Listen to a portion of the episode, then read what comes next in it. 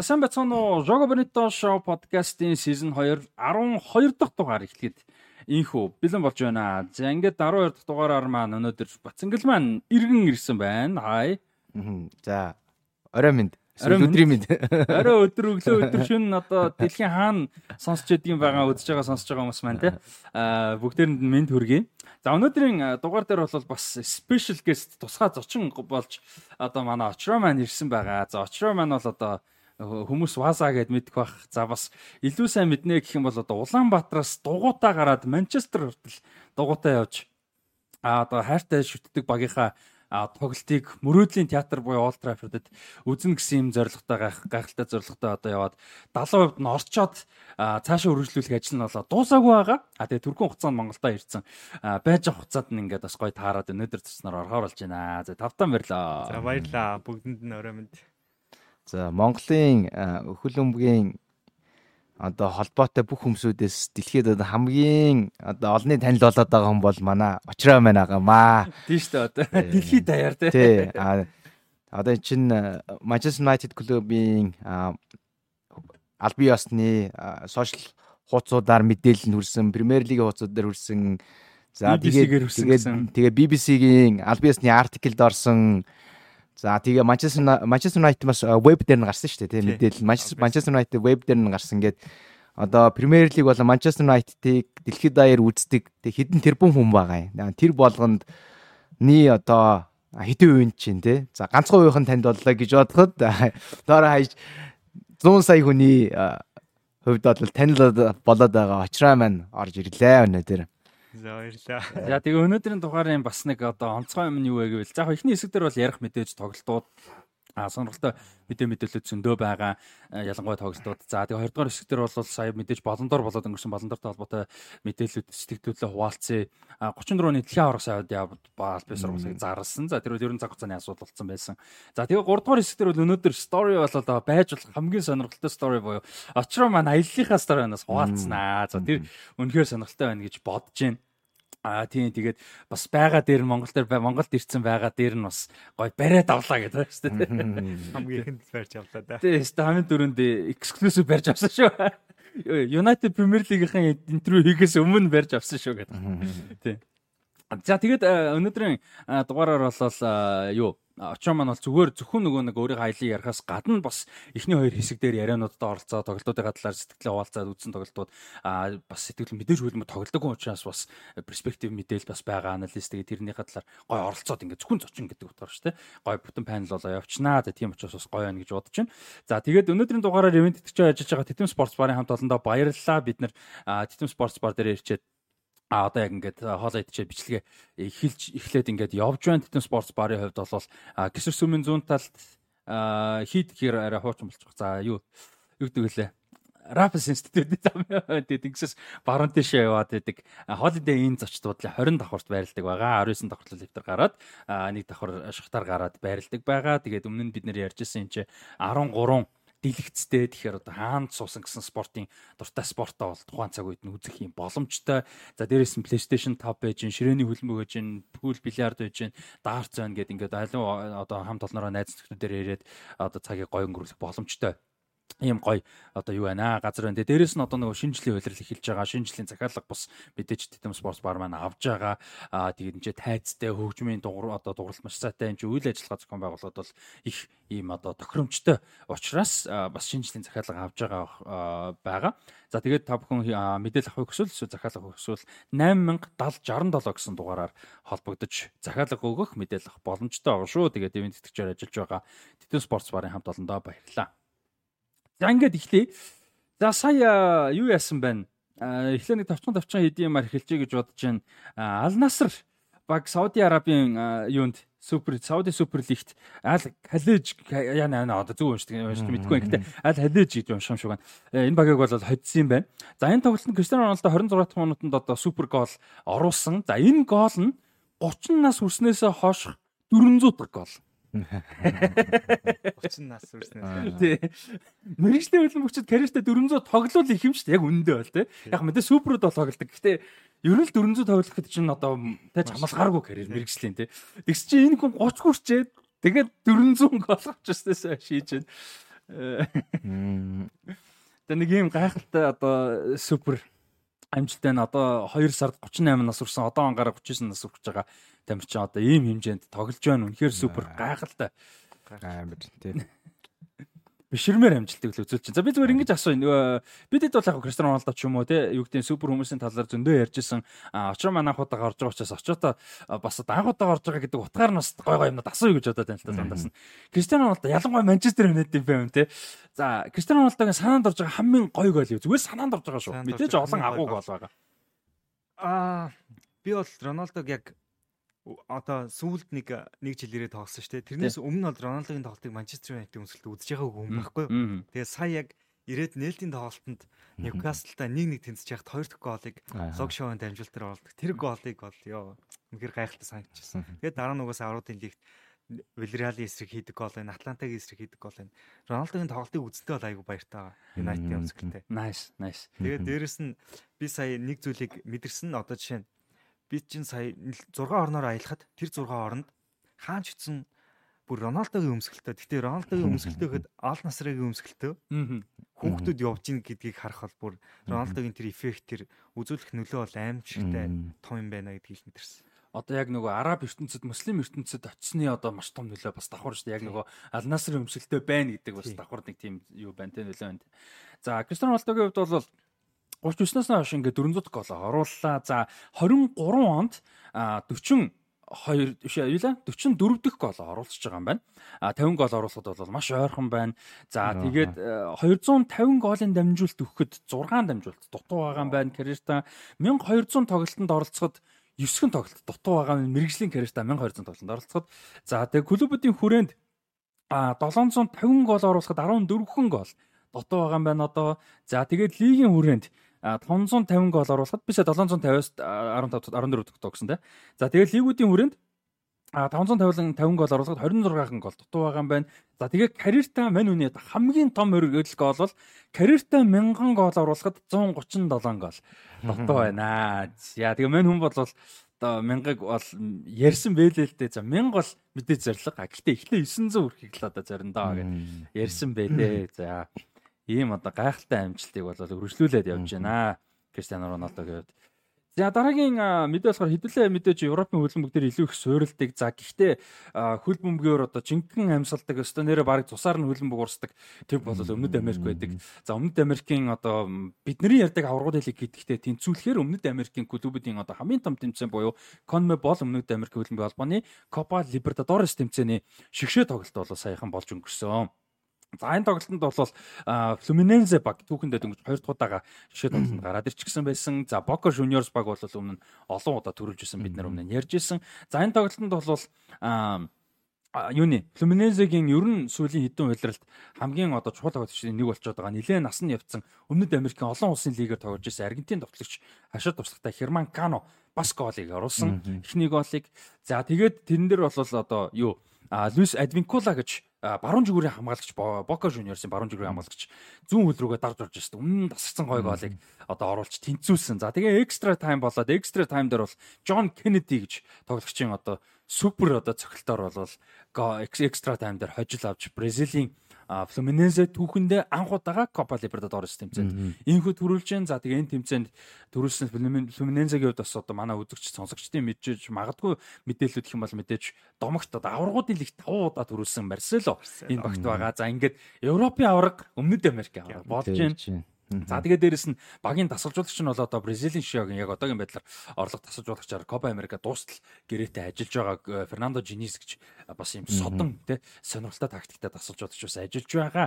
За ийм тоглолт болсон байна. Энэ дээр хайлайтыг үзсэн үү? Тэгээд хайлайтаас гадна энэ тоглолттой холбоотойгоос гадна зүгээр үргэлжлүүлээд та хоёроос бас нэмээд асуухад Өмнөд Америкийн хөлбөмбөг хэр сайн мэдгүй аль багуудыг бас сонирхдаг вэ? Ямар багуудыг сайн мэдгүй вэ гэдэг ч юм уу те. Тэр талаар бас. Аа. За миний хувьд бол ер нь Өмнөд Америкийг ер нь бас нэлээд үзнэ. Ер нь бүх улсын лигийг ер нь тодорхой хэмжээнд хардаг. Тэгээд Бока Жунерыг бол нэлээд сайн мэднэ. Тэгээд Флуминесийг бол нэг сайн мэдэхгүй байна. Гэхдээ яг Марсело сүүлд очсон гэж харж ийсэн. Тэгээд сая саяны финалийн тоглолтод хүртэл гараанд гарсан байсан тоглож ийсэн тийм. Тэгээд гоолуудыг ерөөхдөө харсан. Айгу гоё гоолууд орсон байлээ. Тэр ялангуяа тэр зүүн хөлөөр дарж ордог зөгтөг гол бол яа нарийн цагаар орсон байлээ. Тэгээд тэр нэмэлт цаг дээр ордог гол ч гэсэндээ нэгээр тэр айгүй гой згсэн бэлээ. Тэр бөмбөгийг тэгж нэг дард гэж ярьдаг шүү дээ. Тэгж дард зохино гэдэг бол бас амар техник шүү дээ, тий. Айгүй ур чадвартай гол орсон байсан. Аа. Тоглолтын хайлайтсыг нь бол үзсэн. Тэгээ яг өөрсдийн яг Өмнөд Америк хөлбөмбөгийн холбооны өөрсдийнх нь аль биеас нь YouTube хуудсан дээр 10 минутын хайлайтс хэлээ. Тэр хайлайтсыг одоо нэвтрүүлэг үзэж байгаа болон хүл хүмүүс сонирхдаг одоо бүх хүмүүсийг үзээсэй гэж одоо хэлмээр байна. За тэгээд хайлайтс үзсэн. Тэгээ бас нэг тоглолттой холбогдлолтой тодорхой хэмжээний мэдээллүүдийг харсан. Тэгээд тоглолтын тэр хайлайтсыг үзэхэд бол үнэхээр супер тоглолт гэдг нь зүгээр ингээд мэдрэгдэж илээ. Аа тэгээд байгаа гоолууд тий тоглолтын явц дүүсэж байгаа тэр моментуудыг харахад бол яг тэр чигээрээ хүл өмгийн хичээлүүд гэж хэлж болохоор зүйлсүүд 10 минутанд багтсан байлээ. Тэгэхээр бол одоо хүл өмгийг сонирхож байгаа эсвэл одоо сайн одоо тоглогч хүл өмгч болъё гэж бодож байгаа хүүхдүүд те залуучууд байл тэр тоглолтын таймыг үзээд довтлогоон дээр ямар шийдвэрүүд гаргаж ийн яаж гоолын боломжийг үүсгэж ийн ямар цагт хааш нь ямар дамжуулт өгж гин гих мэтчлэнгээр төсвөлийн дамжуултуудын сайн хараад яаж төгсөж гин те.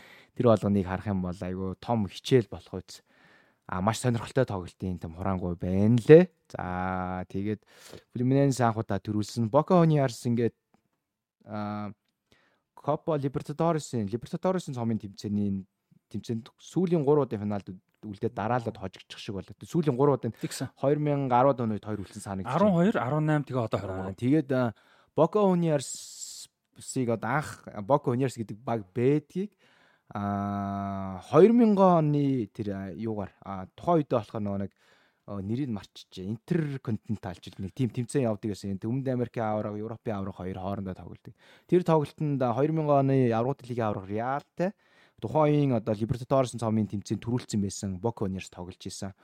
Тэгээд тэр тоглолтод Juniors 2-1 хожиж исэн байхгүй?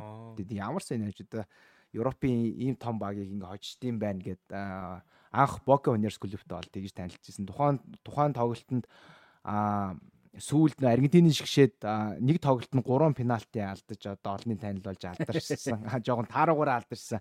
Палермо гэдэг товтлогч байсан тийм. Палермод тухайн тоглолтын 2 болон 6 дахь минутанд гол хийжсэн санагч. Тэр нэг 5 минутын жилийн нэг тайм үзчихсэн байхгүй зурагта. Яг тэр нэг яг цөөхөн удаа хөлбөмбөг үздэг байсан. А тэр нэг цөөхөн үзэж байгаа нь улам чанартай хадгалагдаад одоо хүртэл санаанаас гарахгүй байна л да. А тэгээд 12 дахь минутанд Роберто Карлос гол хийжсэн санагдаж байна. Тэгээ 2-1 хайрцаатаагаар тэр тоглолт тэр чигээр явсаар хагаад Бока Uniers хожоод аа тэгээд тухайн одоогийн бол клубын дэлхийн аврах тухайн а интерконтинентал гэдэг нэртэй байсан байж магадгүй тэр тэмцээнд бол төрүүлээ тэгээд анх танилцчихлаа интерконтинентал кап тийм тэгээд Европ а Европ TVS нэг ялгаатай юм Өмнөд Америкт бол хүл өмбөг нь одоо соёлоос гадна бараг л нөгөө нэг юу нэ амьдрал нь болцсон байдаг тэрнгээр ер нь бол одоо нөгөө нэг Өмнөд Америкт бол хүл өмбөгийг одоо л юу гэж Европт бизнес ч юм уу те одоо тэр тал руугаа илүү явж байгаа шиг. Гэхдээ мэдээж нөгөө нэг Европын соёлын салшгүй нэг хэсэг нь бол мэдээж хүлэмж болчихсон. Тэр бол ойлгомжтой.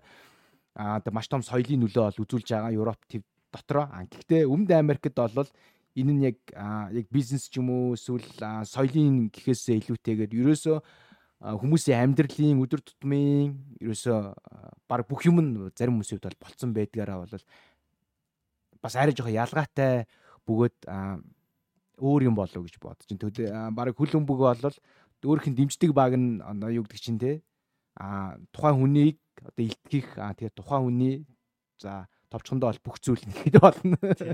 Тий. Тэгээ одоо ингээ Өмнөд Америкийн тоглолтуудын таймыг харж байхад тийм зүгээр буцалж идэг шүү дээ. Уур амьсгалаа. Тэр тэр уур амьсгалаа. Солиотой тий. Тэгэхээр бол тэр утгаараа бол бас яг юу гэж те хөл өмгийн талаарх одоо тийм органик зүйлийг хүсэж явах юм бол магадгүй Өмнөд Америкт очиод Rob Boca Juniors River Plate ч юм уу эсвэл юу гэж те Santos Gremio ч юм уу те юу ч гэдэг нэг тэр том дербинүүдийн ч юм уу те одоо юу гэж Уругвайн ч бас байж болно те Уругвайн одоо Nacional бол Independent гэдэг багуудын тоглолт Danubio байна те гих мэтчлэнгээр үзүүл бас айгүй сонирхолтой байж магадгүй санагдаж байна. Тэгээд Fluminense анхудаага төрүүллээ те. Анхудаага 2008 онд бол ууг нь гарч ирж исэн. Гэхдээ тэр жилдээ бол хожигдсан. Эквадорын багт хожигдсан. Тэгээд сүүлийн үед энэ Бразил болон Аргентины клубудаас Либертадорес зам тэмцээд ээлжиж бас төрүүлээд байгаа шиг байна. Уг нь бол дундуур нь бас юу гэдэг чинь нөгөө одоо Уругвай ч юм уу одоо өөр босод Колумб ч юм уу те одоо Венесуэлийн ч юм уу тэр одоо клубудаас аваад идэгс юм. Сүүлийн жил нэлээ олон жил нас энэ хоёр харилцан давмгаалчих шиг л санагдаж байна. Сүүлийн а хэдэн жил бол дандаа л Аргентин Бразилийн багууд гарч ирсэн байгаа. Одоо өнгөрсөн жил Paranense Flamengo гэсэн тэрний өмнө Palmeiras Flamengo, тэрний өмнө Palmeiras Santos, тэрний өмнө Flamengo River Plate гэх мэт. Хамгийн сүүлд Аргентин Бразилаас өөр улсын багууд гарч ирсэн нь 2016 онд Колумбийн Атлетико Национал тэгээд Эквадорын Independiente del Valle гэж а юу хоёр баг бол гарч ирж байсан юм байна. Тийм. Тэрний өмнө Мексикийн баг орсон байна финалд. Тэгээд тэгээд Бока Universe бараг л Libertadores цомын тэмцээнд Real Madrid гэхэд бараг болох байхаа. Хамгийн олон төрүүлсэн клубүүдийн аль нэг нь гэж санагдаж байна. Тийм хоёрт ордог. Тэгээд эхнийх нь Аргентины Independiente байж магадгүй.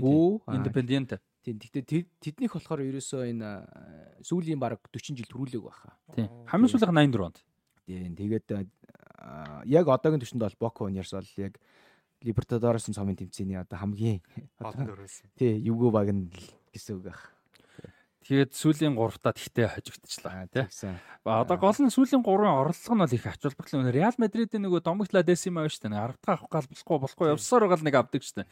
Тэрэн шиг Боко Жуниорсын одоо энэ сүүлийн 3 хожигдсон нь бол бас ач холбогдол нь харамсалтай юм байгаад байгаа нь хэрвээ энэ 3 аль нэгэн дээрээ л хожигдсон бол бүх цагийн хамгийн олон төрүүлсэн Депендентэд тэнцгээд байгаа. Индипенденте 7, Boca Juniors 6. Тэгээ одоо ерөөсөө доо тэнцвүүлэх гэж чадахгүй, тэнцвүүлэх гэж чадахгүй. Индипендентегийн фэрүүд нь ингээл баярлал, баярлал, баярлал гэж хэлдэг те. Нөгөө рекордтын тэнцэх байгаа гэж. Ийм бас явж байгаа. Тийм. За тэгээд Fluminense-гийн хувьд бол ингээд бас гоё түүхийг бас бүтээж гэн А сонирхолтой Fluminense баг өөрөө юу яадаг? А Маракана цэнгэлттэй тоглолдог. Ер нь бол Мараканач одоо дэлхийн хамгийн айкониктэй хамгийн домогтой дөөлмө цэнгэлтгүүдийн нэг. Тэгээд Рио де Жанейрогийн одоо хамгийн түүхтэй баг Fluminense бол хэдийгээр олон тэмцээн тэгж төрүүлж аваад хамгийн түүхтэй баг нь 1902 онд анх байгуулагдчихсэн. Энэ жил 121 жил болж байгаа түүхтэй юм том баг.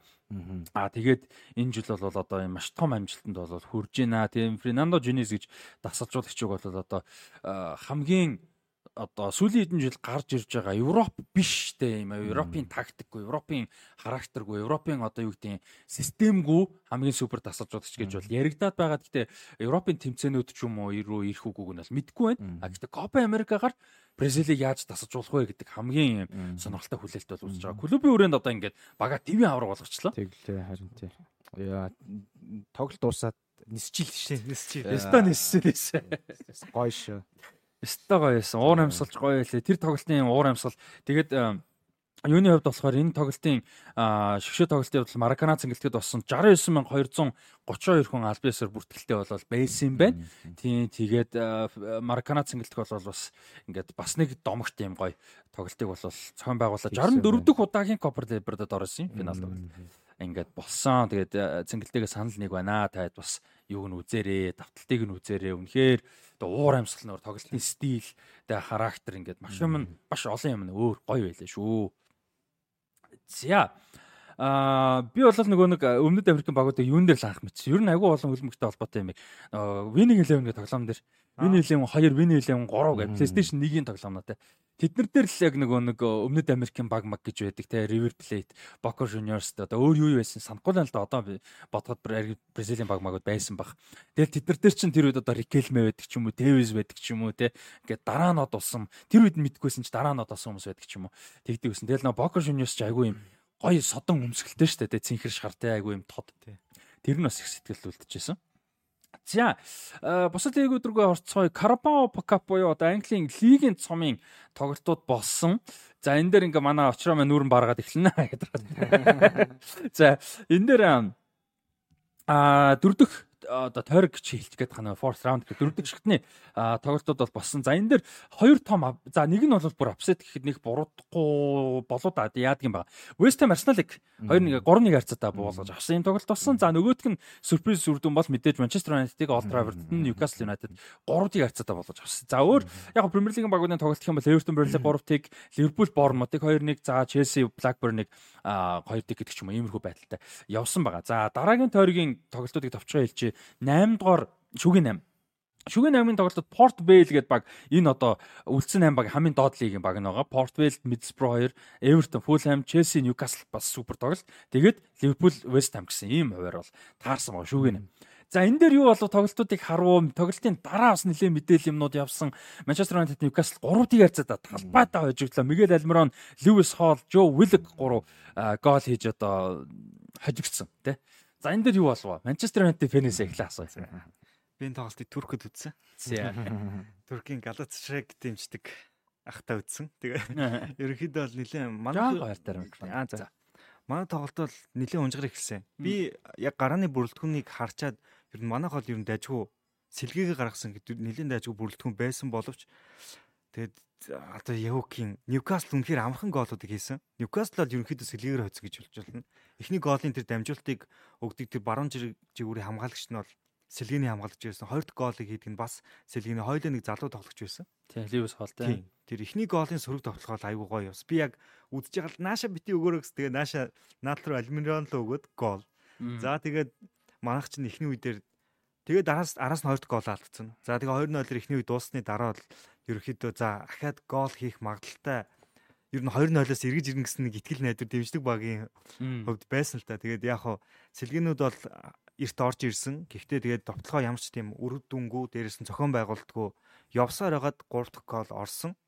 Тэгээ яг энэ тоглолтын дээр бол ер нь бол хамгийн муу тоглолтыг ер нь унжгаар те талбай дээр тоглож байгааг нэлээд тийм муу тоглолтыг үзүүлсэн. Үүний дараа ч гэсэндээ ер нь дэмжигч тэгээд зарим нэг домгуудын ярьсан яриач гэсэндээ ер нь энд нэлээд сэтгэл дундуур байгааг ер нь илэрхийлсэн. Тэгээд яг энэ тоглолтын дараачаас ер нь Эрик Тин Хагийг ер нь хална гэсэн нэг тиймэрхүү шумууд нилээ явсан ч гэсэндээ ер нь би бол энэ дээр эргэлзэхгүй байсан. Угаасаа халагдахгүй бид нэр дэмжигч фанатууд итгэж байгаа. Дээрэс нь багийн эзэд хүртэл итгэж байгаа болохоор ер нь одоо хүртэл нэлээ харж үзнэ л гэж бодож ирсэн. Тэгээд ерөнхийдөө бол тэрийг ч гэсэндээ баталсан мэдээлэл хийсэн байлээ. Тий. Ерөнхийдөө нэлээ муу тогсон. Аа онцгой тоглолт болсон тий. Manchester United харуул аа 3 тгээс илүү муу үр дүн баг байж болохоор тоглолт байсан тийм. Баг 5-0 чих гээд үзээд. Сүүлдээ Ньюкасл бол дураараад үргэлжсэн тий. Бүр нэмж товтлогч оруулаад байсан. За юуны хэд бол Манчестер Юнайтед ингээ хожигдсан байна. За нөгөөх нь бол сая ярьсан West Ham United юг Арсеналыг буулгаад авчлаа. За Дэвид Мойс тасалжуулагч удирдлагаар Вестэн бол үнэхээр супер байгаа. Ялангуяа ковидын үеэс хойш тэгээд өнгөрсөн жил мэдээж Европын цомд төрүүлсэн. За энэ жил бол бас ер нь цом авах. Одоо амбиц бол Вестэмийн хувьд ингээ эхний 7 8 руу орох. Да дээр Европын байр авах тий.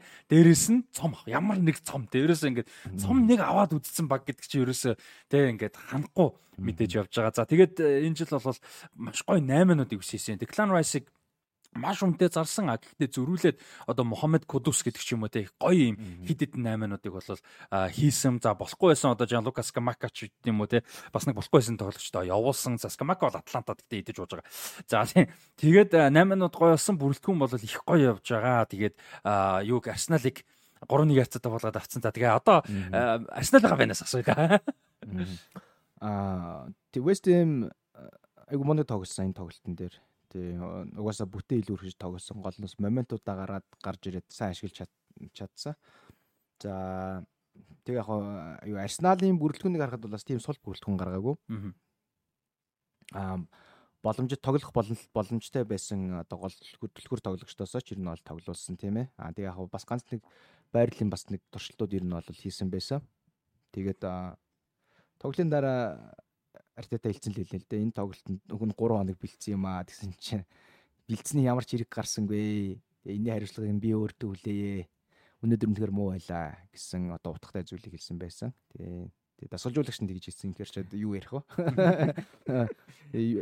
Яг өөрсдөө тоглох хэвээр тоглолт бэлдсэн зүйлсээ тэгээ гэрийн даалгавар алиг нь чигээгүүл гэсэн утгатай үйл дээ. А Карабао Капын хувьд бол ингээд 8 баг үлдэж ин өнгөрсөн жилийн аваргууд бол мэдээж Манчестер Юнайтед, Ньюкасл гэсэн. Өнгөрсөн жилийн финалийн өнгөрсөн сая хавар финал тоглосон хоёр шүү дээ. Тэгээд Ньюкасл хариугаа чанга авах шиг боллоо.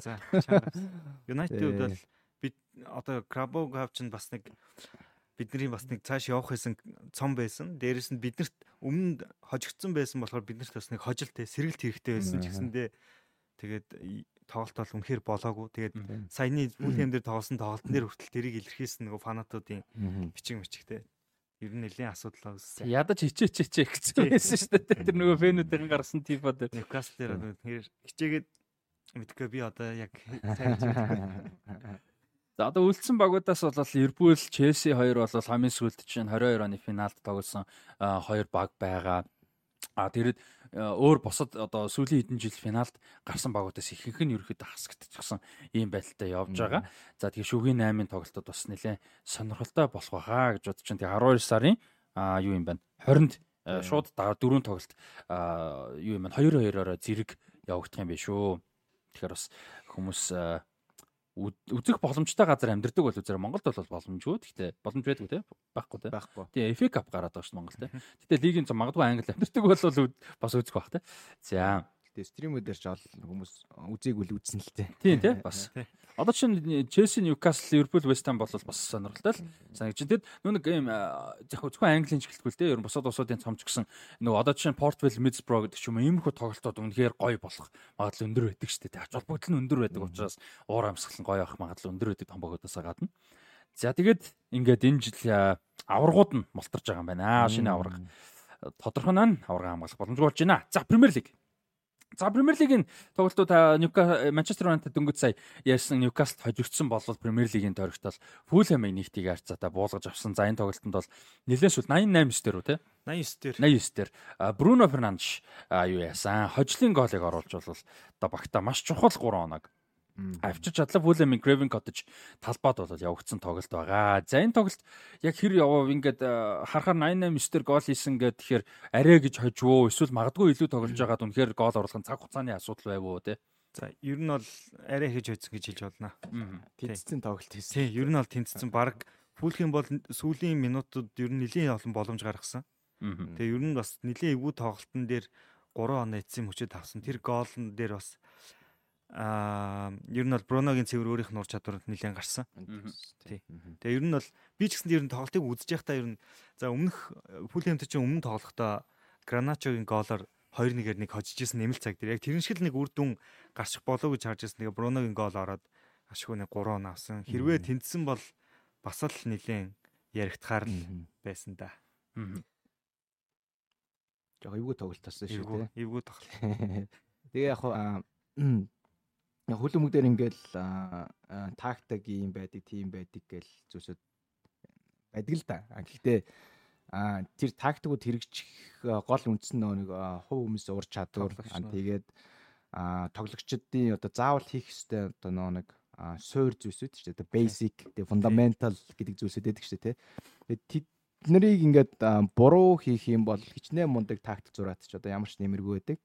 Аа тэгээд бас ялангуяа тэ одоо хамгаалтын явцад ингээд нэг хүн буруу одоо хамгаалтын одоо буруу үйлдэл хийгээд а тий тэр нь ингээд цаашаа ингээд дамжихта дамжихад дараагийн хүн залруулахгүй ингээд буруу үйлдэл хийх юм бол ингээд цаашаа ингээд гинжи уруулш ингэж яваад гол алддаг тохиолдлууд зөндөө. Гэхдээ яг тэдний нэг шиг л одоо гол орсон. Тэгсэн. Эхлээд төвийн хамгаалтаас бөмбөг нураагаа гаргах нь уу эхлээ алсан дамжуулт ирсэн чи нэг мөргөө гаргах нь гэсэн чи мөргөд мөргөдгөө ингээд ингээд дамжаа явчихаа.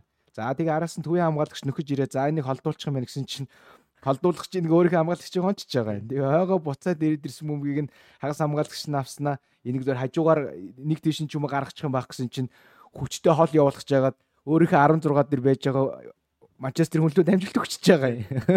Тэгээд нөгөөтгийг нь аваад Бруно Фернандеш цэвэр өөрийнхөө ур чадрыг гаргаж болсон тийм. Тэгээд бас юу гэдэг чинь тэгээ гол алдж байгаа баг багийн талаас харахад бол хамгаалтын мэдээж тэрийг болвол тий одоо ингээд хувц солих хөрөнд бол мэдээж залруулах дандаа дараа нь хэлсэн л байх л да. Гэтэ яг тоглогчид бол тухайн үедээ бол тим гол алчиж арайч бодог байх. Ингээл ар араас дараас нь буруу шийдвэрүүд гарсаар байгаа л гол болчихж байгаа тий. Тэрнээс тэр голн дэр бол адилхан Юнайтедийн тэр дамжуулалт энэ төр адилхан болохгүй байсан тий.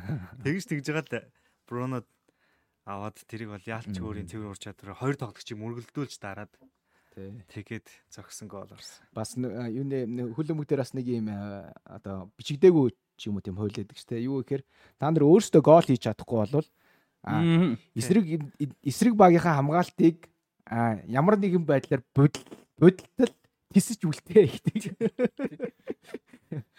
Яг л яг л нэг тиймэрхүү юм болсон да. Тиймэрхүү болсон. За та хоёрын маань анализ бол яг гоё яг гоё явлаа. Би бол нэмэгцэл байхгүй.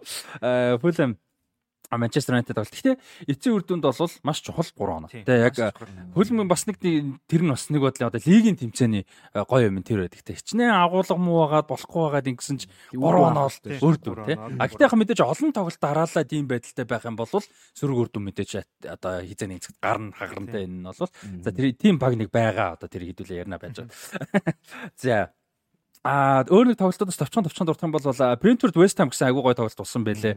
А 3 хоёрын харьцаатаагаар Brentford буулгаж авсан. За энэ тоглолтод бол гол онцлог юм нь бол яг уу Брентфорд татсан. Гэхдээ юунаас West Ham-ийн 8-нууд ямар мундаг болсон гэдгийг бас давхар харуулж байгаа. Мохамед Кудус бүр үнэхээр супер байгаа. Аяксаас ирсэн дэлхийн аваргаар мундаг байсан. Арсеналд амар гол хийсэн шүү дээ. Тий, ёо тэр тэрийг хэдүүлээ яриаг л болохоос ш тэр бүр супер те. Тэр бол цэвэр ур чадвар. Мохамед Кудус Арсенал хийдэг бол. Дэлхийн аврагын дараа Кудусыг яагаад багууд аваагүй вэ гэдэг айгу сонн те. Айгу хэрэгцсэн штэ Кудус те. Авьяаста тоглож Аяксаас гарч ирж байгаа хөлбөмбөгийн боловсрал мундаг техниктэй, хурдтай, хүчтэй би бүх талаасаа супер те. Эрик Тен хагийн репутейшн одоог бодвол бүр илүү байсан. Тэгээд яагаад хинч аваагүй гэдэг сонн те. Тэгээд одоо West Ham-д бол айгу зөв тасалжууд шин дор байгаа л гэж байна л те. Дэвид Мойс бол ер нь карьертаа залуу тоглогчдыг бол хизээд дандаа одоо хөгжүүлж лээсэн үг гэхээс ш модчоос удаа бол баг байхгүй бах. За тэгээд Брентфорд бол бас гоё байгаа. Томас Франк бол ер нь л Брентфордыг олон жил чемпионшипт багтан ч гэсэн мундаг өдөрч исэн харизматай тасалжуулагч багийн эзэд нь тасалжуул фэнүүд нь өөрсдөө маш хайртай ийм даан тасалжуулагч. Тэгээд одоо ирээдүйд одоо энэ Эди Хау хин энтер Роберто Дезерби хин энтер Томас Франк энтер ямар баг руу явах вэ гэдэг юм юу бол их яригдж байгаа. За Гранд Поттер нэг тэр хэсэг тэр байсан мэдээж харамсалтай нь Челси бүтээгүй болохоор одоохондоо жоохон яригдахгүй байх шиг байна. Тэгэхээр бас яваандаа ирээдүйд магадгүй Томас Франкийг том баг руу явахыг бас харж магадгүй үнэхээр гой тасалж бодлогч.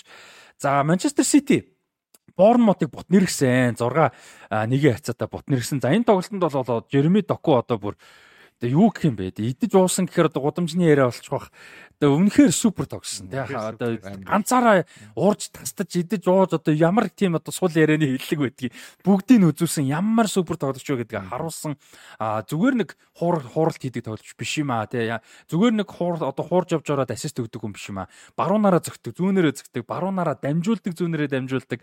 Бүр холын дамжуултыг уралдуулж гаргаж өгдөг, өөрөө явж чад хаашаач өгдөг. Тэгээ энэ дэр хийгээгүй үйлдэл байна уу? Одоо хаа мөргөж хамгаалт хийхээс өөрөөр одоо бараг бусдын бүгдийн Жерми Доку хийлээ шүү дээ тий. Мундаг ус тий. Ярих юм юу ах вэ? Энэ тоглолт дөрвөн голын дамжуулалт гэсэн шүү дээ. Дөрвөн голын дамжуулалт нь зүгээр нэг ойлгож өгөөгөө за ингээ хийгээд өгч байгаа шүү дээ. Бүр бэлэн хоол өгсөн. Амар ус Жерми Доку бодвол тэгээд яг нөгөө талаас яг хувьд бол бараг л югдсэн шин гол нэг гол алдсан л хос ер нь бол төгс тоглолт үзүүлсэн. Тий. А нөгөө талаас Борнмут энэ зүүн нэг дасгалжуулагчаас хэлсэн. Тэгээд Испаниас нэг Испаниас Испани бас авьяаслыг дасгалжуулагч нэг авчирсан. Уулна. Уулна. А гэхдээ зүгээр зүгээр надад зүгээр тухайн үед юу бодож ирсэн мэр Гари Онил маш сайн ажиллаж ирсэн Борнмут. Тэгээд Гари Онил байсан тулдаа баг Премьер лигт үлдсэн. Тэгсэн чинь багийн удирдлагууд нь нэг тийм эргэлзээтэй шийдвэр гаргасан л да яг үндэ бол тэгээ одоо тэрнийхээ ер нь бол горыг амсаж ах шиг байна тий. Шинжлэлт хийх гэж үтсэн тий шал өөр тоглолт хэв маяг оруулах гэж үлдсэн. Э, харин яг зөв хугацаа харин зөв хэр зэрэг байгаа юм бол доо. Эхний 10 тойрог явчлаа тий 11 тойрог явчлаа. Тэгэхэд Ирвалогийн баг арай биш л санагдаад байгаа юм. 11 тоглолтоос Лютентэй адилхан 6 оноотой 17 8 дугаар өрөнд 18-д Бормот. Гол хийдэггүй, гол алдаад байдаг гэл тий. Тийм одоохондоо бол Премьер Лигт арай болоогүй болов л гэж надад санагдсан тасгалжуулагч бол Тийм. Тэгээд нөө нэг бас нэг ийм юу байдаг те. Одоо Испаниас ч юм уу Италиас юу гэдэг заахаа Испани Италиас Англи хэрэгтэй биш. Зүгээр ер нь улс солихоор яг залуудаа ярьж байгаа дасаж шууд ихний юун дээр амжилт авах хэцүү байдаг те. Уул хил нь өөр байдаг да. Дээрэс нь а одоо нөгөө тухайн лигийнх нь хөлбөмбөгийн соёлынх нь ч юм уу өөрчлөлт одоо ялгаанууд нь их гардаг. Одоо Унаа Эмерийг анх Премьер Лигт ирснийг бас мэдээж санаж байгаа. Одоо мэдээж үнэхээр супер байгаа. Гэхдээ Арсеналд ямар байла те одоо тэр нөгөө англиар ярьж чаддгүй гэдэг ч юм. Тиймэрхүү ингээл асуудлууд нэмэгдчихдэг те. Юмн дээр нэмээ яваад байдаг. Тэгээ Андоны Иролоод бас иймэрхүү юмнууд гараад байна уу да гэж бас бодогдоод байна л да. Одоо чинь амар сонирн байхгүй. Rayo Vallecano-д бол чи Vallecano ч Мадрид хотын захын дүүргийн ажилчны юм одоо манахаар ажилчны районы баг байгаа шүү дээ. Тэгэнгүүт тэр чинь ингээ мөнгө багтай те. Radamel Falcao зүгээр нэг тийм маш баг цалингаар өөрөө баг Мадридтэй ойрхон байх гэж зүгээр ирж байгаа маш баг цалингаар те. Тэр нь ингээ баг Холливуудын Brad Pitt-тэй уулзаа сууж байгаа юм шиг. Тэгээ бүгд ингээ Falcao Falcao гэдэг те. Тийм баг дасалжуулж исэн хүн Лалигт мундаг авч явж ирсэн. Борнмут ч яг Борнмут одоо харахад мэдээж Премьер лигийн одоо гонхдаггүй юу гэж ярьж байгаа боловч санхүүгийн хувьд Милантай өрсөлдөж байгаа байхгүй. Тэгээ Миланта ч юм уу юутэй ч үдэ ингээд бусад лигүүдийн топ 4-өн төлөө өрсөлддөг. За топ 4-өө болих гэхэд топ 5 6-гийн төлөө өрсөлддөг багуудтай өрсөлдөх хэмжээний санхүүтэй. А Премьер лиг чинь тийм бас баян байгаад шүү дээ гол. Тэгсэн мөртлөө ингээд нөгөө тэр мөнгийг яаж менеж хийх вэ гэдэг нэг юм гарч иж байгаа байхгүй. Тэр нэ Испани Италид чинь тасалжуулагчд ихэнхдээ менежер гэхээс коуч байдаг. Ер нь бол ихэнх одоо юу нь бол тэ нөхцөлөд Франц ч гэсэн. Тэгэнгүүт Мань хүн чинь цэвэр коуч байсан үнчээрөнгөт нөгөө юун дээр айгүй олон юмд оролцох шаардлага гарч байгаа юм л да. Яг мань хүн хариуцсан хүн биш л те спортын цэгцэлтэй л да. Гэхдээ ингээд оролцох шаардлага гарч байгаа те тэднэр дээр нь бас боормод давхар фейлдэд байна уу те 8 бүрэлдэхүүн босгох гэдэг дээр ч юм уу. Бас тиймэрхүү зүйл байгаа гэж бодож чинь. Дээрээс нь айгүй огцон мөрчсөн шүү дээ. Gary O'Neil-ийн системээс Иролааруу тэнгүүт тэр өөрчилж байгаа систем тааруулж одоо бүтэн бүрэлдэхүүнийг өөрчлөх мэдээж боломжгүй хичнээн мөнгө байгаа байгаа мэдээж Челси шиг мөнгөтэй болоод шүү. Тэгэхээр бас асуудлууд нь тиймэрхүү юмнууд байна уу да гэж бодож байна. Тэгээд одоо бас нэг сонирхолтой юм яригчлээ л да. Одоо Bournemouth, Luton Town, Sheffield юу 3, Burnley 4 бол их муу байна те. А гарч исэн 3 дээр нэмээ Bournemouth. Тэнгүүт одоо хүртэл 11 сар болцоод нэг ч тасалж болж халагдаагүй байна. А тэгээ бас тэрийг хүмүүс нэлээд сэтэв болгож ярьж илаа л да. За ингээ муу багууд байгаад идэг. Яагаад хинч халга одоо Шон Дайчиг бол халахгүй байх нь аргагүй гээл те. Эвертон муугаа. Тэгээл ингээл ярьж ин л да. Тэнгүүт ихэнх нөхцөлийн хариулт нь болохоор өөр ямар арга байг одоо өөр аргагүй шахуул нөхцөлтэй байна гэж хариултал байлаа та хоёр юу гэж бодож байна. Нэг ч тасалж бодож халагдаагүй байна одоогийн байдлаар. Ихэнхдээ бол 10 сар гэхэд бол дор аж нэгээс хоёр тасалж бодож халагдсан байдаг дунджаар.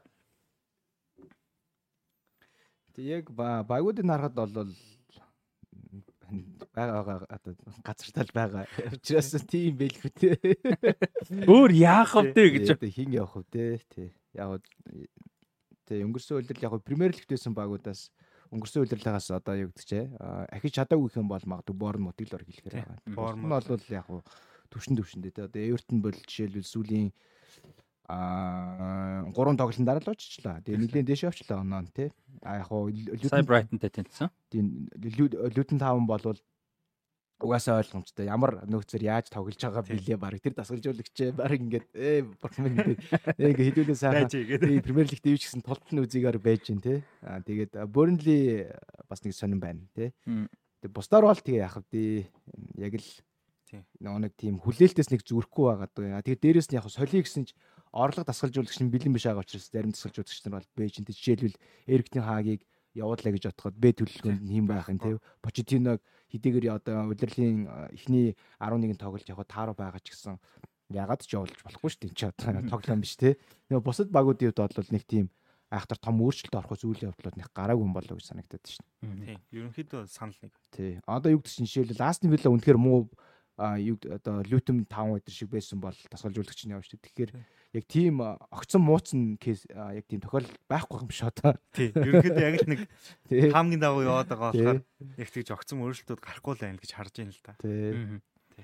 Burnley-гийн одоо нэг юу нь болохоор нөгөө Vincent Company ирээд бүр тоглолтын багийнхаа одоо хөлбөмбөгийн талын соёлыг философиг тэ тэр чигээр өөрчилсөн те маш өөр Шон Дайчин хөлбөмбөгнөөсөө оронгоор нэргүүлсэн. Тэрний амжилт нь бол мундаг байсан чемпионшип та. Гэхдээ Премьер лигт гарч ирээд тэрүүгээр бол үнэхээр одоо баг арчуулж байгаа. Гэхдээ одоо халчаар үлдгийн тулд халчаар нөгөө Шон Дайч шигэ юм руугаа те яаж хийж байгаа тэнцдэг ч юм уу гүрийдэг те тийм юм руугаа орчих гээд байдаг. А зөрүүлээд компанигийнхаа тэр философи юмыг одоо тогтооё те гэхээр арай барахгүй байгаад байдаг. Берлид бол нэг тийм жоохон нэг хизүү асууд энэ жилийн берлиг юм яаж хийж байгаа л үлдэх те яаж хийж байгаа л нэг үлдчихвэл бас нэг болчих гээд байдаг те магадгүй нэг ганц хоёр гайгүй наймаа хийчих юм бол дараа зам данж үлдэхгүй бол одоо тэгээд компанигаа болох уу эсвэл дахиад үргэлжлүүлэх үү гэдэг бас сонирхолтой асуулт болж байгаа. Ер нь бол компани баг ер нь унсан ч үлдэх хүн бол компани болгоор үлдчих байх шүү. Ер нь би бол тэгж бодоод байгаа. Дахиад буцаал нэг тийм өөр горно гэж байхгүй л байлгүй дээ. Тэгж амар зэрэгтэй шийдвэр гаргаж чад. Тийм магадгүй. Лүүдэн тааны тасалжуулагч гэсэн юм байна. Тэгээ лүүдэн тааны тасалжуулагч гэдэг юу гомдлох юм юу? Сая одоо Ливерпулийг хожингоод алдлаа шүү дээ, тий. За тэрийг бодохгүй ярих бах. За Эвертон Брайтны тоглолт Миколенко нэг гол оруулаад Ашлиан өөрийн хаалгандаа оруулснаар 1-1-ээр тэнцсэн. За Брайтны хувьд бол ер нь бас гимтэл бэртлийн асуудлууд бас нэг дуусчихгүй байгаа. А Хөлио Инсисо гимтэлтэй байгаа. За өөрч хин нилээд нөгөө нэг Бамба Бамба шээ. Оо. Оо хиний ард нөгөө нэг гарч ирсэн залуу чинь хэн бэлээ? Мозес Кайседогийн оронд дүүэн хагас дээр тоглолдог залуу. Яг одоо нэр нь марчаад байна. Тэр залуу бас гимтэлтэй байгаа. Тийм. Ер нь хэдийд энэ чухал тоглогч гимтэлтэй тэгээд ер нь бол бас жоохон Иймэрхүү байгаа. Тэгээд ямар ч байсан Эвертонтэй болвол тэнцээд долоод явж сүүлийн 5 тоглолт хожлгүй явж байна. Гэхдээ 5 тоглолт хожигдгүй гэхэд долоод гэдэг бол бас тий удирдаа ямар сайн ихлүүлсэн бэ гэдэг юм бас. Харин Эвертон чи эсэргээр ихний 3 тоглолт удирдлыг ер нь бол нэлийн тааруу ихлүүлсэн. Сүүлийн тоглолтууд сүүлийн тоглолтууд бол нэлийн дайггүй тоглолт дэше яваадах шиг байна. Сүүлийн 5 тоглолтод 2 хожид нэг тэнцсэн 2 хожигдсан. Бас яг хуу эхлэлийг бодох юм бол дээр дээ. Тийм бүр 3 хожигдл байсан. Тийм. Эхлэлийг бодвол дээр. А гэхдээ мэдээж Эвертингийн амбицийн хувьд бол бага. Гэхдээ тий нэгцлээд л бодвол. За тэгээд энэ 7 хоногийн бас нэг ээлжид асуудалтай тоглолт болсон. За тэр Newcastle United А Арсенал. За энэ тоглолт бол одоо битүү асуудал болсон. За энэ яг юу болов, ямар асуудал болчих вэ гэдгийг ямар ч тоглолтын үр дүн бол Антони Гордны нэг голоор 64 минутанд оруулсан голоор Сент Джеймсс паркт болсон тоглолт бол дууссан. За энэ тоглолтод бол хэд хэдэн асуудал гарсан гэж бол сошиал медиа дээр хүмүүс бас яригдж байгаа. За хамгийн том яригдж байгаа нь бол Антони Гордны оруулсан гол дээр Хөндлөн явсан дамжуулалт цаад яг юу гэдэг Арсеналын баруун талын булан гэх юм уу да тий Арсеналын талаас тэр буланлуу ингээ явж исэн бүх нүрийн шумаар баг ингээ гарч нь Жо Виллик талбаар буцаж оруулаад дамжуулалт яваад бужигнаан дундаас Антони Гордон оруулсан ийм гол орсон ийм болсон. За энэ дээр бол а фэнүүд бол бөмбөг нь гарцсан байсан гэж бол ер нь үзэж байгаа. За тэгээд вар бол нэлээд удаан шалгасан. А тэгээд хэн бол Микел Артета тоглолтын дараа ярилцлага дээр бол бүр нэлээд бухимдсан нэлээд одоо одоо бухимдсан гэвэл илүү зөв болох юм ярилцлагыг бол өгсөн. За гэхдээ бас э, нөгөө талаас нь ярих юм бол Манько 10 сарын 6-нд Ливерпул дээр одоо боо юм бас нэг хэдүүл бас ярьсан шүү дээ. Ливерпултэй тоглолтын дээр одоо Камерын вар дээр Тоттенхэмтэй тоглолтын дээр нэлээд асуудал болсон. За тэрэн дээр бол одоо тэр талаар Арсенал Арсеналын тоглолтын дараа Артетагаас асуухад мань хүн бол одоо шүүгчд бол аль болох өөрсдийн гэсэн зөв шийдвэрээ гаргахыг хичээж байгаа бид нар алдаа гарна гэдгийг ойлгох хэрэгтэй гэж э, хэлсэн. За тэгээ сар өрөөг хугацааны дараа сар орчмын дараа бол одоо би одоо тэ ичиж үхмээр одоо юм бэ яасан тэ энэ бол одоо байж болмооргүй юм юмыг бол зөвшөөрсөн. Энд ч одоо маш их одоо so much at stake л гэдэг байгаа юм л та тий. Айгүй их юм золиос нэвчиж аврагын төлөө өрсөлдөж байгаа баг. Хожигдсон тэнцэх хоёрын хооронд энэ ч одоо асар том ялгаа мэдээж те 64 дэх минут гэдэг чинь магадгүй Арсенал хожигсон гэж бодож байгаа бах те тэгэхээр ингээ айгүй том олон юм золиосон дэвж байна гэсэн бухимдалтай байсан. За энэ н дээр юу гэж бодсон бэ? Дээрс нь тоглолт.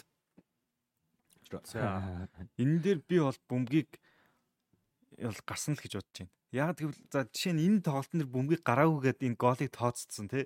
Тэгэхэд манайх одоо United Brighton-тэй тоглоод яг энтэй айлгын нөхцөл байдал дээр бөмбөгийг гарсан гэж тооцсон байхгүй. Тэгсэн чинь энэ тоглолтын дээр болохоор ингээд энэ бөмбөг гараагүй. Тэгээд дээрэс нь тэр хөндлөн дамжуулалтан дээр Арсеналын хамгаалагчийг араас түлхсэн байсан. Алдаа бас гарсан тэрний дараа. Тэгээд тэр гол орсон гэр нэлийн асуудалтай гол орсон гэж би ерөөхдөө харсан. Ер нь бол гол биш зүйлийг голоор тооцоод тэгээд үнэн нь өөрөө Арсенал гээд 3 оноо алдчихна гэдэг чинь Премьер лигт 3 оноо алдна гэдэг чинь өөрөө маш том хохиролтой байхгүй. Тэгээд дээрэс нь Артетагийн тэр яриан дээр л яалтчгүй нөгөө нэг Премьер лигийн шүүгчнэр алдаа гаргаж болно. Гэхдээ өөртөө ерөөсөө алдаагаа алдаагаа ерөөсөө засахгүй байна ингээд энэ айгүй олон удаа давтагдж гэдэг үүднээс нэлээд нервцсэн баг гэж бодож байна. Харин тэгээд одоо шүүх шүүгч нартай хэсэл VAR VAR-тай холбогдлолтойгоор ийм зүйл одоо 7 хоног болгон л яригдах юм биш. Тэгэхээр бол амар муу тааруул байх гэсэн үг те. А бүнцлэг ч юм уу аль эсвэл сериалыг тэгээд ла лигт бол гарлаа ихэд арайч 7 хоног болгон байхгүй. Бараг үлрэлтаа ч юм уу хагас үлрэлтаа нэг л за энэ өстой маргаантай болчлаа шүү гэдэг зүйл л байгаа шүү. Тэгэхгүй яг яг Премьер лиг дээр бол 7 хоног болгоо. Бүр магадгүй 7 хоногт бараг нэг ч хоёр ч тоглолт нэр ч юм уу те ийм зүйлд гарч засарахгүй яваад байгаа магадгүй тэр шүүгчтэй холбооны дараагийн хийж байгаа нэг алдсан багийн байгаа шүү дээ. Ховор веб тэр хүн мөө одоо байгууллага удирж гинүү гэдэгтэй бараг шууд холбогдчих юм болоо даа л гэж. Одоо англи хэлээр бичиж гин.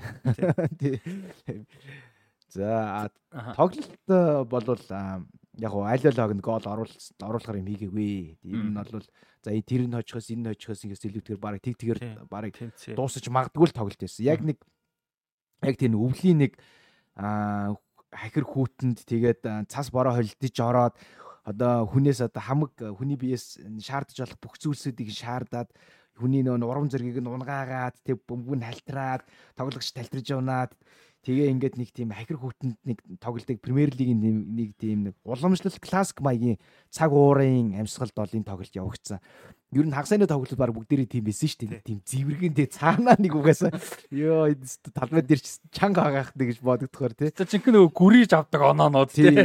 Яг тийм юу гэшинтэй ингээд давмгаалал тий бөмбөгийг гიშ тийш одоо сайхан нэг нэг хоёр хүрэлтээр дамжуулаад тий гэрэлцсэн докугаас усна л юм байна.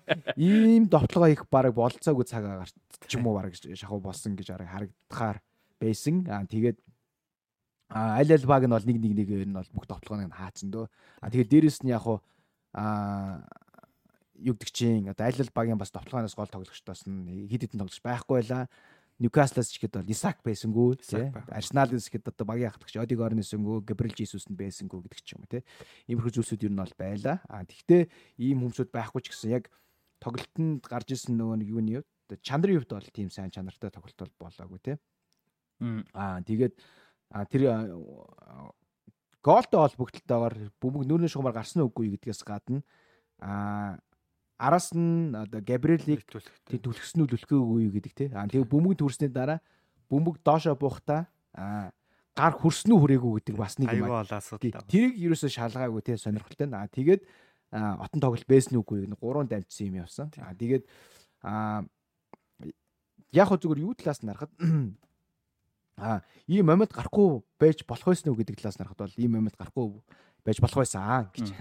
Би нөгөө л нэг хаалгач асуудал тий. Арай жоохон өндөр тесрэлттэй одоо хүнлэн дамжуулалтан дээр сайн одоо байж чаддаг хаалгач байсан бол энэ өмгийг аль хэдийн хадгаж гаргаад тийм амьд одоо үсгүй ийм одоо маргаан гарахгүйгээр ингэ тоглолцооч үргэлжлэх тийм боломжтой байсан. Тийм тэгэл яг урд нь ч гэсэн ярьж илсэн л да. Тэгээ одоо Рая хідэн голоор торгоод байгаа мэ гэд тий.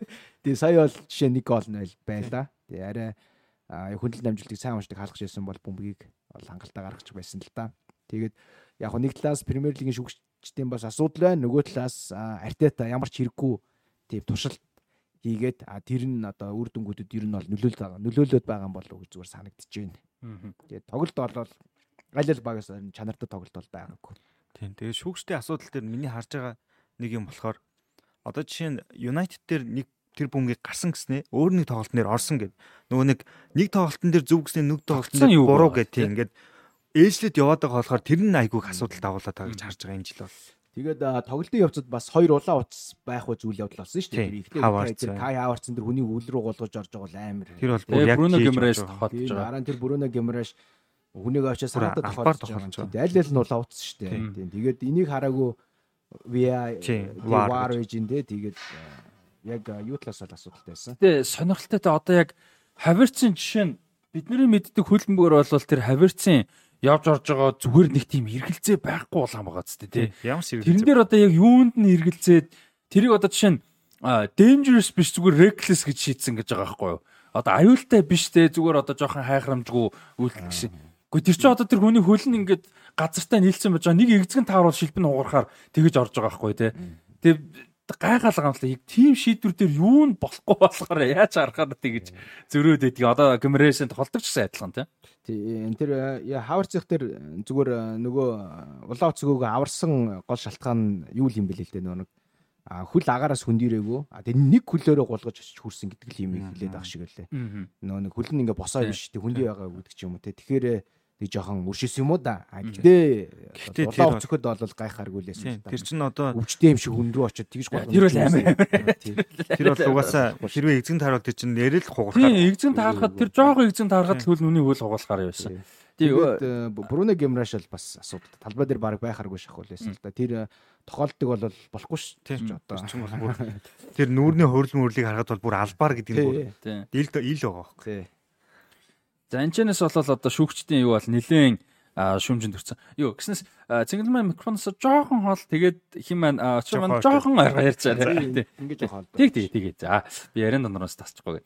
За иймэрхүү юмнууд бол болсон. Тэгээд энэ дээр бас фэнүүд маань ямар сэтгэлтэй зөвхөн Арсеналын фэн, Ньюкаслын фэн гэлтгүү бас өөр багийн фэнүүд ч гэсэн тий. Одоо яг очиртой бол би санал нэг байхгүй. Гол нь энэ шийдвэрүүд чинь консистент буюу тогтсон маягаар за ингийн бол ингэнээгээ бусад тоглолтууд нь ингээ явах юм бол за окей ядаж бүгдээрэнд нь адилхан үйлчилж байна тий.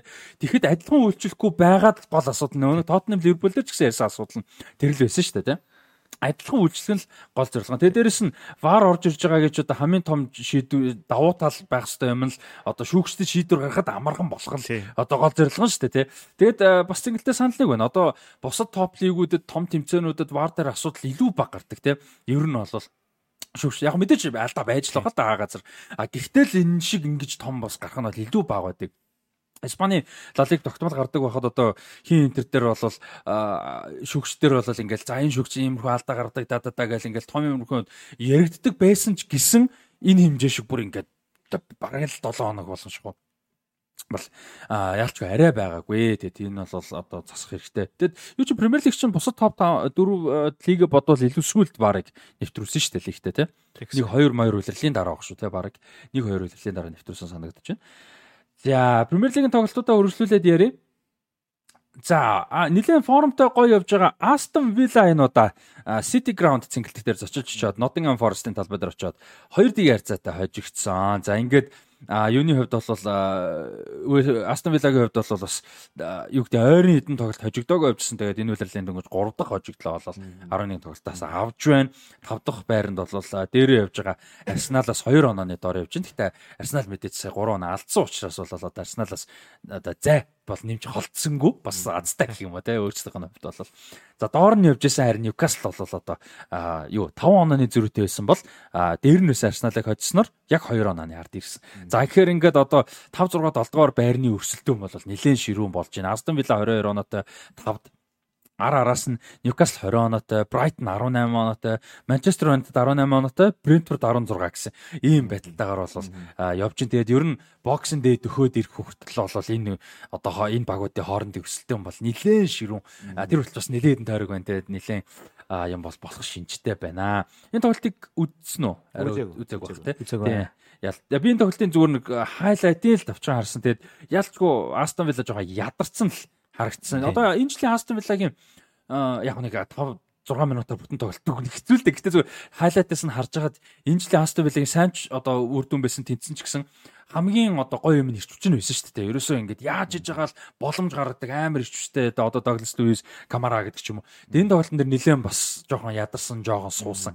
Харин л тэгээд энэ тойрог дээр ёстой жихнээсээ цэнгэлэн хилдэхдээ бас яг ингээд хилснийхэн дараа анзарч байна. Ер нь докугоос бус нь ер нь нэлээд жоохон ядарсгаасан байсан юм биш үү? Цагаагаарыг бодох юм байна. Тэгээд миний бас нэг харж байгаа юм дээр Астон Вилла чинь одоо энэ жил давхар Европын тэмцээнд ороод байгаа. Тэгээд ихэнх тамирчид нь ийм ачааллыг нэлээд аваагүй авдгүй байсан. Тэгээд одоо энэ ачаал нэмэгдээд ирэхээр яалтчгүй Премьер лиг дээр нэлээд ядралт нь гарч ирж гин гэж харж байгаа. Нэлээд тий. Тийм. Аюул ч тэр нэлж байгаа. А за дараагийн тоглолт бол Luton Town-ст жинхэнэ домогт хожил аванга алдсан. Mm -hmm За Лүдэн тааны хувьд бол мэдээж одоо шинэ баг жижиг баг бид нэр бүгдээр ингэ бүх талаас нь ярьж байгаа. Лүдэн таун ердөө нэг хожил авсан тэр нь Эвертныг хоцсон. А за тэгээд Merseyside-ийн хоёр багийг хоёулын энэ гусангаа алдлаа. хамгаалж хамгаалж хамгаал сайн хамгаасан ер нь бол Ливерпул нэг тийм сүртэй тасарсан боломж бол нэг гаргаагүй. Нэг боломж байгаа. Гэтэ ер нь тэрийг стоцвол нэг тийм амар боломж бол гаргаад нүдээдээс юм байгаагүй. За нэг бүр ингээд Александр Арнольд зүүн талд орж ичсэн явж байгаа. Салах руу өмнөхөр гой дамжуулдаг. Салах буулгаж өгөөд сүүлийн сүүлийн 11 тоглолтод 9 голын оролцоотой явжсэн дараа нүнээс гаргаад өгсөн хоо хоосон хаалган дээр буудсан. За тэгээд тэрнээс төд бодлого шахацсан явж байгаа сөрөг давталгаа яваад Росс Баркли. За одоо нэг нэгэн цагт бол одоо Премьер Лиг ирээдүй Англи шээ ирээдүй гэж яригджсэн А Росс Баркли Тотн юунд Лүдэнд тоглож байгаа тэгээд э, сөрөг давталгааг бол эхлүүлээд яваад тэгээд айгүй ухаалаг дамжуултыг өгсөн. За тэр дамжуултыг ч гэсэн хөндлөн дамжуултыг нь бас маш гоё орж ирсэн. Тэгээд одоо Манчестер Юнайтед академид одоо боловсрол эзэмшсэн дахид Чон тоглолтын тань харьцааг нэгдэг болгосон. За тэгээд Чон мэдээж өөрт нь Премьер лигийн карьерийнх нь анхныг бол. За өмнө нь бол юунд бол Birmingham 2 3 жил тоглосон, Зээлэрч бас тоглосон. За тэр хугацаанд бол Championship бол гол хийжсэн. Гэхдээ Premier League бол гол ингээ 23 наснда анхныхаа Premier League-ийн голыг хийсэн. За энэ гол нь одоо бүр домогт одоо хожил болонгоо алдсан боловч ир дээр нэмэх тав дээр хиний дамжуулалтаар RB Elite-ийн айгүй мэдрэмжтэй дамжуулалтаар Luis Diaz мөргөж гол оруулснаар бол ерөөхдөө тоглолт дууссан гэж хэлж бол болно. За тэгээ нэг харьцаатай дуусч бол Town а хэдийгээр хожих төгсөн ч гэсэн бас мэдээж үнцэнтэй оноо авсан Ливерпулээс оноо авсан. А тэгээ Ливерпулийн хувьд бас одоо юу гэдэг нэг нүүр юу гэдэг вүлээ нэг тийм saving face гэдэг чтэй нэг тийм бас нэг бант гуйх шиг ядаж нэг оноотой юм да гэдэг нэг тэгээд өнгөрсөн сүүлийн дөрөв тоглолтод хожигдолгүй явж байгаа. Гэхдээ хоёр тэнцэж хоёр эдсэн байдалтайгаар 24 оноотой Арсенал Арсеналтай оноо тэнцэж 3-т явж байна. За энэ тоглолтын дээр гол оруулчаад бол Луис Диасын хувьд бол Либертад Пара Папа гэсэн ийм бичгийг бол одоо өмсгөл дээрээ гаргаж ирж харуулсан. За энэний утга учир нь бол мэдээж аавынхаа ихчлөө хүсэж байна л гэсэн ийм одоо мессежийг бол илгээсэн. За тоглолт дуусаа шүглэл дуусны дараа бол мэдээж маш сэтгэл хөдлөлтөй байгаа нь бол харагдсан. Айгу гой санагдсан юм нөө Ливерпулийн тоглогчд дасжуулагчдын бүрэлдэхүүнээс гадна лүдний бараг бүх тоглогчид Луис Диас дээр очиж бас нэг тайвшруулж байгаа, үг хэлж байгаа харагдсан тэр бас их одоо асуудлыг шийдэхгүй ч гэсэн гой харагдсан. За аавыг нь бол а Колумби одоо National Liberation Army гэж одоо ELN гэж юм герилла бос босгочд байдаг. За эднэр бол аав ээжийг нь бол барьцаалчихсан байсан. За ээжийг нь бол Колумбийн үндэсний цэргийн одоо үндэсний нөгөө нэг арми цэрэг гэж байдаг шүү дээ. Арми цэрэг гэдэг үл нэг тийм нэг цэргийн цагдаа гэдэг лөө Цэргийн цагт аа тий тий тий. Like Army Police гэдэг чинь. Тэд нар нь бол ээжийг нь ямар ч байсан аварсан. Аа тэгээд 5 6 хоног одоо бараг 7 хоног ч юм уу да. Энэ хугацаанд бол агаавыг нь суллаагүй байгаа. Гэтэ аа эднийхээс бол одоо энэ э, босгочдоос бол агаавыг нь суллана гэсэн мэдээ бас гарсан юм бэ нэлээ. Тэгээд сулалж бас магадгүй юм бэ лээ. Тэгээд одоо сул сулхах гэж найдаж байна. Тэгээд их харамсалтай юм басан. Тэгээд Luis Diaz-д бас сэтгэл зүйн мундаг байна юм хэцүү цаг үед бас хөлбөмбө тоглолт хийдэг те. Тоглоод оролцоод гол хийгээд багтаус нэмэр оруулна, хувь нэмэр оруулна гэдэг бол одоо бидний бодохч одоо төсөөлж чадахгүй юм хүнд нөхцөл байдалд бол бас мундаг байна гэдгийг хэлмээр байна. За тэгээд Tottenham-с Tottenham гэнэлүүдэн таван дээрээс оноо авсан. За энэ дэр энэ тоглолт дээр нэмэх ч юм уу зүйл байсан уу? байхгүй тий. Би үзег болохоор бас байхгүй байна. Тэгээ энэ тоглолтыг би яалтгүй юу гэдэг үзэхэд бол үндсэн юм а. Тэгээ нэг яг тэр нүүнээс дээр л нэг амар гой боломж гарсан. Өмнө нь яг нэг тийм хийдэд тоглоё. За дараагийн тойрогт хэд хэдэн сонирхолтой тоглолтууд мэдээж бас байгаа. За Wolverhampton Tottenham гэсэн нэлээд сонирхолтой тоглолт байгаа. За Wolverhampton-ийн хувьд бол сая Sheffield-д хожигдчихсан. Ер нь нэлээд тааруухан байгаа. Sheffield-д хожигдчихсан. А Tottenham-ийн хувьд бол өнөөшн Chelsea-тэй тоглох хуваартай байгаа. А зүв те би тийг санаад байна. Өнөөшн тийм өнөөшн Chelsea-тэй байгаа. Энэ тойргийн тоглолт бол арай болов. Заримдаа нэгтгэн тоглолтууд ойрд нэлээд болоод байна те. Хэдүүлээ бэлтгэдэг өдөр дандаа шүн тоглолтлаа гэж их ярьж байна. За Tottenham Wolverhampton-ыг сонирхолтой тоглолт болно. Arsenal-ийн хувьд бол Burnley-тэй байгаа талбай дээр. За юу Newcastle Bournemouth-ын талбай дээр байгаа. Liverpool Brentford-ыг хүлээж авч тоглоно. Аа тэгээд дараа 7 хоногийн хамгийн супер тоглолт бол мөн адилхан юуны шүн юм байна. Нэгт өдрийн шүн Chelsea талбай дээр Manchester City-г хүлээж авч тоглоно. За энэ бол одоо бас л их том тоглолт болох ойлгомжтой хэдийгээр Челси орон гарын их тааруу хуйлал явж байгаа ч гэсэн том баг бол мэдээж том баг байдаг. Том тоглолт бол уур амьсгал өрсөлдөөн бол өөр байдаг. Тэгэхээр бас гой тоглолт болно гэж найдаж байна. Виктор яваад одоо юуны шигшөө баг гэдэг шигшөө баг гэдэг. Тийм энэ энэ жил агуу нэг тийм нэг нэг шахуу явж байгаа тий. 9 10 11 сард айл айланд нь шигшөөгийн цугларт байгаа. Нилээн шахуу тоглолтуудтай явж байгаа. Тэгэхээр хэдүүлээ бас шигшөөдүүдийг ярих боломж дараа дараагийн дугааруудаас дахиад гарнаа. Тэгээд үе үе ярихад бол гоё байдаг. За. Ла Лиг руу орцгоох уу? За тэгээ. За Ла Лиг. За Ла Лигийн 12 дугаар тойргийн тоглолтууд бол болсон байна. За 12 дугаар тойргийн тоглолтуудаас бас хэд хэдэн сюрприз үр дүнгууд бол гарсан. За тэдний нэг нь бол Лас Палмас баг юг Атлетико Мадрид энэ жил үнэхээр формт сайтай байгаа Атлетико Мадридыг 2-1 ярцаатаа буулгаад авчихсан. Оо. За Атлетико За тэгээд 60 дахь минутанд Антон Грисман тэр гимтэл аваа суучих шиг болсон. Аа тэгээд Корея оронд нь орж исэн. А тэгээд Антуан Грисман сэлгээр суухад бол нэг тийг харьцаатай хожигдчихсэн бол нэмж гол алдаад хоёр тийг болоод сүүлд үнэхээр супер формтой энэ баг карьер хамгийн супер формтой байна уу юу? Алваро Мората, Алваро Мората 83 минутанд сарын ганц голыг бол оруулсан байлээ. Тэгээд яг бол Лас Палмасын хувьд бол э, нэг тийм аа супер баг бол биш. Гэхдээ сүүлд гарч ирснээс хойш бол том багуудыг айлгадаг дундаж одоо нөгөө нэг Европын байранд өсөлдөг багуудаа их сайн тоглодог юм баг болчиход байгаа. Ер нь нэг тийм баг гэдэг чинь унхгуун тодорхой. А тэгээ томчтой эвгүй багууд гэдэг чинь одоо магадгүй Дэвид Мосын өмнөх West Ham ч юм уу, Crystal Palace ч юм уу те унхгуй гэхдээ юм тийм баг болчиход байгаа. Одоо жишээ сүүлийн 5 тойрог хамгийн формтой багуудын нэг нь Лас Палмас байна. Дөрөв хожилтой ганцхан хожигдолтой. Үнэхээр супер те 10 дугаар оронд явж байгаа гэдэг ч юм уу. Тэгэхээр болвол одоо яг Лас Палмасын зүгээс Атлетико Мадридыг хочих нь бол юм гайхаар зүйл байлаа байгаагүй. А тэгээ харамсалтай нь Атлетико Мадрид одоо супер хожлын формтой явж байгаад хоёр дахь хожигдоод 25 оноо дөрөвт орж ирж байна. Лалих ч одоо Жироно төрүүлж байгаа тийм. За тэгж байгаа. Жироногийн тоглолт. За Жироно бол одоо юу гэдэг нөгөө нэг хэдүүлээ бас л ярддаг хэдүүлээч байгаа. Ер нь хөлбөмбөг сэтгүүлчд их ярддаг ш та аврагын төлөө өрсөлдөг багууд бол ингээд муу тогсон тоглолтоосоо ч гэсэн оноо авдаг гэл те. Одоо муу тогсон ч камбэк хийдэг гэдэр гэл те. За тэгсэн чинь нөгөө широнод чинь ососонод юу яасан? Эхний үед нэг тийг харьцаатай бишээ Эхлээ өөртөө гол хийлээ. Нэгдүгээр. За тэгээ байжсэн Жанте Будимир ер нь нэг уйлралт нэг 10-аас 14 5 гол хийждэг довтлогчлоо ер нь. Ососон нэг А 25 дээр хийгээд тэнцвүүлээд 2 дугаар дөнгөж эхлэх удаагүй жил 2-1 болгочлаа. Гойж гоолууд хийсэн. Тэ бид нэр ер нь тийм гой гол хийдэг тавтлагч. За тэгээ байжгаад ер нь нэлээд жоохон эвгүүтэд иржсэн чинь 71 дээр хоёр Украин тоглогч байгаа. А Широнад. За тэгээ тэрний Добик 71 дээр хийгээд 80 дээр Цихан Циханков хийгээд тэгээд эр дээр нэмж гоо тэгээ. За ингээд одоо ер нь бол итгэл төгс 4-2 ярцаатай буулгаж авсан. Аа супер байна. За Широнад дээр гоё. Анзаарсан зүйлүүд юу байна? Аа баг төсвөр ч гэсэн гоё ингэж үр дүнтэй товтлооны үлэмбэг үзүүлж тоглож болд юм байна гэдгийг л ер нь харуулж гин л гэж одоо товчхондоо хэлж болохоор байна тий. Одоо ингээд хэдийгээр одоо ингээд тоглогчдыг ингээ харах юм бол бидний одоо танил болсон, олдын танил болсон барыг тоглогч байхгүй шүү дээ.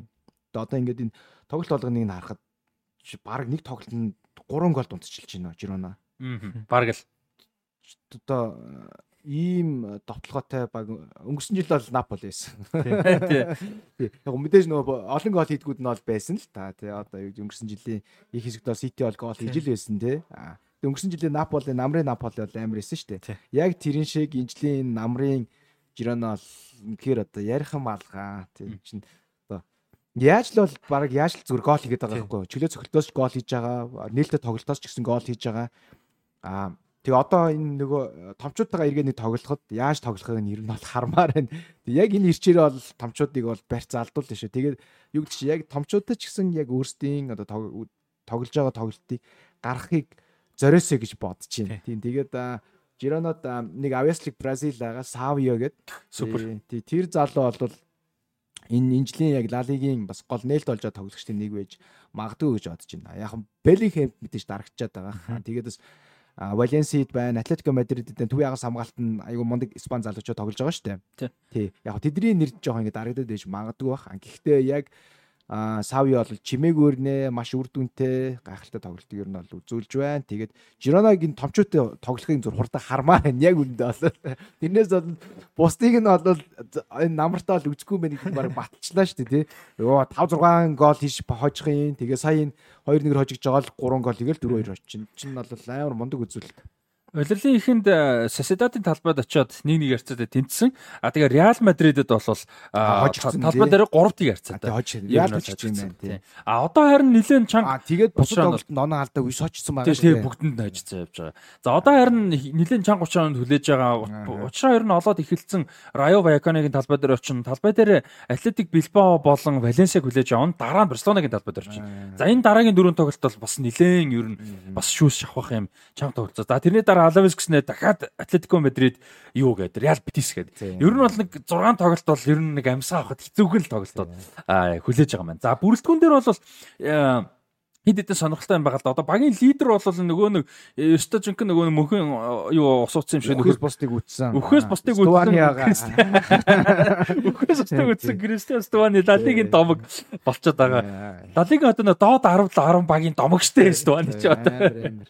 Тийм. Багийн ахлагч. За тэгээ хоёр Украин тоглогч Виктор Зиханков болон Артем Добик хоёр байгаа. Энэ хоёр үнэхээр мундаг байгаа.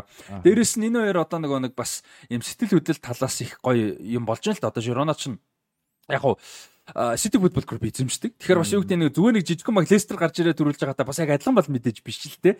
А том эзэмшилтэй те. А гэхдээ зүгээр ингээ нөгөө нэг жижигхэн баг гарч ирээд сайн тоглож байгаа. Тэгээ дээрэс нь Украинд мэдээж асуудлууд ямар их байгаа байлаа. Тэгээд тэрнтэй бас нэг юм холбоотой юмнуудаар бол Украинчууд бол одоо тэр жигээрээ Широна энэ жилийн Украинчуудын баг бол одоо ирсэн Широна. Дээрээс ард түмнэрээ Широныг дэмжиж байгаа. Хоёр Украин залууч мундаг байгаа. За тэгээд Дэвид түрүү хэлсэн Туа гэд Францын Троис гэж үчдэг. Энэ багаас бол Савио гэд супер залуу тоглогч бол зээлээр тоглож байгаа. За Туа Туа гэд баг нь бол бас City Football Group эзэмшдэг баг. Тэгээд нэг багаас нөгөө баг руугаа л явж гэнэ гэсэн. А тэгээд хин Пабло Торе бас зээлэр тоглож байгаа довтлох довтлох чиглэлийн хас хамгаалагч байгаа Барселонагаас зээлэр тоглож байгаа. За тэгээд Ян Котого баруун зүгийн хамгаалагч энэ Ян Кото бол бүр миний мэдхээр 18 8 оноос хойш одоо энэ дараагийн генерашны супер тоглогчдын нэгэ гэж одоо нийтлүүдээр бол яригдчихсэн юм залуу тоглогч. Одоо ч залуу тоглогч шивээрээ. Мань хүн бол Манчестер Ситигийн одоо юутай бүртгэлтэй. Тэгээ мань хүн бол Манчестер Ситигээс Широна зээлэр тоглож одоо дөнгөж 21-т 16 толгойтой багтаа л ерөөсө ирээдүйн супер тоглогч гэж яригдаг байсан Коричибат багтаа одоо бол Манчестер Ситигээс болж. Бразилийн шокта энэ жил ингээд хоёр тоглоод амжиж гисэн. Одоо ер нь Бразилийн шогийн сүүлийн хэдэн жилийн хамгийн сул байрлуудыг нэг баруун жигэр амлаж байсан шүү дээ. Дани Алвес, Майкон хоёр байснаас хойш. Тэгээ одоо бол энэ байрыг магадгүй нөхөх ийм тоглож байгаа. За тэгээ эн чинь бас нэг юу яагаагүй а Жиронагаа дүүгдэг мөнгөөр зодоод хэдийгээр том эзэдтэй ч гэсэн мөнгөөр зодоод нэг тэгж бол босоогүй а гой 8 минут хийдэд байгаа. За гой зээлүүд хийдэд байна. За саяных дээр нэмэх юм бол Персонагаас Эрик Гарсиаг зээлэр тоглож байгаа. Эрик Гарсиа хамгаалтанд сайн байгаа. А тэгээд дээрэс нь өмнө нь одоо энэ Жиронад олон жил тоглож исэн сайн хэд байна. Одоо сая хэн бол Стуани бас олон жил тоглолчлоо туршлагатай Алиш Гарсиа байж байна. Порту, Испани Ла Лигт бол их туршлагатай тоглогч те. Реал Сосидадад олон жил тоглосон. Янхел Эрера гэж мундаг тоглогч байж байна. Гэдэг ч юм уу. Ингээд Дали Блинд байна. Туршлага нэмж байгаа те. Блинд бол яг мэдээж гарааны супер баян биш ч гэсэн. Тэгэхээр бол яг тийм гоё бүрэлдэхүүн босчоод байна. Акта харамсалтай нь энэ жил яаж ч гоё амжилт үзүүлсэн гэсэн яг юм бүрэлдэхүүн бол ивэр үлдэхгүй. 4 5 тоглогч зээл байна. Дээрээс нь мэдээж бас одоо тоглогч нэмэн идэх хэцүү баг. Тийм тийм хэцүү. Тийм тэгээд City Football Group эзэмшдэг ихэнх хувийг нь а тэгээ Pep Guardiola болон Pep Guardiola-ыг ах нь үлээ дүүн үлөө марчин нөгөө англи шин зүгээр brother гэж бичдэг болохоор. Ах トゥ угийнх нь нэг нь нөгөө Pere Guardiola гэж бас байгаа шүү дээ. Энэ хоёр ингээд хамт хувь эзэмшдэг. Тийм ийм клуб байгаа. Тэгээд одоо La Liga La Liga одоо 2 оноогоор тэргүүлж да Реал Мадрид яваар. Бас гоё тийм энэ ч одоо 3-1-т орж яхад тэргүүлж яана гэдэг бол урамтай гоё. Сайхан буцаа гарч ирсэн шүү дээ. За украинчууд бол одоо Лестерт нэ л гэдэг байгаа шүү дээ. Гэхдээ одоо нэг иймэрхүү багууд төр ч одоо яг нөгөө одоо ингээд сайн тоглож байгаа гарааны бүрэлдэхүүнээс нэг тоглож гимтгэхэр жоохон тоглолт нь унчих гад идэх те. Тийм талбайгаа хэм маяг аяг унчих. Хэрвээ яг энэ бүрэлдэхүүн хэрвээ ингээд Лестер шиг гимтэхгүй ингээд үлрэлийн турш тоглож чадвал бас боломж яга болохгүй гэж те. Гол нь гимтэхгүй л ах хэрэгтэй. Гол нь гимтэхгүй л ах хэрэгтэй. Лестер дээр бол тэр гараачин бол баг тэр жигтэй явсаар байгаа төрүүлсэн. Айгуу сайн тоглосон. Гимт баг гимтэл байгаагүй шин. Ер нь тэгэхээр чин тэр чин бол айгуу супер тоглож байгаа байхгүй. Тэгээ Жирона ч одоо айгуу сайн тоглож байгаа. Энэ тоглолтод хадгалахын тулд мэдээж яг одоо байгаа тоглогч нар нь чухал. Тэгэхээр яг эндрээс нөхөж орж ирж байгаа болон гимтэхгүй байх гимтэл бэртэл гэдэг асуудал байна. Тэрнээс бол Жироног би өнгөрсөн жилээс үдчихсэн айгуу тийм гой нээлттэй тоглодог баг үзэхэд урамтай тийм үзэхэд урамтай. Жирона, Реал Сосидад, Реал Битис энтрийн тоглолтоор бас өмнөн гоё штэ дандаа юм энтертэй үзэмжтэй тийм. Кике Ситиэний Виарал бас нэг хэсэг тийм байсан. Их гоё.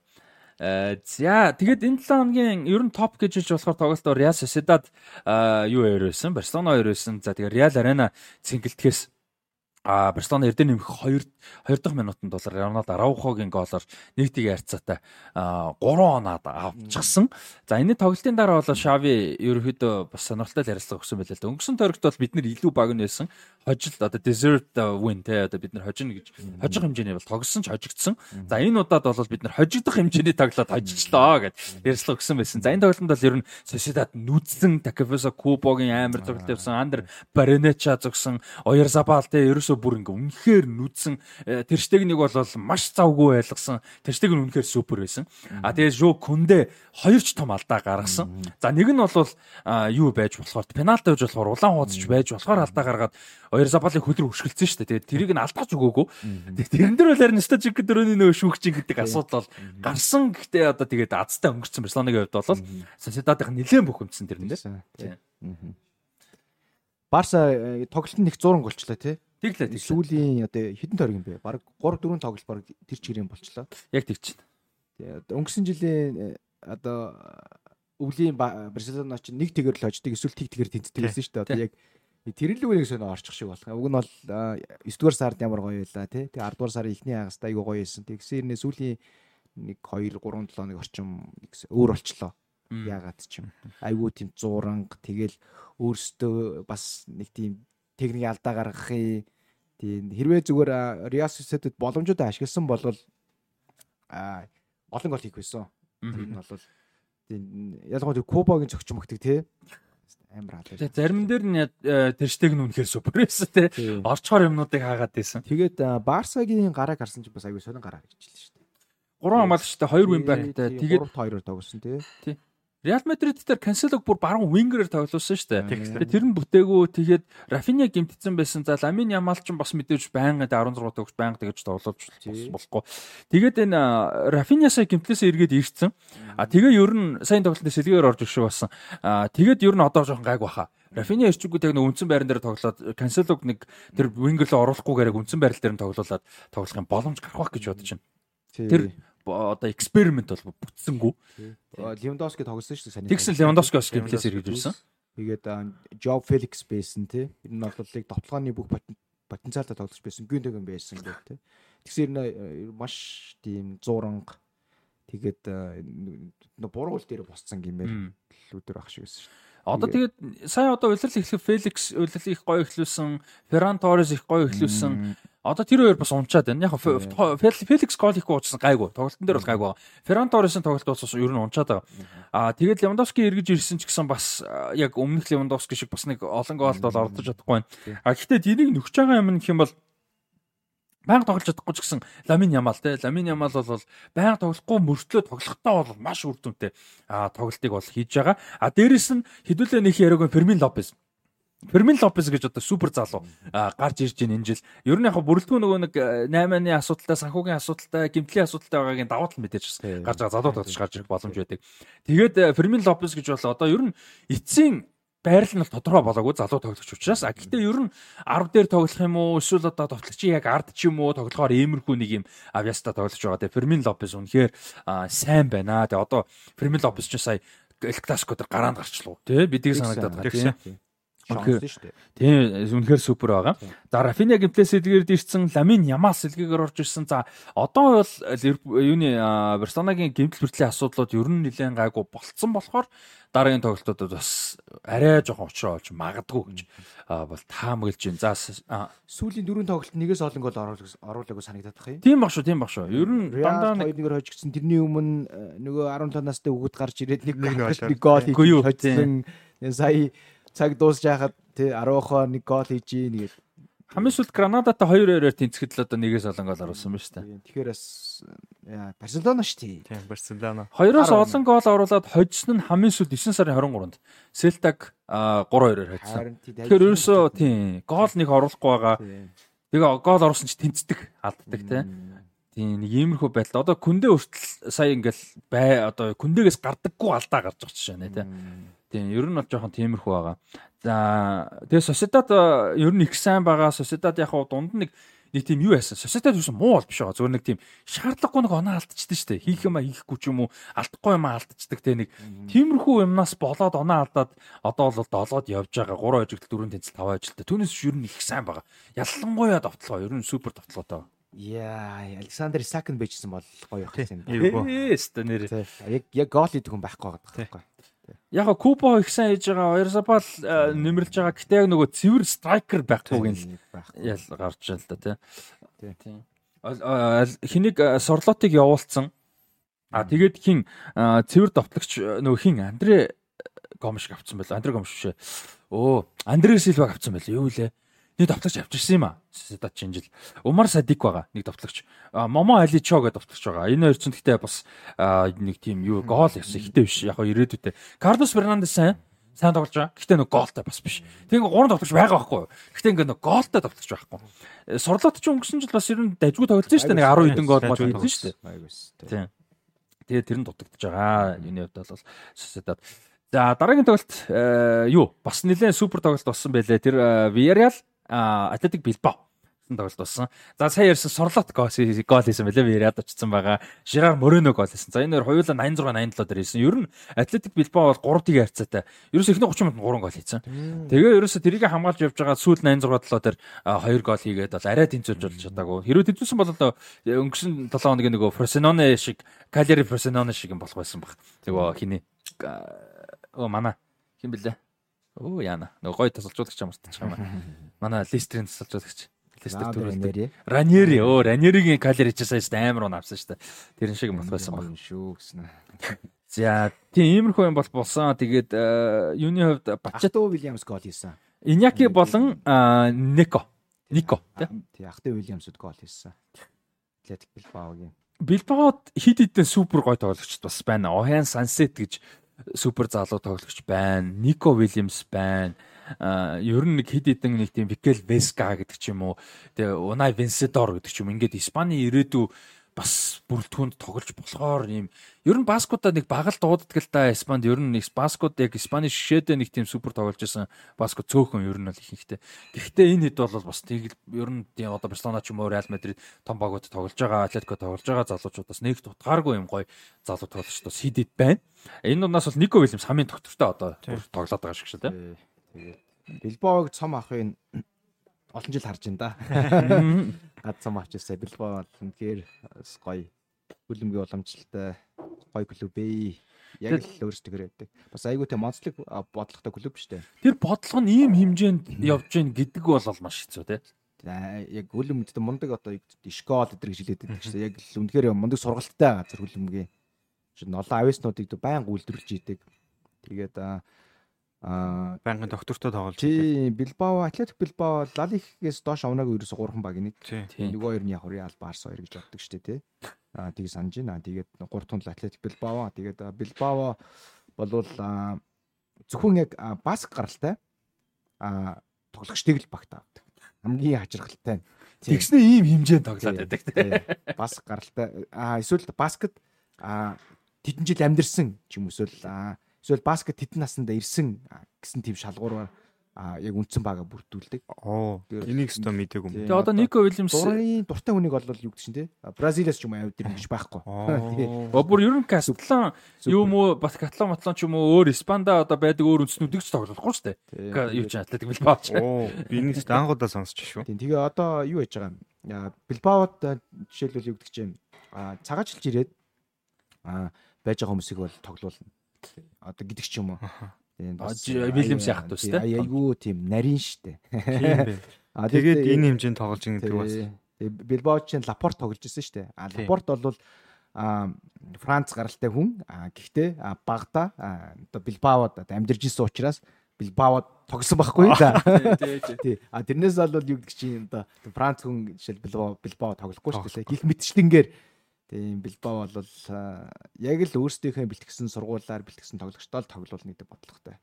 Тэгсэн ирнэ ингэж мундаг байдаг нь бас айгүй сайн одоо системтэй одоо менежменттэй л гэсэн үг болох бах тий. Тэгээд тийм учраас яагаад ийм баг цом авахгүй удаад яна л гэж байгаад. Уг нь бол Билбао бол бас Испани уламжлалт цом авдаг багуудын нэг л дээ. Ла Лигтаас олон төрүүлж ирсэн.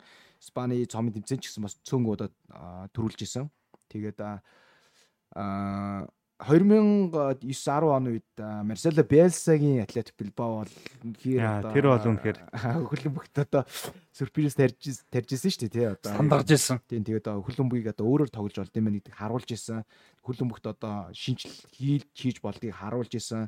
Аа тэгээд тухайн үеийн супер эсэн Пепийн Барселоног бол барьцаалдуулдаг байсан тий тийм байсан. Тэгээд тэр үеэс хойш бол Билбаог одоо хизээ цомоохон болдог л харж ин да. Тэгээд э, одоо жишээ нь хүмүүс нөгөө нэг хоёр Вильямсыг гайх байх л та тийм мэдээж Африк гаралтай хоёр тоглож дээ. Аав нь аав ээж нь Ган хүмүүс. Иньяк Вильямс сая одоо Ганы шок тоглохоор сонгосон мэдээж Леоро Ган тоглосон. Нико бол Испани шок сонгосон. Мань хоёр чинь хоёулаа Билбао төрж өссөн ерөөсөө Билбаогийн одоо хүүхдүүд.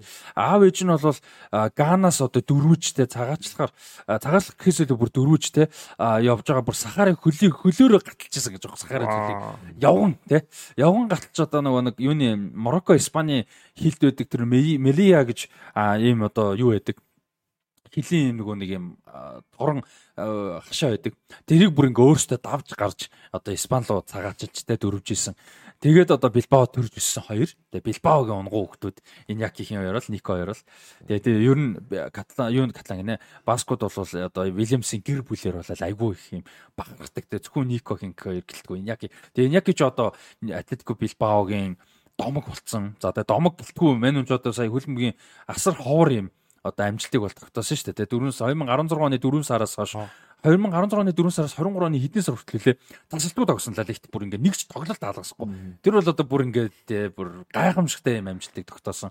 Аа тэгээ ядж явах нөгөө өмнөх амжилтанд Зяс Сидадын тоглож байсан. Тэнгүүд ингээ нөгөө бас нэг баск өрсөлдөө яваад байгаа байхгүй тий. Аа тийм даваа даваа талаас байсан. За тэгээд Атлетик Билбаогийн хувьд л юм байна. А сайн нэг юу факт хэлэхээ мартсан байна. Нөгөө нэг юуны Европын топ 5 лигийн 23 хүртэлх насныхны тоглогчдод ийм статистик судалгаа явуулсан мэл да юуны дриблерүүд юм бөмбөг хууралт гүйцэтгэлийн.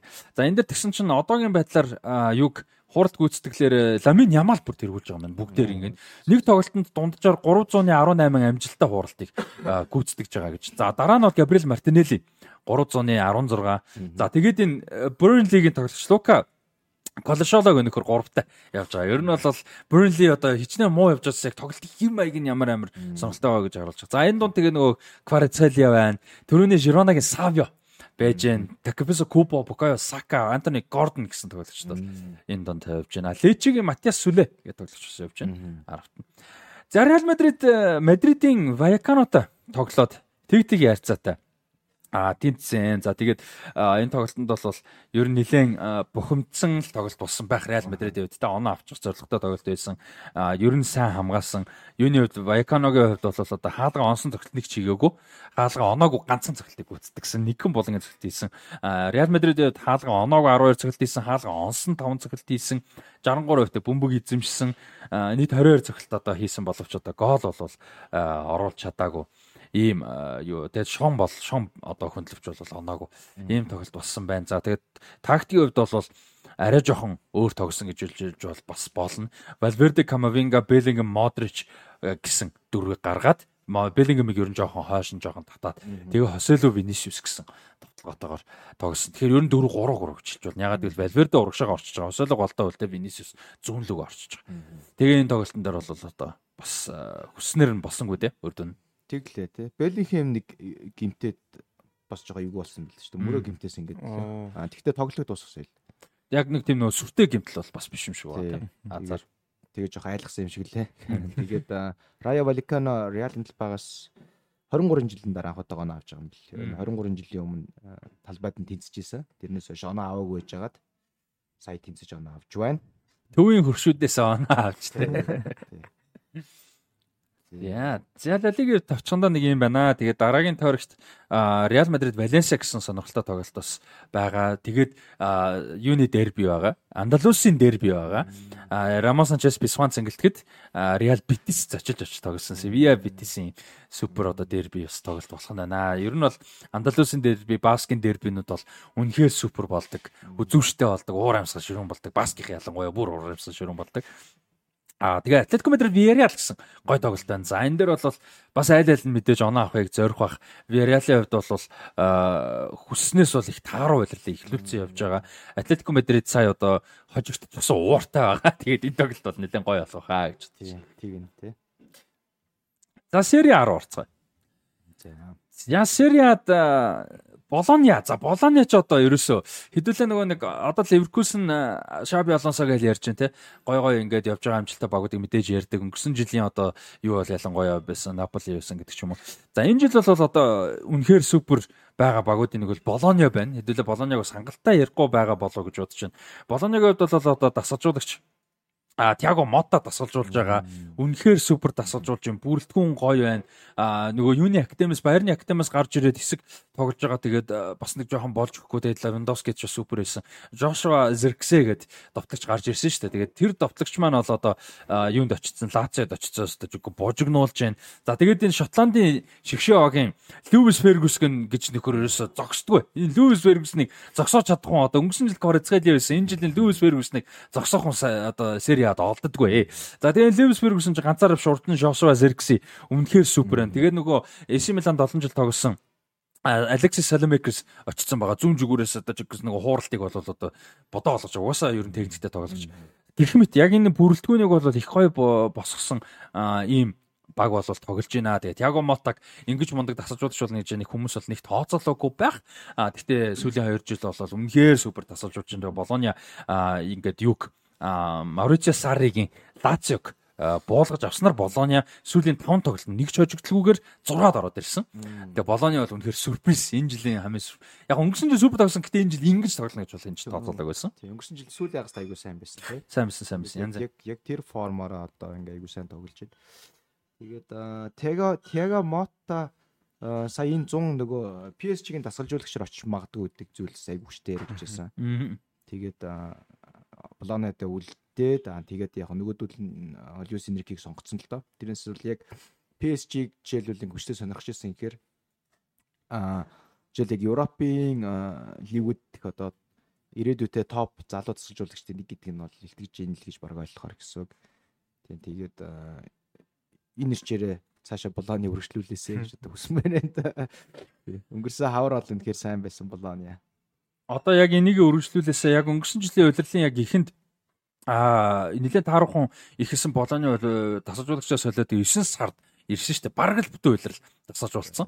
Тэгээ их сайн тоглосон. Тэгээд одоо бол яг анхны одоо 100% бүтэн тасалжуулалтын үйлрэл нь болж байна. Тэгээд Тиаго Мотогийн хувьд айгүй олон юм а давуу талтай байгаа юм л та. Манайхан айгүй олон мундаг тасалжуулагчдын доор тоглож байсан нэгдүгээрт. Дээрэс нь олон улсад тоглож байсан. Өөрөө юу а манайд бол мэдж байгаа юу гаралтай Бразил гаралтай Итали тоглож ирсэн. Португал хэлтэй, Испани хэлтэй, Англи хэлтэй, Итали, Португал, Испани, Итали, Франц юу дутуу байна. За хэд үлээ тийм ямар ч 5 хэлтэй шүү.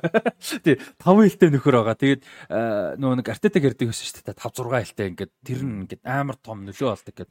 А тэр нь Тиаго Мотод бас айгу том давуу тал болж байна л да. Яаж юм гэхээр мань хүн чинь Германаас баг бусад ингээд Европын том хэд гэж хэлж болох хэлүүдээр улсууд ийлэр ярьцдаг. Тэгэхээр ингээд нөгөө одоо чинь Болоны за Италиар өөр ярьчин мэдээж ойлгомжтой. Тэнгүүт тоглогчдод татгад хүртэл амар том нөлөө болж байгаа байхгүй тий. Тэг чи ямар тоглогч очих уу тасалжуулагч нь хэн бэ? Ямар хэлээр ярьдаг? Ямар орчин маань гэдэг айгу нөлөөтэй байдаг.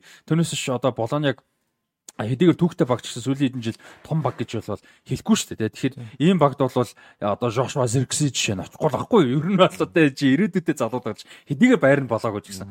Тэгэхээр мань хүн бол одоо Левис Фергюсон ч юм уу те. Саламекс гэд ийм хөө. Одоо тэгээд дээрэс нь Болоныгийн бүрэлдэхүүн яг миний саяны хилдэг поинтыг одоо яг гаргаж байгаа хгүй.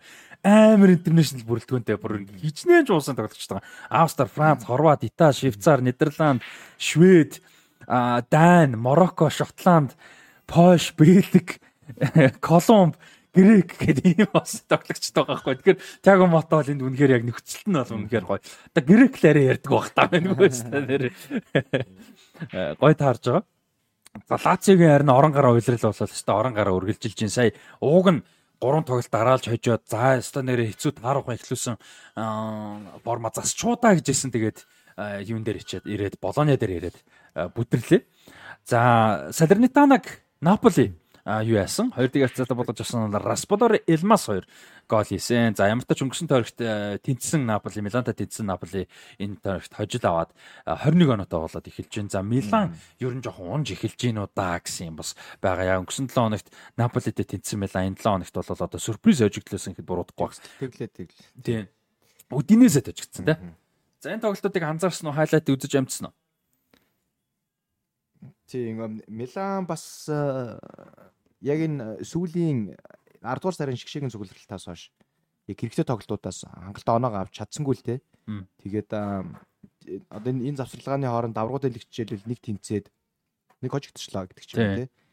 Тэгэхээр яг энэ 11 дугаар сар бол айгүй чухал энэ сар дээр жоо эвгүй болчихоо даа л гэж бодогдож байна. Одоо хурдан формоос эргэж чадахгүй бол аврагуудын лигийг лигийг цааш өргөжлүүлэх болцоогүй болно тий.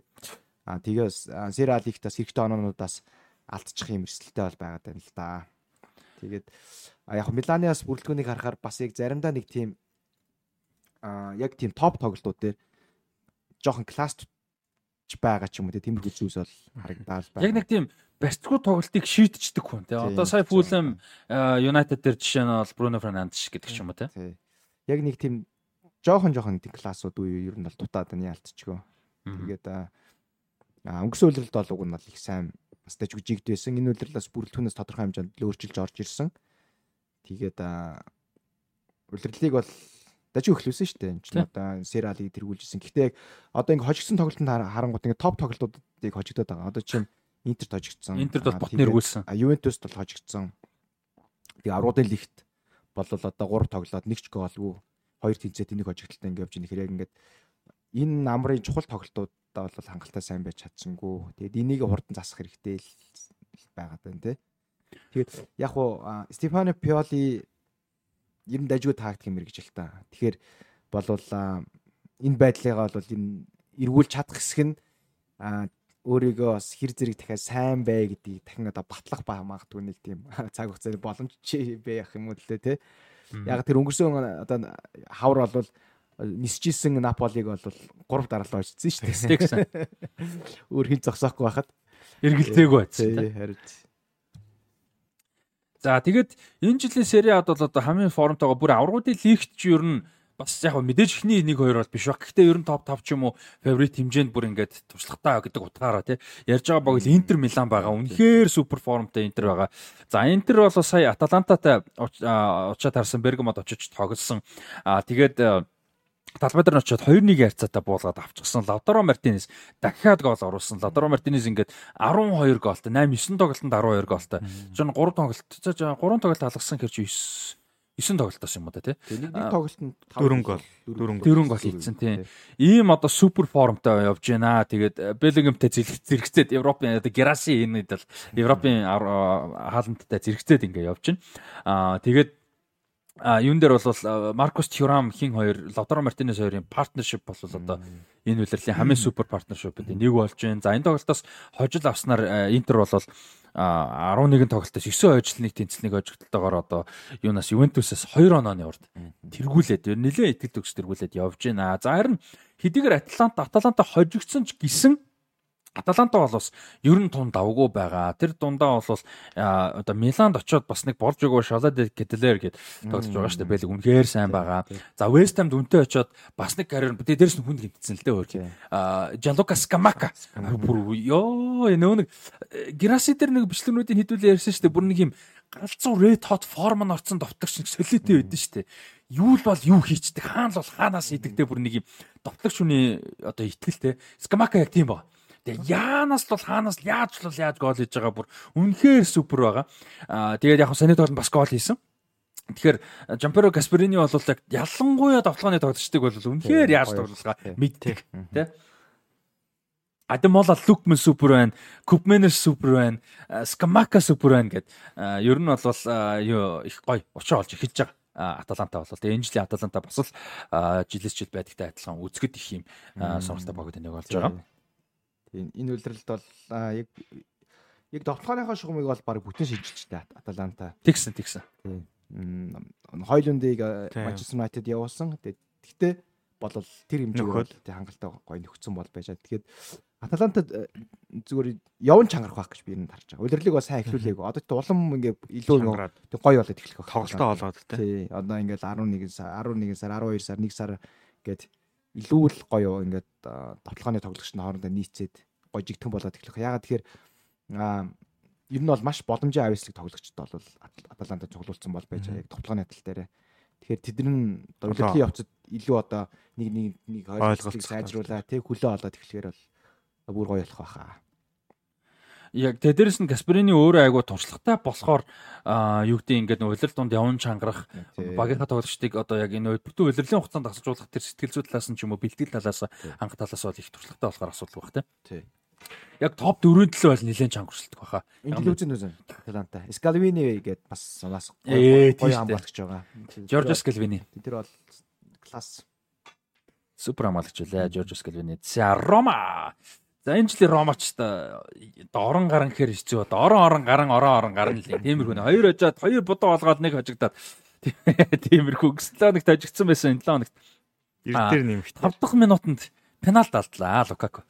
За тэгээ явж хагаад нөгөө 5 дахь минутанд алдсан пенальт нь лай болоод Лече талбай дээр нь 72 дахь минутанд гол хийгээ. За энэ ч одоо ингээд За ер нь Лукаку бол нөгөө нэг жоок болчих нүдэ гэдгсэн Сардар Сардар Сирдар Азмун. Сирдар Азмун эрдэр нэмхийг дээр нэг дээр хийгээд. За тэгээд ингээд ер нь бол тоглолт бараг дуусчудаа ер нь оноогоо авчудаа гэсэн эрдэр нэмэх дөрөв дээр Лукаку болол одоо биеийн хүч мэдрэмжээ ашигласан гоолыг бол төгсгөлийн супер хүч гэсэн яг тэр байраа эзэмшиж байгаа биеийн биерээ ашиглаж дагч тоглож байгаа нь бол супер байсан. Тэгээд эрдэр нэмэх төр дээр гол оруулж багтаа маш чухал хожлыг бол авчирснаар Рома нэг хожигдсан байсныхаа араас буцаага шууд хожиж 7 дугаар харин байра хадгалж байна. Өстө орон орон гарan байгаа байхгүй яг орон гарan биш яг орон орон гарan. Айгу барьцгүй. За өнөөдөр яг яах нь вэ гэх. Бодоо олгохч магадaltaй хожигдохч магадaltaй. Тэгээд энэ жилийн Ромад Лукаку үнэхээр мундаг байгаа. Дээрэс нь нэмээд нөгөө юу гэдэг яг үе үе нэг хэсэг амар гол оруулаад байдаг. Белоти их сайн байгаа. А тэгээд Дибала. Тэгээд Дибала супер. Энэ тоглолтод Дибала бүр супер классик удирлын шилдэг гэж яригдгаач бараг одоо гол оруулан алдсан шүү дээ, тэ. Нэг тоглогчийг ингээд тогтоохтой тоглогч давуулж тогтоогоо дагаар дээр гуйдаад дааж хаалганы яаж байгаагаар өнгөрцөн. Аа үнэхээр супер байгаа. За тэгээ Мориньо ч одоо юунд бол Италид бас олон асуудал гаргаж байгаа. Ромад ирснээс хойш юу 6 дахь улаан удаа авч хөөгцөн гэж байгаа. Энэ тоглолтын өмнөхийн өмнөх дээр тэгээ санитар гоцоо ирсэн байсан. 6 дахь гэж дээ. Ер нь бол их асуудал гаргаж байгаа. Тэгээ нөгөө Папагомес эдэр чинь зүгээр үж байгаа дойлж ч яста алж байгаа. Тэгээ тийг тоглолтын дээр чинь хожигддаг тоглолтыг дээр санаад байна. Хэвлэн багвар хийж байгаа хин ч асуугаагүй шүү дээ. Папагомес толбот юм асуухгүй шүү дээ. Тэгээ бэжсэн чинь ингээд юуны талаар асуугаад нөгөө тоглолтын талаар ингээ асуугаа байжсэн чи мань хүн хариулсныхаа дараа өөр хүн асуухан хооронд мань хүн. Би ингээд юу яагаад энэ хоолоо молоо жоохоо өвдөд ингээд нэг хийх юм ярьж мармааргүй байна нэгснэ ямар ч гэсэн гэхдээ би хүүхдийнхаа ханадны юм юмэг бол уухгүй энэ гэж би папаговс чи бас тий зүгээр байж гарч ирээд амжиж байгаа байхгүй яг нэг тийм өдөж хатгах юмдаа бүр үнэхээр мастер сериалыг чимж нөө моо бол янз шүү Мөринэ. Тэгээ Мөринэ ч одоо бас инстаграмер болсон. Одоо мань хүн чи инфлюенсер. Юуны хөлбөмбөг донд хамгийн одоо нөгөө нэг entertaining Instagram гэдэг байгаа шүү дээ Мөринэг гэж. Нөгөө нэг өөрийнхөө нэг тийм одоо хүмүүсийн тэгж хойлдог шоолдог гэхээр одоо жоохон муухай утгааруулах гэдэг л да. Одоо нэг инээдтэй хүлээж авдаг. Одоо чинь хэдүүлээ сайн нэг мөрөнийг шоолж байгаа гэхээс илүү нэг тийм нөхцөл албаар тийм шүү дээ. Өөрөө ч мэдж байгаа тэрийг тийм. Яг тиймэрхүү мэдрэмжтэй пост дахиад оруулдаг. Тэр чинь нэг 50 60 хүрж байгаа хүн болохоор хэдийгээр домогт хүнчс нэг 50 насны хүний нэг мэдрэмж юм байгаа шүү дээ. Яг нэг тиймдээ тэр нь бүр амар хөвгчлээ. Хүмүүстэйгээ бүр амар дагдаг болцсон бэлээ Instagram дээр. За тэгээд дараагийн тоглолт А өлөлийг их сайн эхлүүлсэн Фиорентина харин өстө жинхэнэ таарах формд явж байна. Сүүлийн 3 тоглолтод дарлаа хожигдчихлоо. Фиорентина талбай дээр Ювентус тожигдсон. Фабио Миреттигийн нэг голоор бол Ювентус буулган авсан байлээ. За тэгээд яг хуу Винченцо Винченцо Италиано гэж Италиано гэж тасалжуулагч байгаа. Манун бол Фьорентиныг их сайн удирдах байгаа. Одоо сая хэдүүлээ нөгөө Жирона гэж ярьсан шиг юм үзүүштэй гой довтлооны юм зөрөгтэй тий том баг дээр айсан зүйлгүүгээр юм гой тоглолтыг бол хийгээд өнгөрсөн жил хоёр ч цомын финалд гарч ирсэн. Аа тэгээд энэ жил бол мэдээж дахиад тий цомын финалд цом авах юм зорилготой явж байгаа юм баг байгаа. Аа тэгээд сая бол яг хуу хожигдчлаа. Ууг нь эхний 6 5 6-ад бол явж исэн. Тэг 3 дараалал хожигдсан юм. Формд бол явж гинэ. А харин Ювентусын хувьд бол саний тоглолтод хоцсноор дөрөвт тоглолтод дараалж хожил авж байна. Үнэхээр одоо яг хөө тийм супер тоглоод байгаа юм бол байхгүй гэхдээ хэдүүл ярьдэн шүү дээ. Сайн аврагын л өсөж байгааг муу тогсон ч хамаагүй хожил авах тий. Тэгээд 26 оноотой интерес 2 онооны ард. Нэг л тэнцэл илүү. Яаж хийж байгаа үр дүнгээ аваад байна л да. Яаж хийж байгаа үр дүн аваад байна. Хамгаалт сайн байна. Тэгээ одоо нөгөө хэдүүлээ ярьж хамгаалт нь ингээд нөгөө нэг классик одоо хамгаалалт бас биш байгаа. Тэгээ Ругани, Бремер, Гати гээл за тэгээ дунд нь одоо нөгөө хоёр Бразил нь хин хоёр байла да тоглож байгаа. Тэгээд нэг тийм Счесне гэдэг ч юм ингээ харахаар цаасан дээр харахад бол нэг супер хамгаалт биш юм шиг боловч Сериад Интертэй хамт одоогийн байдлаар хамгийн сайн хамгаалт байгаа. 6хан гол алдсан. А тэгснэ Интер бол товтгоо угаасаа супер байгаа шүү дээ. 11 тоглолтод 27 голтой Интер нэгт явж байгаа бол 2 хон онооны ард 11 тоглолтод 17хан голтой Ювентус хард навч. Тэгэхээр яг нэг юм гол бага алдаал чанартай ганц 2 голоор хожоод явхад байгаа. За ингээд Сериагийн хувьд бол нэг иймэрхүү байдалтай бол тоглолтод явж сонирхолтой тоглолтод нэлээд явж байгаа. За дараагийн тойргийн онцлог тоглолт гэх юм бол Ромын одоо дерби байгаа. Лациогийн талбай дээр Рома. За энэ дээр бол Моринэ зөвгөр өнгөрөхгүй нь ялгаач. Ям сошиал медиаг харж л авах хэрэгтэй. Юу ярих нөө ямар л болох нь одоо шүү дээ. Сарыг уурлуулах юм уу? Энийг уурлуулах юм шүү дээ. Ямар нэг болж таар. Жимэг байхгүй. Тэ зүгээр л өнгөрөхгүй л баг. Ямар нэгэн бол. Тэсээ тэгээдсэн шүү дээ. Сайн нэг конференцлиг тожигдсан шүү дээ. Тэгээ тэр тоглолтыг бол хожсон гэж үздэг ээ гэл. Тэгээ би бол тэр тоглолтыг том авсан гэж үздэг үздэг гэсэн шүү дээ. Явж гис. За том гиснээс А эрэгтэйгт бас нэг сонирхолтой айгуу гой тоглолт байгаа юм ба штэ Сериад. Фьорентина, Винченцо Италиано тасаж удажтай. Фьорентина, Тиаго Мота тасаж удажтай. Болоня. За энэ хоёр бол бас их гой залуу тасаж удагчтай юм гой тоглолт болох. Магадлал өндөр юм байна. Товтгооны хоёр баг. Яа хэддэх ус руу орж байгаа лээ. Дөрөвдөх ус руу орж байгаа маань. Герман руу орё. За Герман статик гоё апсетэд болсон. За DFB Pokal тэмцээний 2 дахь шатны тоглолтод бол явагдсан. За энэ тоглолтод э, тэмцээнд бол а одоо жишээ нь юм сонирхолтой сонирхолтой тоглолт байгаа байхгүй. Өнтер хакин хакин яна зөв юу гэж уншдаг юм бала. Ийм баг Fortuna Düsseldorf-д тогсон ба. Тэгээд 3 6 Fortuna Düsseldorf хоцсон байхгүй. Оо өстө 9 гол орсон амар тоглолт. Kaiserslautern талбай дээр Койлныг хүлээж аваад 3-2-оор хоцсон гэдэг ч юм уу. Ийм олон одоо супер тоглолтод болсон. За Bayer Leverkusen Sandhausen гэх багийг 5-2-оор хоцсон. За гих мэт. За гэхдээ мэдээж гол онцлог тоглолт бол а Saarbrücken гэж баг бол талбай дээр Zarbrücken гэх баг те. Zarbrücken баг талбай дээр Bayern München-ийг хүлээж авч тогссон. За тэгээ 17 дахь минутанд Томас Мюллер хийсэн яг ингээд нэг Bayern-ы уур амьсгалыг харах юм бол одоо өнгөрөхөр муухай болно л доо. Гэхдээ угаасаа л ингэдэг штэ. Холбооны цом мом шиг тэмцээн дээр том баг улаан цайм жижиг багтай тоглох гол хийгээл нэг супер тэмдэглээл амарын болохгүй ойлгомжтой тий. Ерөөхдөө нэг илүү. Тэгээ Томас Мюллер зайнаас гол хийчихэл өө гээл нэг тийм аа нэг болдгоор болж जैन да гэсэн байдалтай явж исэн. За тэгээ нэмж гол хийж чадаагүй явж байгаа Эрдэр нэмэх хоёр дээр Зарбрукныхын сөрөг давталгаагаар гол хийгээд тэнцүүлчихсэн. За тэгээд э, тэр 2 дугаар үеийн 5 дээр нэмэх нь 2 дээр. Аа тийм бис ийд гэлч үү? Нэгдүгээр дууссаа. Аа тийм 45 шуучлаа. Бис буруу нэг юм бодоод нэг өөр юм ярьчлаа. Тэгээд 45 дээр нэмэх дээр тэнцүүлээд ихний үед дуусчихаа.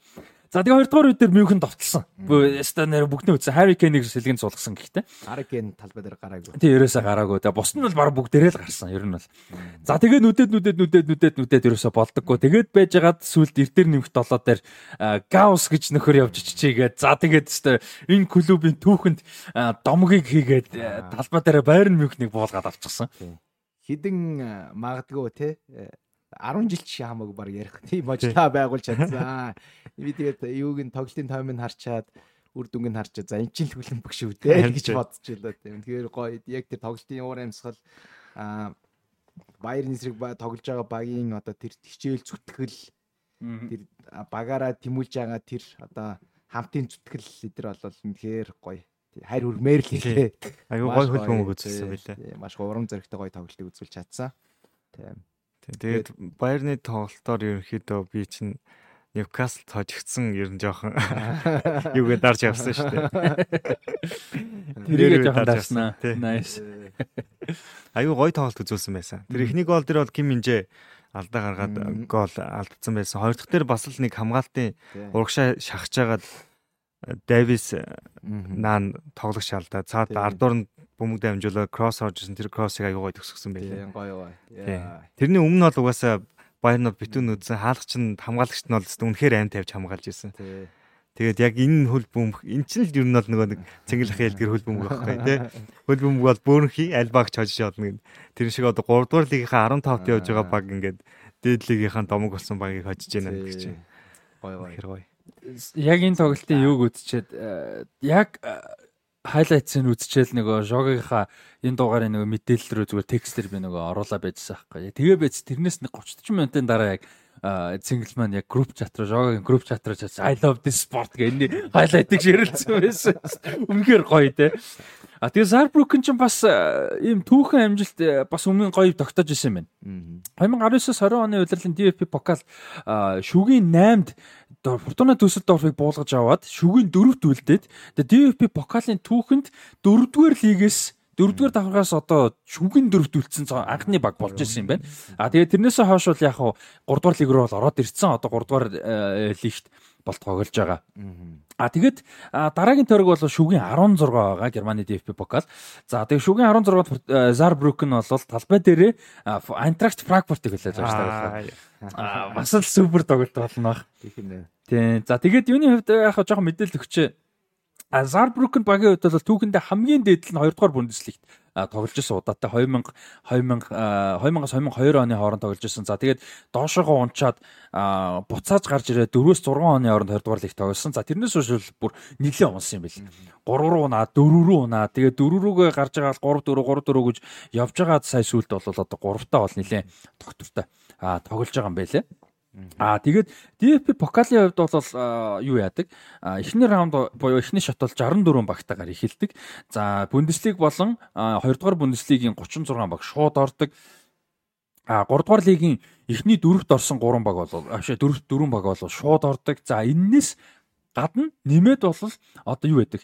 Regional Football Association гэхээр одоо манайхаар одоо аймгийн гэдэг ч юм уу сумын гэмээр те ийм а газруудынхаа хөлбөмбөгийн холбоонуудад бол 21-ийн эрхөө нөгд юм байна. А тэр дундаасаа дундаас жиг гаалан болж байгаа бас гарч ирж эрхээ авдаг. А тэгээ гурван сүлийн эрхийг нь болохоор ийм юуны а гурван одоо тэр холбоонуудаас гадна одоо аймагуд за аймаг орчуулж үзье зүгээр. Тий. Бүс нутаг захгүй. Хамгийн олон багтай бүс нутгийн одоо гурван бүс нутгийн багт нөхд юм эрхийн төсөө өгд юм байна. Тэгэхээр нөгөө нэг олон багтай байх нь бас л давуу тал бас болд юм байна бүс нутгаараа. Ийм нэг гоё том давуу талтай. Тэгээд юугаар бол одоо шууд хасагдах шатаар ингээд явдгийм байна. Тэгэхээр энэ тэмцээн бол одоо жишээ нь League Cup, FA Cup маптай бол нэлээд төстэй гэж хэлж бас болно. За тэгээд өө нэр юунес DFB покалын шүгэн 16-гийн бас хамгийн сонирхолтой учраа бол Штутгарт Боруссия Дортмунд байгаа юм байна. Бас нэлээд сонирхолтой учраа болох баха. За Бундеслига. За энэ 7 хоногийн Бундеслигт бас ер нь энэ жил ингэж байгаа юм байна. Би бас сайн нөгөө нэг Джеймс Хорнкаслын биш ээ. Рафа Хоногштайны подкастыг сонсч байсан. Аа тэгсэн чинь сүүлийн хэдэн жил 30 хэдэн жилийн одоо хугацаанд одоогийн энэ үлэр шиг их гоолтой үлэр ерөөсөө байгаагүй гэж хэлээ. Нэг тоглолтод 360 хэдэн гол орж байгаа ерөөсөө. Бүрс амар гоолтой үлрэл болж байгаа. Тэгэхэд ерөөсөө айгүй тийм түүхэн үлрэл эхэлж байна гэж ярьж илээ шүү бас давхар. За тэгээд гоолтой гэснээс одоо Union Berlin бол одоо сайхан хожигдсон. Өө дахиад 11-т хожигч бай. Eintracht Frankfurt-д хожигдсон. Мармуш нөгөө юун дээр бодоо болгодог. Дортмунд дээр те. Юу л Дортмунд дээр те. Юу л өнгөрсөн 7 хоног чинь Мармурч юун дээр бодоо олгоод лээ. Ливеркузен дээр ч үлээ. Омар Мармурш 2 гол хийсэн. Тэгээд Ферри 1 гол хийгээд тэгээд 3 ярцаатай болж авсан. Энэ тоглолтын өмнөх тоглолтын дээр Union Berlin хожигдсон өмнөх хөлөө тэрний өмнөх хөлөө талбай дээр ямарчсан хожигдсон тоглолтын дээр нөгөө фэнүүд нь юу яасан байсан амар гоё юм одоо гой үйл гой хандлага гаргасан байлаа да. Тэрэн дээр тэгсэн чинь нэг ч одоо season ticketтэй одоо фэн бол тоглолтоо халгасаагүй. Нэг ч халах тоглолт халгасаагүй. А тэгээд фэнүүд бол нэг ч гомдол гаргаагүй.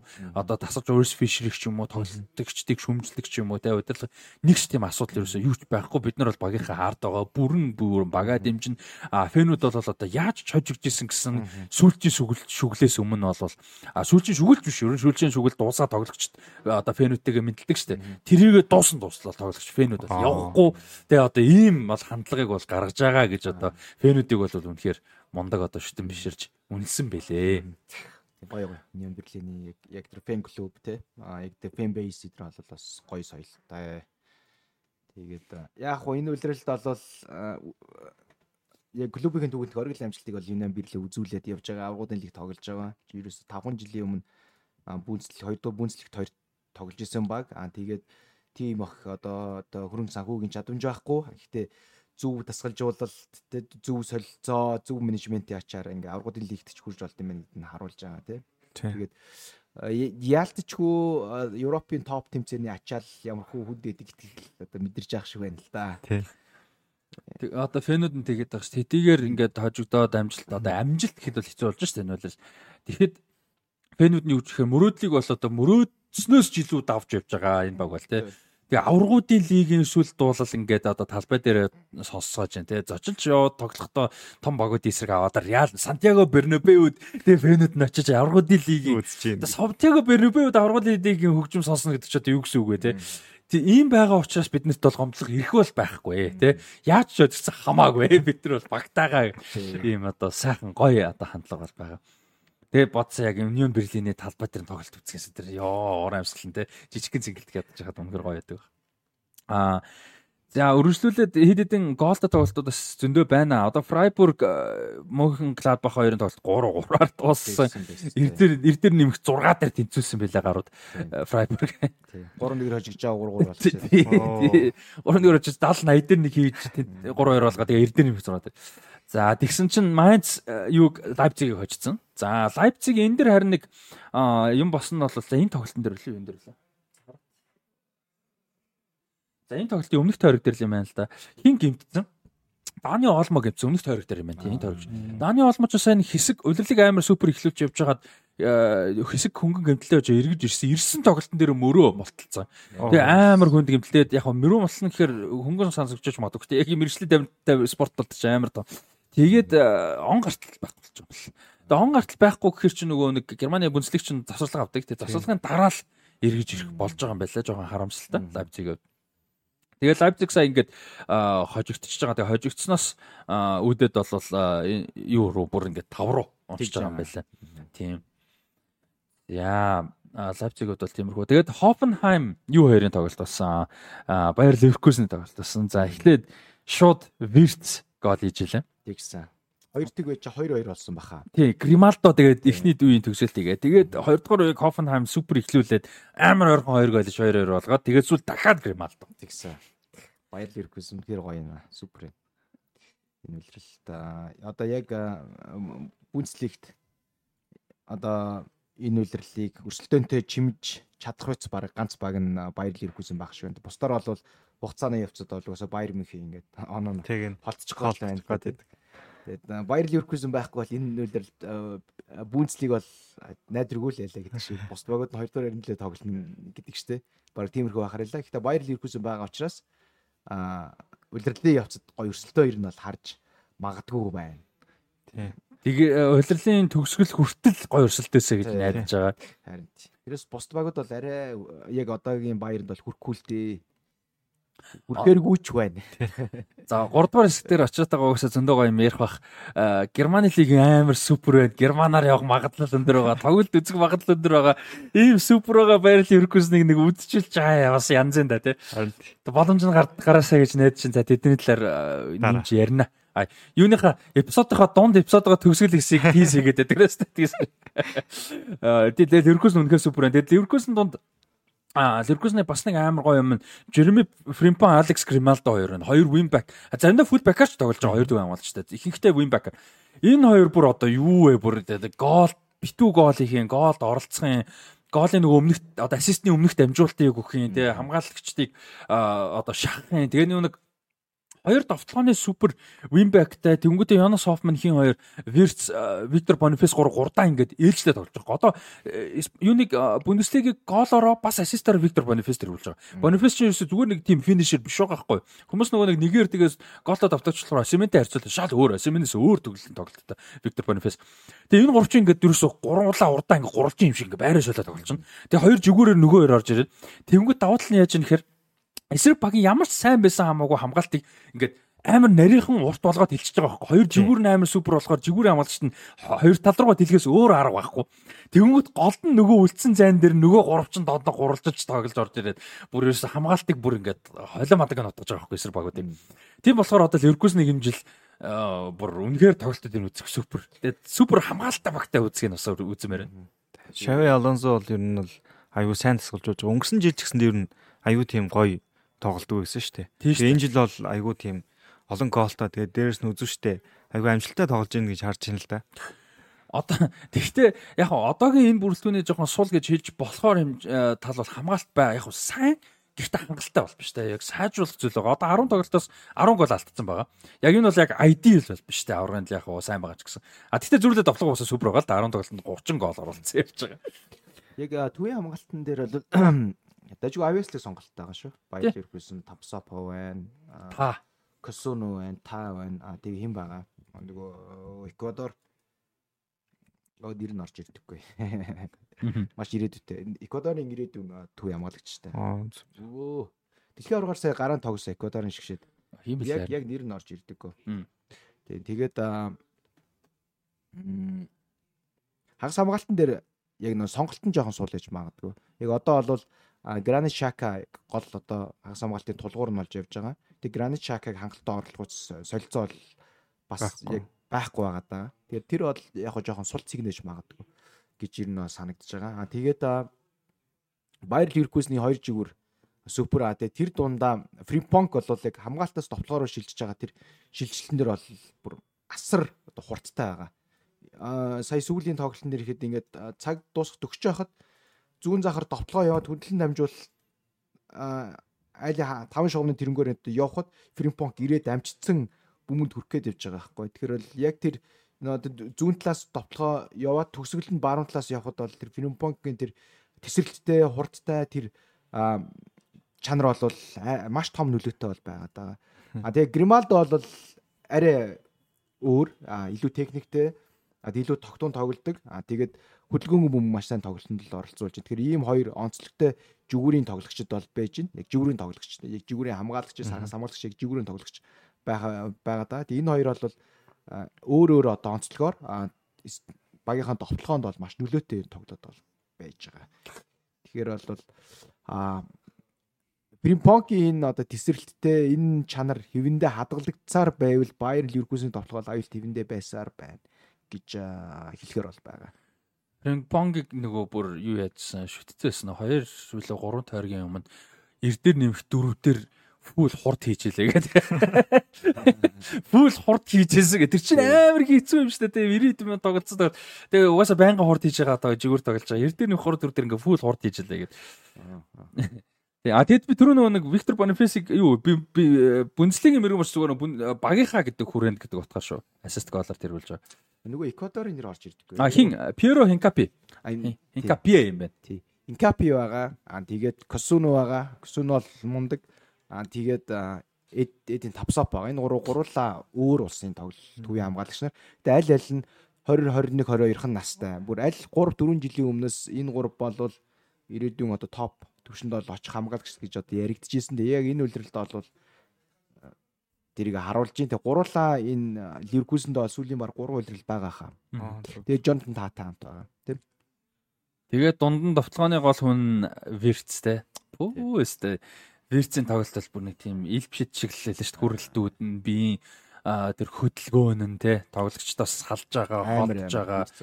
Тэг харахад жижигхэн нөхөртэй. Гэхдээ бүр ингээд айгүй амархан амархан холдоол холдоол холдоол явчихж байгаа байхгүй тэгээ хүрэлтүүд нь. Тэгээ яаж байгаа вирцэн амар том давуу тал нь яг нөө Беллингем хиортой харьцуулаад байдаг.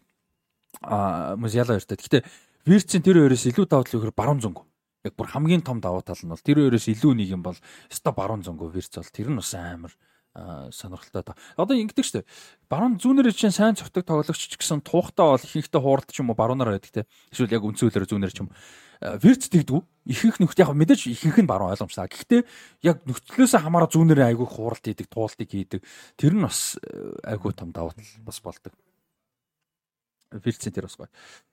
За тэгээ бүрэлдэхүүн бол янз юм багөө. Тэгээд э, бас э, бас л нөгөө нэг хэн байгаагийн Шаби Алонсо байгаагийн давуу талууд бас зөндөө байгаа. Тэгээ жил ирсэн 8-нууд нь одоо хэн бол э, Виктор Бонифеси 8 бол энэ хөлрлийн бас хамгийн супер 8-нуудын нэг болж шүү дээ. А энэ тэмцээнд а юу Бундслигт 7 гоолтой бүх тэмцээний өрөөнд 10 гоолтой Виктор Бонифес явж байгаа. Тэгээ багийнхаа бас ассистик тэргүүлж байгаа. Ийм явж байгаа. За Тэгэл Ливеркузен юу яснаар 3-2 хавцаатай Хофнамыг болгож авснаар бол лигээ тэргүүлсэн хിവэр байна. Нэг ч хожигдaltaгүй явсан хിവэр байна. 28 оноотой. За ард нь 26 оноотой нэг ч хожигдaltaгүй нэгж байгаа баг бол Байерн Мюнхен байгаа. За тэгээ энэ 7 хоногийн дээр классикер болсон. За энэ ч удаа классикер гэж нэрлэхэд хэцүү боллоо. Өө сүүлийн хэдэн жил одоо би ч одоо Дортмундд дуртай. Гэхдээ энэ одоо энэ тоглолт болохоолгон лээ. За за за л гэдэг болж тэгээд түрүүн би нөө ихэд ихэд ярьжсэн шүү дээ. Дүнгийн дангаа оноо аваад байгаа. Тим багууд яг том юм дээр тулах юм бол хэцүү шүү. Учраа олохгүй бол. Яг Дортмунд тэр байсан. Нэг ч хожигдлоо явжсэн 6 ажил 3 тэнцэлтэй яг цэвэр одоо юу гэдэг он цаасан дээр ингээ дүн харах юм бол оо супер явж штэ гэ тэ. Тэгсэн чинь тэгжэл. Энэ тоглолт яг өмнө. Европын топ 5 лигийн гол одоо points per game биш тэ. Тоглолтод дундаж оноо авч байгаагаараа Европын топ 5 лигийн нэгт явчихсан. 23 оныг тооцвол Боруссия Дортмунд.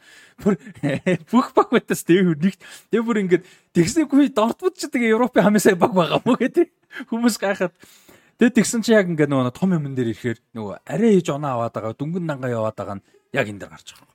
Харин э, энэ дэр классикер Томас Тюхел Дортмундыг орхисноос хойш ер нь бол биш болчлоо. Тэрнээс Тюхлээс хойш болвол ер нь хизүүхэл байна да. 4 5 нэг хэсэг бол баян 5 гол алдаж хожигдчихсэн. Тийм тэгээд өнгөрсөн үйлрэлд шийдвэрлэх тоглолтын дээр очиод Баерн дээр бол хожигдсон тий. Тэгээ энэ үйлрэлд дөрөвтгээрээ сожигдлаа ингээд талбай дээрээ. Тэгээд бас л зөрүү их байлээ дээ. Тэгээд хаалгачнаас хэд хэдэн бөмбөг хаагаагүй бол бүр тоглолт нилээн эрт баг 3 4 0 болчоор ч шахуу юм харагдчихсэн тий. Тийм, Кобл ч сая энэ тоглолтын өмнөх тоглолт дээр үлээ энэ дээр үлээ гимплээс ирэж байсан шүү дээ. Тийм, тэгээ энэ Кобл өнгөрсөн өнгөрсөн хавар одоо ёо Байерн дээр тоглоход чансан гол хүн шүү дээ. Одоо чи өөр дөр нэрсэн бөмбөгийг Тийм. Одоо бөмбөгийг доторлж гаргах чад зүрөө давтгаал алдсан шүү дээ. Гайхмаар юу вэ гэж борогдсон. Яа уул нь үлээлийнх нь хамгийн супер тоглогч нь байсан шүү дээ. Беллингем тийм. Уул нь. Тэгсэн чи тэр тоглолтод авчиад бүр шал утахгүй юм болгоо ийцэн шүү дээ нэг 30 минут үзээ 3 дэг болчихно өө ийм тоглолт болох гэж үзгээ болж исэн тий. Сая ч гэсэн баг ер нь бол их л төстэй л тоглолт гэсэн. Нүгэж эхлээл 2-0 болцсон. Араас нь яг 2-1 бол ганц нэг боломж гарсан. Тэгэж явж байгаад тэгээд Harry Kane энэ үлрэлийн 15 дахь гол хичүүдээ бүнцсэн. 10 тоглолтод 15 гол. Тэгээ яг одоогор Европын Европын одоо бүх төвшний лигүүдийн хүрээнд хамгийн одоо олон гол олон гол оруулсан явж байгаа хүн бол Harry Kane байна. Тэгээд энэ нэрчээрээ бол Левандовскигийн 41 гол гол руу ер нь бол төгөхөөр харагдчих шүү. Аа дэр классикрийн одоо дэр классикерт анхны тоглолтонд хедер гэсэн анхны тоглолт тоглож болж байгаа юм байна. Тийм. Тэгээд дээрэс нь нөгөө Левандовскигийн эхний хэдэн тоглолтонд олон гол хийдэг рекордыг алиди эвдчихсэн. Тэр Левандовскигийн 41 голын юг те нөгөө Герд Миллер эвдсэн рекордыг нэвтэх сая хэлсэн боломж тарж байна. Энэ жил нөгөө нэг Ливеркулсен тэргүүлээд игсэндээ Тоттенхэм нөгөө талд амар байгаа гэсэн чинь тэгээд сая цомоос малтарч байгаа шүү дээ. Тэгсэн чинь Кэни ясаж чинь Тоттенхэм Премьер лиг төрүүлээд Мюнхен нь Премьер лиг Бундслиг байхгүй болчихвол Кен яах бол гэ. Тихгүй бах уу. Ямар ч гэсэн Кен бол цамтай дуусах байх энэ үлэрлийг. Тэгтээ яалч нөгөө нэг яг мэдээ супер тоглогч та. Гэхдээ зүгээр нэг тийм нөгөө тоглоомор мим нь яваад ах юм ба те. Очготой супер цамтай хожигдчих юм. Сая цомоосоо мултарчих юм те. Кэний нэг анхны цом авах гэж нэрээс их юм болж байна те. Энэ хавар гэхэд ер нь бол энэ яриа арилцсан байна уу тийм одоо угсаа хэдэн зуун голын үнэтэй цом бай тэр эхний авах цом нь гэнэ тий. Э тэгээд Harry Kane хэтрик хийсэн 3 дахь хэтрик хийж байна ирснээс хойш.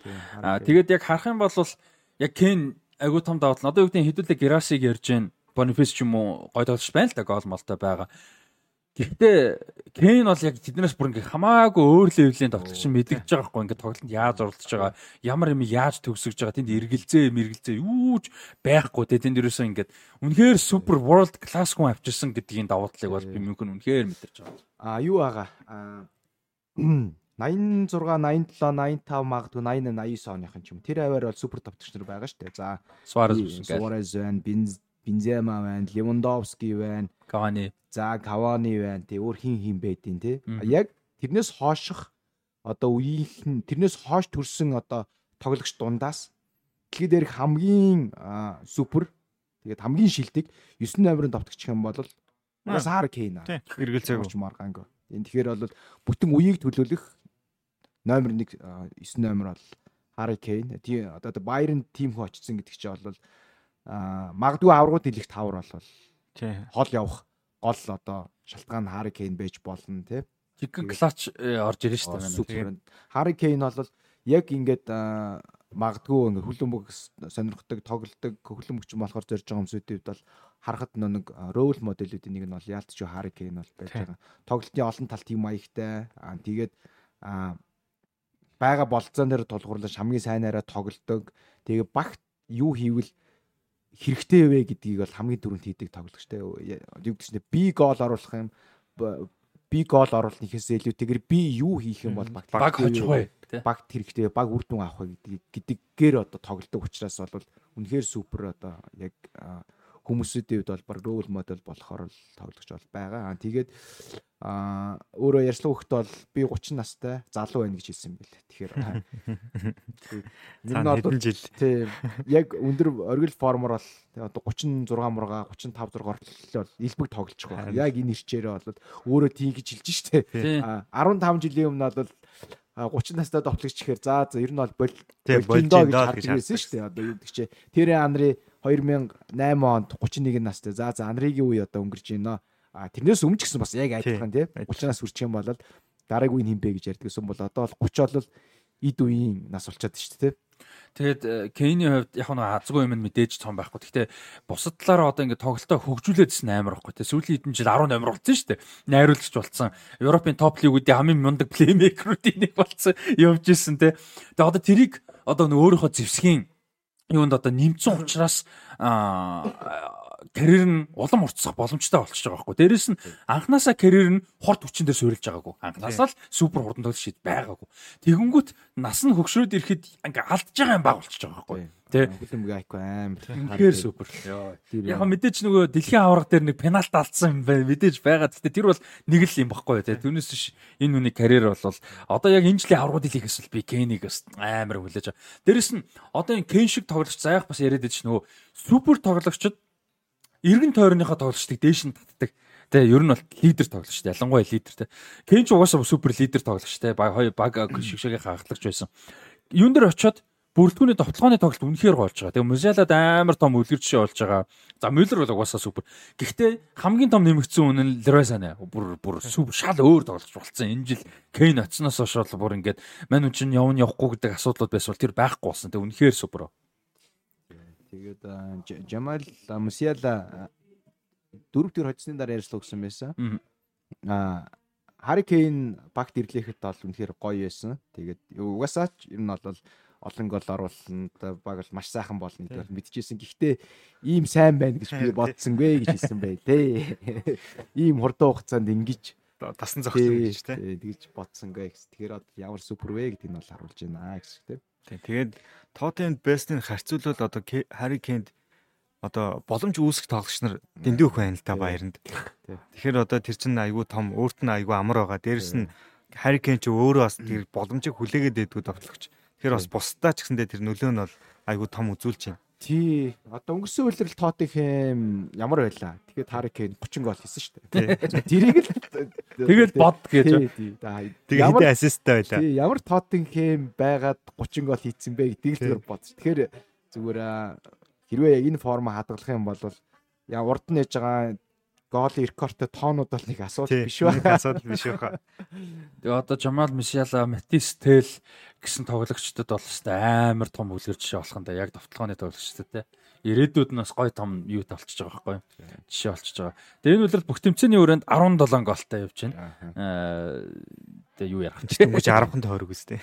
Тэгээ бүх тэмцээний өрөөнд ч та хідэн тойрог тоглолтод юм дээ. 2 гол нь 10 гол юм шүү. Тэгээ 2 гол нь 10 дээ бүх тэмцээний өрөөнд 17 голтой. Бүслэгт 15 гол тий. Тийм. Үнэхээр супер. Одоо 10 дэлхийд угаасаа бууж өгнөх хоо айц шүү айц шүү стажик. Тэгээд одоо энэ 10 үлрэлийн 10 тойргийн 3-т нь хедрик хийсэн мэн гэж одоо юу гэсэн үг вэ? Бүх тэмцээний өрөөнд энэ удиралт 14 тоглолтод оролцоод 17 гол оруулсан байгаа юм байна. Гэтэ нэг нь хэцүү шүү дээ тэр супер цомны тоглолтыг бол яг үнэндээ тооцоод бол хэцүү дээ тэр юу. За Кейн бол нэрээ үнэхээр гайхамшигтай байна. За А Бундслигийн хувьд бол товчондоо нэг иймэрхүү юм бол болж байна. Дараагийн тойрогт Штутгарт Боруссия Дортмунд тойрог болсон. За Штутгарт саяны тойрогт нөгөө нэг супер гоё ихлүүлсэн Штутгарт хоёр тоглолтод дараалаад хожигдчихлоо. Тэгээ хоёулаа Сэру Гераси байгаагүй. А Гераси гимтэлтэй байгаа. Тэгээд Хайденхайм шинээр гарчсан Хайденхаймд бол сая талбай дээр очиод талбай дээр нь очиод хоёртыг хацаад хожигдчихсан. А тэгээд Хайденхайм энэ тоглолтод хоцсноос бол хоцсноор бол ингээ 13 л ороод ирж байгаа бол Штутгарт саяны тоглолтод хожигдсноор хоёрт явж байгаа Байерн Мюнхнес 5 онооны ард яваад эхэлж байгаа. Яг мэдээж аврагт өрсөлдөн гэдэг юм байгаагүй ч гэсэн нөгөө дөрвийн дөхний дөрөвт байгаа байрныхаа одоо баталгааг алдаж жоох юм эхэлж байна гэсэн үг. Тий. За Франц лигт товчхон хэдийн юмнууд ярьчих гэж бодож байна. Франц лигт юу болсон байлээ? Paris Saint-Germain талбай дээр Montpellier хүлээж авч тогсон 3-1 харьцаатай хоцсон байлээ. Хэн болоод очтой жинхэнэ супер байна. Warren Zaire-Emery. Zaire-Emery сая тоглолтод гол оруулсан. Chouameni Реал гимтэлтэй байгаа. Тэгээ одоо шгшөө гэдэг цуглалтаар Чуамины идэгж бол амжихгүй баг тодорхой болж байгаа юм шиг байлээ. А тэрүүгээр яаж ийн вэ гэхээр Ворон Саяр Эмери одоо Дидье Дешам дуудаж одоо Франц шишээгийн тулгуур дээр тоглох магадлал бол өндөр болж байгаа. За гараа нь биш юм бахад сэлгээгээр бол ойлгомжтой болох гээд байна. За Саяр Эмери гэж бол үнэхээр одоо яг Беллингем энэ төр хэдүүл ярьж байгаа гэхдээ үнэхээр гайхалтай супер төв ягс гарч ирж байна. За тэгээд э, юуг бол э, Франц лигийг сүүлийн хэдэн тойрогт бол э, Монако их сайн тоглоод болоод ер нь нэлээд тэргүүлж байсан. Өнгөрсөн 7 хоногт хожигдсноор бол байраа алдсан байсан сая юунд Брестиг талбай дээр хүлээж аваад хоёр тийг хацаатай буулгаж авсан. Айди хөдөр тасалжуулагчийн Монако бол одоо юутай одоо довтолж тоглодгоороо гэх юм уу яг яг шууд утгаараа тагтаар юм шүү дээ. Гэтэ довтолж тоглодгоороо бол одоо Ливеркулсен шиг, Жирона шиг явж байгаа Сасуоло шиг юм магадгүй Аталанта шиг тий.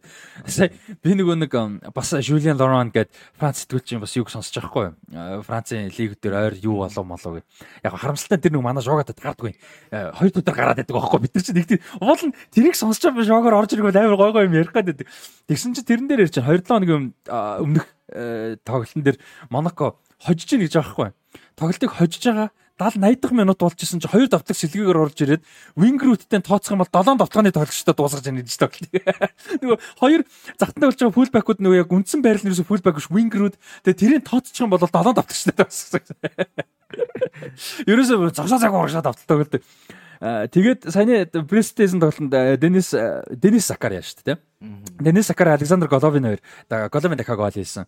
Тэгээ хоёр нэг хоёр дэг харьцаатаа буулгаж аваад юу сая бол Монако буцаад оноогоо авцсан. 23 оноотой 3-т явж байгаа. Paris Saint-Germain сая а 3-т яцтай Мобилег болгож аваад 24 оноотой 2-т явж байгаа. За тэр тоглолтод Икангийн бас гой гол оруулсан. За Икангийн бол бол үнэхээр супер байгаа. Энэ жил Солонгосын уртлын 3 бол бас амар байна. Икагийн хин 3, Хан Хижан хин 3, Сон Хэмэн 3. Янз юм байна. За тэгээ Витиниас үл нэг гол оруулсан. За ингээд болол энэ хоёр 2 3-т явж байгаа. За нэгт явж байгаа багийг та хоёр тэжэр мэдчихнэ. Харсан уу? Хараагүй. Хараагүй. За сэнгэл харсан уу? Лигийг хараагүй. Хараагүй. За. Нөгөө юу мэн л явж байгаа юм Юу? Ницца маань. Ээ яг яг яг яг яг яг яг. Ницца боёо Нис явж байгаа. За Нис сая талбай дээр Стад Реник хүлээж авч тоглоод юу яасан? Хоёр тийг харьцаатаа буулгаж авсан да. Тэгээд юу? Хоёр тийг харьцаатаа буулгаж авснаар ингээд тэргүүлж байна. Paris Saint-Germain хоёр бол одоо лигийн хамгийн формтой баг явж байгаа. 11 тоглолтоос 4 хожил авшаа 7 хожил 4 тэнцэлтэй 25 оноотой. Тэг хамгийн гол нь Нийсийн хамгийн том амжилт нь юу гэхээр хамгаалт. Олон гол ерөөсөө хийхгүй. Одоо яг юуны эсрэг байхгүй. Монако, Занако тэ тэдний эсрэг. 11 тоглолт 4 гол алдсан. Үнэхээр супер. 4 гол алдсан. 13 гол оруулсан. Ерөөсөө 1-0, 1-0, 2-0, 1-0 ерөөсөө. А нэг бол тэг тэг тэг тэг ерөөсөө яг тиймэрхүү. За тэгээд нөө Шереми Бога гэдэг дээ штэ. А Манкун гол хийсэн. Тэгээд нөгөө олон жил Мерсед тоглосон Стив Манданда юунд байгаа стад Ренд байгаа. Тэгээд гол өөрийнхөө хаалганд оруулж өөрөөс нь ойж таарад. Тэгээд гол бол ороод хоёр тэг хацаатай дууссан. Гэхдээ энэ тоглолт бас нэлээд юу яасан бэлээ? Хатуу ширүүн урамчлалтай тоглолт болсон юм бэлээ. Хоёр багаас сойлонгаас тоглож дулаан болон авсан бас нэг тиймэрхүү тоглолт болсон юм бэлээ. За нэг иймэрхүү байна. Тэгээд нийс бол одоо супер хамгаалтаар одоо ингээд Европын топ лигүүдэд бас гой гой юмнууд гарч ирсэн. Одоо PSV Eindhoven одоо бодгоо ярих баг. Eindhoven ингээд супер товтлогооны тэ амар улаан гой товтлогооны тоглолт үзүүлж байна. Аа сая энэ Ливеркузник ч юм уу тэ Жиронаг ярьсан. Тэгсэн чинь эсэргээрээ энэ ч ингээд амар нэлт хамгаалдаг зөвүүн баг тэргүүлсэн явж байна тэ. Нийс. Тэгэхээр бас гоё байна. Өө нэрэ нэрэ юу яасан? Аа бас нэг сонирхолтой мэдээл. Нөгөө нэг Will Steel шүү дээ Нөгөө залуу нөхөр футбол менежер явж байгаа тасчудч болдог. За тэр нөхөр чинь нөгөө нэг юун дуусаагүй байгаа. Лиценз центр аваагүй байгаа. Тэгээд энэ жил удирдлын донор авчих юм шиг байлээ. Тэгээд тургуулт хэлгүй болсон юм шиг байлээ. Тэгсэн чинь нөхөр яг нөгөө нэг торгуулад яг торгуулдаг нөгөө нэг шар хуудас улаан хуудас торгуулдаг шүү дээ. Тийм торгуултаа саяны тоглолтод бол юу яах боломжгүй болжээ. Бага удирдах Нант багийн талбай дээр зочиж тоглосон. Стади Римс баг. Тэгсэн чинь мань үний төрсөн дүү а биш ах нь А зөөж байгаа. А төрсөн дүү юм биш үү? Николас Стил гэж нөхөр. Тэр ч одоо дүү дүүнийхэр ч одоо хиттэйчгүй бараг 28 дэ байш. Нөхөр бага өдөрцсөн юм байна. Туслахын туслахаар нь ажилт юм байна. Тэгээ бага өдөрдөөд 75 дахь минутанд Жуниа Жуниа Ито гол хийгээд баг нь хоцсон байна. Франц лигээ дүүхэнд Э, лигийн хүрээнд э, одоо яг тасалжуулж байгаа багийнх нь талбай хажууд нь тасалжуулж байгаа түүхэнд хамгийн залуу тасалжуулж та hodсон баг болж байгаа юм байна. Энэ янз яхдаг хоёр байна. Тэгээ нөгөө үзэгчдээс дээрдлийн суудал дээр нөгөө анхан суудсан Will Stillman суудсан. Аа тэгээ үдсэн байлаа. За ингэж нэг хожлыг бол Stade Reims авсан. Тэгээ сайн байгаа. Stade Reims нөгөө залуу тасалж удаж та Reims маань дөрөвт явж байгаа шүү. Ер нь бол бас Европын байр авчих гэдэг өнгөрсөн жил их сайн тоглосон шүү дээ. Их сайн. Тийм тэгээд эрт тойрогт бас хэд хэдэн классик том тоглолтууд байгаа. Одоо Рен, Лион гэдэг ч юм уу. Францтай бол бүр амар ач холбогдолтой тоглолтууд. Ланс, Марсей гэд ийм супер тоглолтууд бас байгаа юм байна. Тэгээ Stade Reims талбай дээр саяны одоо нөгөө Reims маань талбай дээр Paris Saint-Germain хүлээж авч тоглох юм байна. Тэгэхээр бас хэд хэдэн том тоглолтууд байгаа юм биш үү. За Eredivisie ярих. За Eredivisie-д э, саяны тойрогт Heracles Almelo-г багийн талбай дээр PSV Eindhoven очиж 6-0-оор буулгаж авсан. Eindhoven бол одоо үнэхээр товтгооны супер тоглолтыг үзүүлж байгаа. За ер нь аврагын төлөө нэлээд өрсөлдөд сайн байгаа AC Alkmaar юу яасан? Excelsior дээр очиод оноо алдсан тэнцсэн нэг нэгээр. А тэгээд Feyenoord Valvik дээр Valvik дээр очиод юу 2-1 хацаатай болгож авсан. За харин Аякс саяны тойрог э, хугацаанд бол хоёр тоглолтыг хийсэн. А дутуу тойрог бол байсан 5 3 дугаар тойргийн тоглолтоо бол хийгээгүйсэн нөхөж тоглосон. За тэгээ хоёр тоглолтод хоцсон 3 дугаар болон 11 дугаар тойргийн тоглолтод Волондан болон Херенвен багуудыг хоцсноор одоо нөгөө харц урлаа бол зогсоож 6 оноо авч хамгийн ёроолд явж байгаад одоо 11 дэх байранд орж ирсэн. За ямар ч байсан ингэж нэг итгэлийг бол олсон. А хоёуланд нөгөө нэг Бергвайн болон Проби хоёр хоёулаа гол оруулсан. Супер тоглосон. Тэгээд ер нь нэлээд бухимдалтай байгаа харагдчихлээ. Ялангуяа энэ нөгөө юун дээр эхний тоглолт нь энэ Волендам дээр тийм амархан тоглолт байгаагүй. Хоёр дэг хацаатай олон боломж алдсан. Тэгээд хоёр гол оруулчаад нэг тийм ёо ихсэн байдалтай нэг тийм амьсгаа авсаа. Тэгээд тэрэн мен дэр нэг тийм уур амьсгал нь одоо гой болж байгаа байхгүй. Дөрөв нэгээр хожиж гэн арай ихтэй өмнө болохгүй байсан юм а давцсан нэг арай тайван та. Тийм бас нэг уучраа болж байгаа харагдан лээ шүү. Тийм Аякс хэвд бол За одоо Аякс ч тэгээд Европод бас нэлээд тааруухан байгаа тэгээ одоо. Одоо энэ 7 хоногт Европын тоглолтуудаа хийн гайгүй сэтгэл санаа гайгүй ороод ирж байгаа юм чинь бас нэг гайг боловт тий. Чи бас авьяас багсчгийн ч тийм хоосон баг бол биш байгаа байхгүй юу? Уг нь бол дэжгүй дэжгүй. Тасалжуулагчаа солилцсон. Тий, тасалжуулагчаа солилцсон. Сая сүүл нөгөө хин өмнөх тасалжуулагч нь халагдаад Эдвиг Мадуро хэсэг нөгөө төр одоо caretaker-аар ажиллаж байгаа одоо шинэ тасалжуулагч авчихсан байлаа. За тэгэд аврагууд лигийн таамга яриа техний хэсэг өндөрлөхөөр болж байна. За аврагууд лигийн дөрөв дэх тойрог, хэсгийн шатны дөрөв дэх тойрог бол өнөөш маргааш нөгөө төр шүн бол явагдана. За нэлээд олон тоглолтууд бол хүлээж байгаа мэдээж. Тэгээд энэ 7 хоногийн тоглолтуудаас дөрөв дэх тойргийн тоглолтуудаас эхлээд ач холбогдол нэмэгдэж эхэлнэ. А одоо хасагдах багууд нь хасагдаж эхэлнэ, зарим нь тодорхой болж эхэлнэ. А нэлээд зүйлүүд гарна. За тэгээд зарим нэг сонгосон тоглолтуудаас та хоёроос одоо таамаг сонсъё.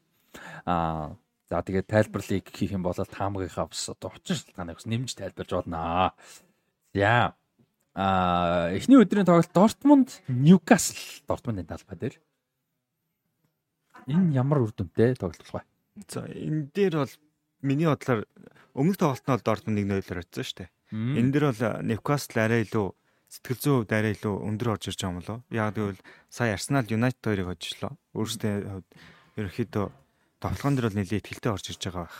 Тэгээд одоо ч н өөрөөсөө 2 дугаар байранд явж байгаа хүслэгтийн тий. Тэгэхээр одоо л энэ нь бол нэлээд чухал оноо олох байхаа. Энэ дэр нэлээд нягт тоглох байх. Заавал хожно гэхгүй ер нь оноо аавна гэсэн байдалтай тоглох байхаа. гэж бодож байна. За, цэнгэл юу гэж бодож байна? Тий яг ойролцоол тоглох тоглолт болох гэж бодож байна. Тэгээд яг форум талаас харах юм бол Ньюкасл илүү байгаа л та. Болвол тий.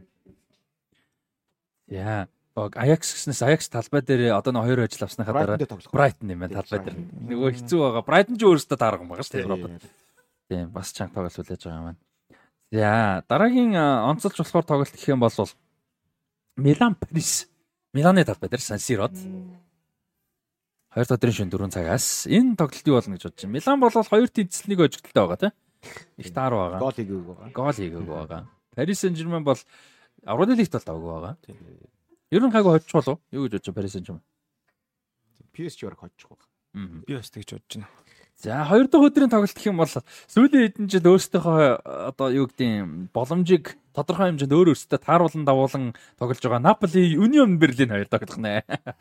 Диего Армандо Марадона цэнгэлтэд Union Berlin-ийн фэнүүд домогт цэнгэлтэд домогт хүний нэртэй цэнгэлтэд очих нь байна.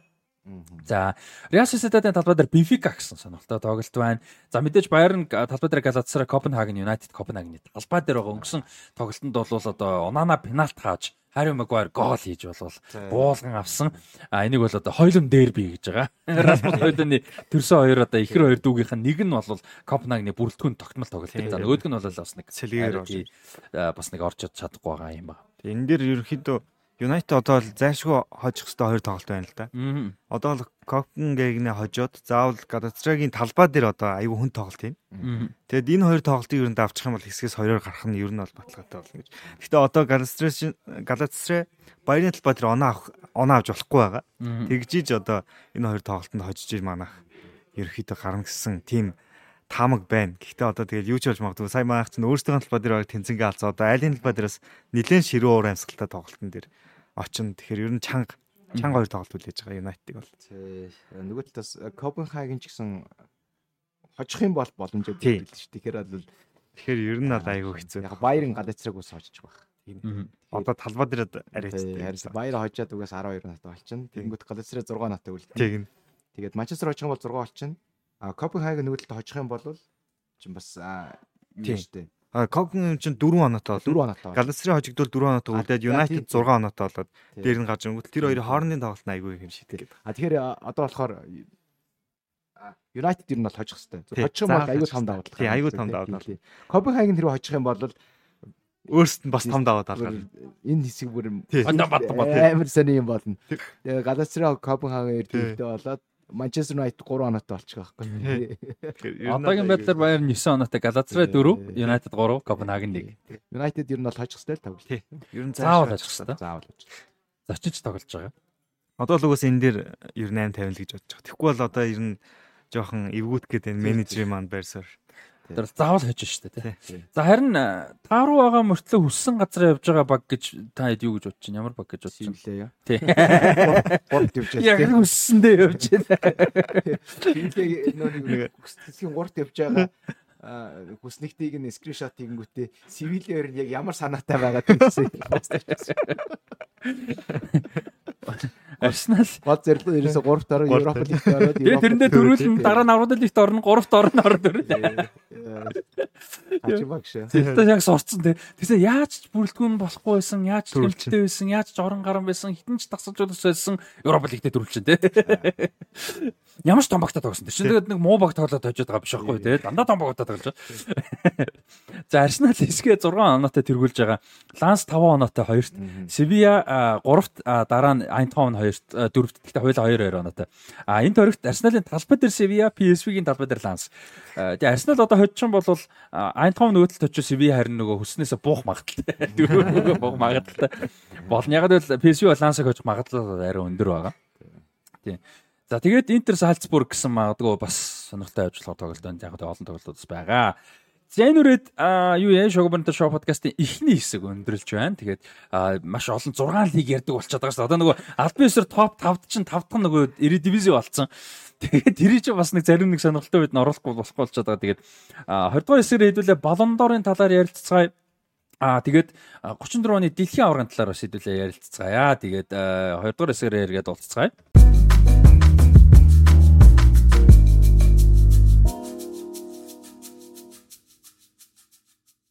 За Шогобонто шоу подкастын season 2 12 дахь дугаар үргэлжилж байна. Та бүхэн А бидний дэмжих өсгөн болгол Хасбанк 500 556 2978 дансар донешн хийж дэмжих боломжтой байгаа шүү.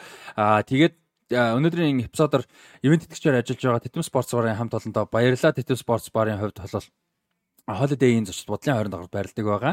807067 гэсэн улсын дугаараар та бүхэн захиалга өгөх за бас мэдээлэл авах боломжтой байгаа. Тэгээ сонирхолтой мэдээлэл дуулгахад бид энэ сараас буюу 11 дэх сараас эхлээд Титэм Титэм спорт спорттой хамтраад бас 7 хоног болгон болдог юм үйл ажиллагаа зохион байгуулж эхлэх гэж байгаа. Тэгээ манайх манай киноны талын үйл ажиллагаа контентыг хэрвээ үздэг сонсдог хэрвээ мэддэг хүмүүс байвал э, мэдэж магадгүй бид нар өмнө pop culture game night гэж 7 хоног болго ивент хийжсэн. За тэрнтэй ерөөхдөө ойролцоогоор одоо юунаас эхлээд дараа 7 хоногоос эхлээд Титэм спорт спорт дээр 7 хоногт болгон одоо юм гейм найт бол явнаа. Тэгээ ерөнхийдөө квиз талдаа асуулт хариултын гэхдээ бидний мэдээж хийж байгаа учраас сэдв илүү найр ивчлээ тий. А тэгээд 7 хоног болгон болно. Гэхдээ сэдвийн хувьд бол 2-7 хоногт нэг удаа спорт буюу одоо илүү хөлбөмбөг талтай. Гэхдээ спортын бас раундтай. А нөгөөх нь 2-7 хоног болгоныг удаа pop culture талтай.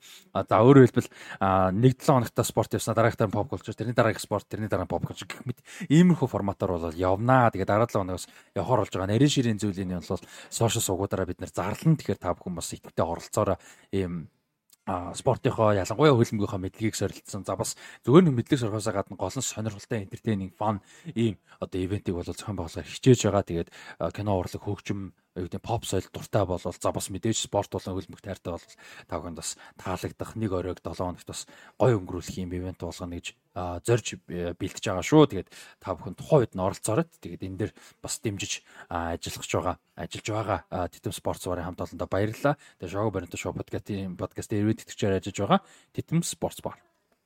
За ингээд 20 дугаар хэсэг. За 20 дугаар хэсгээр бол балондоо балондоо балондоо За Балондор үйл ажиллагаа бол 23 оны Балондор үйл ажиллагаа бол Францд Парис хотод болсон. За Парис хотод болсон Балондорын үйл ажиллагаагаар бол маш олон шагналуудыг ер нь бол гардуулсан. За энэ дэр бол юу яасан? Шилдэг эрэгтэй тоглогч Балондорыг бол 462 оноогоор Лионел Месси авсан байна. Эрлин Хааланд 357 100-аараа хүрэхгүй 100 гаруй онооны зөрүүтэй. Эрлин Хааланд 2-д, Килиан Эмбапе 270, Кевин Де Бройн 100 оноотой. За тэгээ араас нь Родри, Винишиус, Хулиан Альварес, Виктор Осимен, Бернардо Силва, Лука Модрич, Мохаммед Салах гэсэн тоглогчдод бол одоо баг багаар оноо ингээ багсаад явсан байна. За энэ дэр нэг ийм л юм асуулт гэж бодож байна. Өмнө нь товчхон хэмжээнд ярьж исэн ялангуяа очроогоос асуу гэж бодож зүгээр Балондор мэдээж ингээд тухайн жилийн за одоо бол хувирлаар өгдөг бас тэ хувирлын хамгийн шилдэг тоглогч гэж өгж байгаа Месси дэлхийн аврагт суперс нүнэн. А гэхдээ яг лигийн хүрээнд тийм яг уу бас стат харахаар мундаг харагдчихил бэлээ л дээ яг үнд тий. Клубын төвшөнд. Тий клубын төвшөнд тий. Яг уу харахад стат супер харагдчих бэлээ л дээ бас. А гэхдээ мэдээж хаалт шиг байгаа нь ойлгомжтой. Тэнгүүт зүгээр яг 7хон тоглолтоор буюу нийтлэгийн аваргаар баландор өгөх нь зөв юм уу эсвэл бүтэн лигээр үнсэн арай зөв Юу гэж бодож? Яг чи зүгээр яг өөрөө ер нь баландор тал дээр ямар сэтгэлтэй байдаг вэ? Аа, ерөнхийдөө бол ер нь тухайн хөлжлийн бүх тэмцээнийг л харах хэрэгтэй гэж боддог. Гэтэ яг хөл бөмбөгийн дэлхийн аврагтаа жил бол ялч онцгой байдаг те. Дэлхийн авраг авч байгаа улс угаасаа л ер нь бол төрүүлсэн. Тэр тусмаа ялангуяа би мессид энэ жил өгсөн угаасаа бүгд л ер нь дэлхийн аврагаас шалтгаалж өгсөн гэж харж байгаа те. Би ч гэсэндээ яг тэрэн дээр санал нэг байна. Тэгээд ялч хоёр домог Роналдо Месси гэдэг өрсөлдөөн маш олон жил биднийг баясгалаа. Тэгээ тэрний эцэст энэ хоёр домгийн нэг нь дэлхийн аварга авсанд бол би бол баяртай байгаа. Аль нэг нь авсанд бол үнэхээр баяртай байгаа. Тэгээд Мессид бол энэ жил Болондоор наа угаасаа өхөн тодорхой байсан гэж бодож байна. Тэгээд аваад ер нь одоо л ингээд Месси тэтгэвртэй гарчлаад байл гэж харж байна. Ингээд дуусч байна. Амландаа ингээд нэг мөсөн гарчлаа гэж харж байна. Тийм. Аа Уг нь бол яг улирлын бүтэн улирлын туршид хэрэг сайн тогсон гэдгээс өгвөл арай илүү да. Гэтэ яг нэг дэлхийн аврах өөрөө маш онцгой тэмцээн учраас дэлхийн аваргаар дэлхийн аварга босно нь бол хамгийн хүчтэй нөлөөлөл гэж зүгээр харж байна те. Тэрнээс яг бүтэн яг улирлын туршид одоо 9 дугаар сараас эхлээд ингэж явсаар байгаад 5 дугаар сар хүртэл яаж тогсон бэ гэж ярих юм бол хаалн байна. Үр дүн бол Эрлийн хоолн руу байх байла. А гэхдээ а тэр дунд дэлхийн аварга орж ирээд дэлхийн аваргаар онцгой тогсон хоёр тоглогч бол 2 3-т орчлоо шүү дээ. Тэр бол а гол нь яг тэр чи бид нар мэдчихгүй шүү дээ. Одоо энэ жилийн дүрмээр бол FIFA-гийн чансааны эхний 100-д орсон 100 улсаас нэг нэг сэтгүүлч байна уу да. А санал өгөх хэрэгтэй байгаа гэсэн үг. Тэгээ тэр а 100 одоо сонгогдсон мэрэгжлийн сэтгүүлчид өгсөн одоо үр дүн ийм байлаа. Тэгэхээр сэтгүүлчид бол дэлхийн аварга гэдэг бол маш онцгой тэмцээн юм аа. Энийг бол харуулж өглөө гэж хэлдэг. Тэгээ дээрэс нь дасалжуулагч багийн ахлагчид бас өгч байгаа. Аль аль нь? FIFA-гаас юунаас FIFA-гаас салгаад сэтгүүлчд өгдөг болсон санагдаад байна. 2007 оноос эхлээд тасалжуулагч багийн ахлагчд бас өгдөг болсон. Тэгээ одоо нөгөө сошиал дээр чинь бас нөгөө нэг энэ том том шгшээгүүдийн нөгөө нэг багийн ахлагчд хин хин санал өгсөн бас гараад байгаа шүү дээ. Яваад байгаа шүү дээ. Яаж яаж санал өгсөн гэд. Тэр нь бас яваад байгаа шүү дээ. Аа тийм үү. Аа би болохоор тэр чи 21 оноос эхлээд өөрчлөлтсөн санагдсан. Уул нэгж өгдөг байж бод би бас сүлд өөрчлөгдсөн гэж 22 онд оруулсан өөрчлөлт нь болохоор яг удирлаар болгосон. А гэхдээ багийн дасалжуулагч шгшээгийн ахлагч нар бол хэвээр тий 7 оноос. Тий одоо энэ нөгөө нэг супер тоглогчдын чинь нөгөө хийхин төгснэг нь яагаад байгаа шүү дээ. Тий. Тийм яа. Сошиал яваад байгаа шүү дээ. Гэтэ баталгаажуулж бас хаарэ. Тий. Тий. Гэхдээ энэ жил Месси дэлхийн авраг болоог бол хааланд авах байсан те гэдэг. Ер нь бол тийм дэлхийн авраг болгоос хааланд суперлэсэн л та ялч трипл авсан тий. Имбапе авсан шүү дээ. Дэлхийн авраг аваагүй бол Имбапе авчихлаасан юм байл та дэлхийн авраг тий. Дэлхийн авраг авчаад. Дэлхийн авраг 8 гол хийжтэй. Финалын тоглолтод хэтрик хийлээ. Түүхэнд тэр бол боллоо. Дэлхийн аврагын финалийн түүхэнд дэлхийн аврагын шигшээ тоглолтод хамгийн олон гол оруулсан тоглож болцсон хүн боллоо шүү дээ. Тэгснэ дөнгөж хоёр дахь дэлхийн авраг ингээд хоёр дэлхийн авраг дараалал финал тий. Тэгээд дэлхийн аврагын одоо мэрэгэн бостын чигсалтанд 12 голтойгоор 3 байна 4 4-ээр л ороод ирлээ. Одоо Имбапе дахиад хэдэн дэлхийн авраг тоглолоо. Тий. Чи одоо 3 байж болно. Сайн явбал 3 2 бол баталгаатай. 2 бол баталгаатай. Гимтэхгүй болвол дахиад дөрөв дэлхийн авраг тоглох юм шүү. Тийм ер нь 28 настайд тоглоно, 32 дээд тоглоно, 36 дээд тоглоно. Тэгээд Месси Роналдог шиг байж чадах юм бол тийчээд орчих юм шиг. Тийчээд орчвол тийм шүү. Арай л үгүй бах тий. Гэтэ ер нь бол тий. Бараг 3 дэлхийн авраг бол байгаа л гэж ойлгох юм тий. Одоо хожигдсан тоглолтын дээр мундаг тоглосон гэснээр та хэд тийм спортын тим юу санагдаж байна? Одоо финал гэдэг ч юм уу, NBA-ийн сүүлчийн тоглолттой одоо финалс ч юм уу, юу гэдэг теннисний финалтай ямар нэг байдлаар спортын ингээд мөнгөн медаль авсан. Яг эцсийн мөчөд хожигдсан мөртлөө үнэхээр амар тогсон, амар үзэлт үзүүлсэн тийм тоглогч баг тийм санаанд юу орж байна. Тийм тоглогч байна уу хөрөө. Тийм. Яг санаанд орж ирэхгүй шүү. Орж ирэхгүй. Үнэхээр амар байсан мөртлөө одоо тэгээд үнэхээр бараагаа тийм одоо юу байдаг вүлээ. Манай сонсогчд бас гоё хуваалцараа тий яг яа би сая л ийм асуулт санаанд орсон болохоор бэлдээгүй учраас бидний санаа орохгүй. Гэхдээ байгаа л бах цөөгөө мэрсэр тий. Тэгэхээр сэтгэлээ хуваалцараа. Хавар л. За тэгээд юуны хувьд болохоор эрэгтэй балондорын хувьд бол ийм байна. Тэгээд дараа жилийн балондорт одоо эхнээсээ фаворит болоод байгаа нөхөрч одоо Harry Kane, Jude Bellingham те гэдэг хүмүүс явж байна. Мэдээж хаалт өөрөө бас явж байгаа. За эрэгтэй эмэгтэй балондорыг бол бүр хол тасархай оноогоор Барселона юуны Испани шигийн Айтана Бонмати авсан. За Айтана Бонмати бол угаасаа бүр ойлгомжтой байсан. Дэндүү супер байсан. Аа тэгээд хүүхд байхдаа Мессиг шүтэж өссөн. Месситэй зураг авуулахыг мөрөөддөг байсан. Одоо зүгээр ч нэг зураг авуулаагүй. Балондоор аваад. Тийм Месси балондоор авсан Месситэй өөрөө балондоор аваад хамт зураг авуулсан. Тэр одоо мөрөөдлийг одоо хит давуулж биелүүлнэ гэдэг нь болсон. Аа тийм тэгээд хоёрт Sam Kerr байсан 87 оноотой. Аа Айтана Бонмати 266 оноотой. А тэгэд гуравт бол оноо тэнцсэн. А тэгээд зөвхөн хамгийн олон одоо хүний саналын нэгт орсон гэдгээрээ онооны чанараараа гэх юм уу. А гуравт орсон Салма Пара Юэло байсан. Мөн одоо Барсагийн требл авсан, дээрээс нь дэлхийн аварт авсан бүрэлдэхүүний олон манш чухал тоглогч байсан. Тэгээд Фределино Ролфо бас л Барсагийн гэхдээ Шведийн жигшээгийн Ролфо оноо тэнцсэн байсан. Салма Пара Юэло одоо. За ингээд Айтана Бомати юуны баландорын эзэн болсон. За гэхдээ энэ дээр бас нэг хэд хэдэн шүүмж юмнууд бас яригдсан. Яасан бэ гэхээр За Франс футбол сэтгүүл за Франс футбол сэтгүүлийн эзэн компани. А юу хэлээд компанийн нэрийг мөрчөөд байна. А энэ хэд бол одоо ингээд эмгтэй хөлбөмбөгт бүгд одоо хувь нэмэр оруулах те. А юу гэдэг хөгжүүлэхэд одоо ингээд нөлөө оруулахыг тэнцвэртэй байдлыг хүмүүст мэдээлэл өгөх те энэ тал дээр бол айгүй их ач холбогдол өгөх гэж өгн өгдөг гэж бол өөрсдөө рекламдж байгаа. Гэхдээ яг бодит байдал дээр ингээд хүмүүст одоо хүрэхтэй зохион байгуулалтаа яг эмгтэй хөлбөмбөгчдийг бодсон те нөхцөл байдлыг нь тааруулсан юм бол хийхгүй байна. Яг бодит ингээд нөлөө бол оруулах байна гэдэг юм ярьсан. За тэр нь жишээ нь юу байсан бэ гэхээр саний энэ одоо энэ эн чинь бас нэг том Оскар гэдэг шиг нэг юм аваарцлаг байгаа шүү дээ. Том үйл ажиллагаа хүлээн авалт маалтай. Хөлбөмбөгчд чинь ялангуяа ийм юмд байн гордог хүмүүс мэдээж биш. За тэгээ энэ үйл ажиллагаасаа зохион байгуулагчсан үе нь бол яг эмэгтэйчүүдийн хөлбөмбөгт агуу тоглолтуудтай үед таарсан. Яг маргааш нь Nations League-ийн том шгшөөг тоглож бүгдээрээ Nations League-ийн тоглолтуудтай байсан. Англи, Испани, Швед юу вэ? Нөгөө эмэгтэй шиг бүх тоглогчтой Европын ялангуяа а бүгд тоглолттой байсан. Бүгд шгшээ уугийнхаа цугларалтан дээр байсан. За ийм үед нь бол нэгдүгээр тоглолтыг тааруулсан гэдэг ийм юу бол ярьж одоо бохомдол бол байсан. А тэгээд өөр цаг үед яагаад тааруулж болоогүй юм бэ? Хэрвээ одоо юу гэдэг юу гэж нэг ч тоглолтгүй тарах гэж байгаа. Гэхдээ эрэгтэй хөлбөмбөгчдийн одоо жишээ нь Nations League-ийн өмнөх өдөр баландаар хийхгүй нь ойлгомжтой тээ. Ядаж энийгээ тааруулаач. Одоо Английн шишогийн хэд хэдэн тогтч очоогүй юм бэлээ. Очоо боломжгүй байсан. Угаасаа шишогийн бэлтгэл дээр байсан.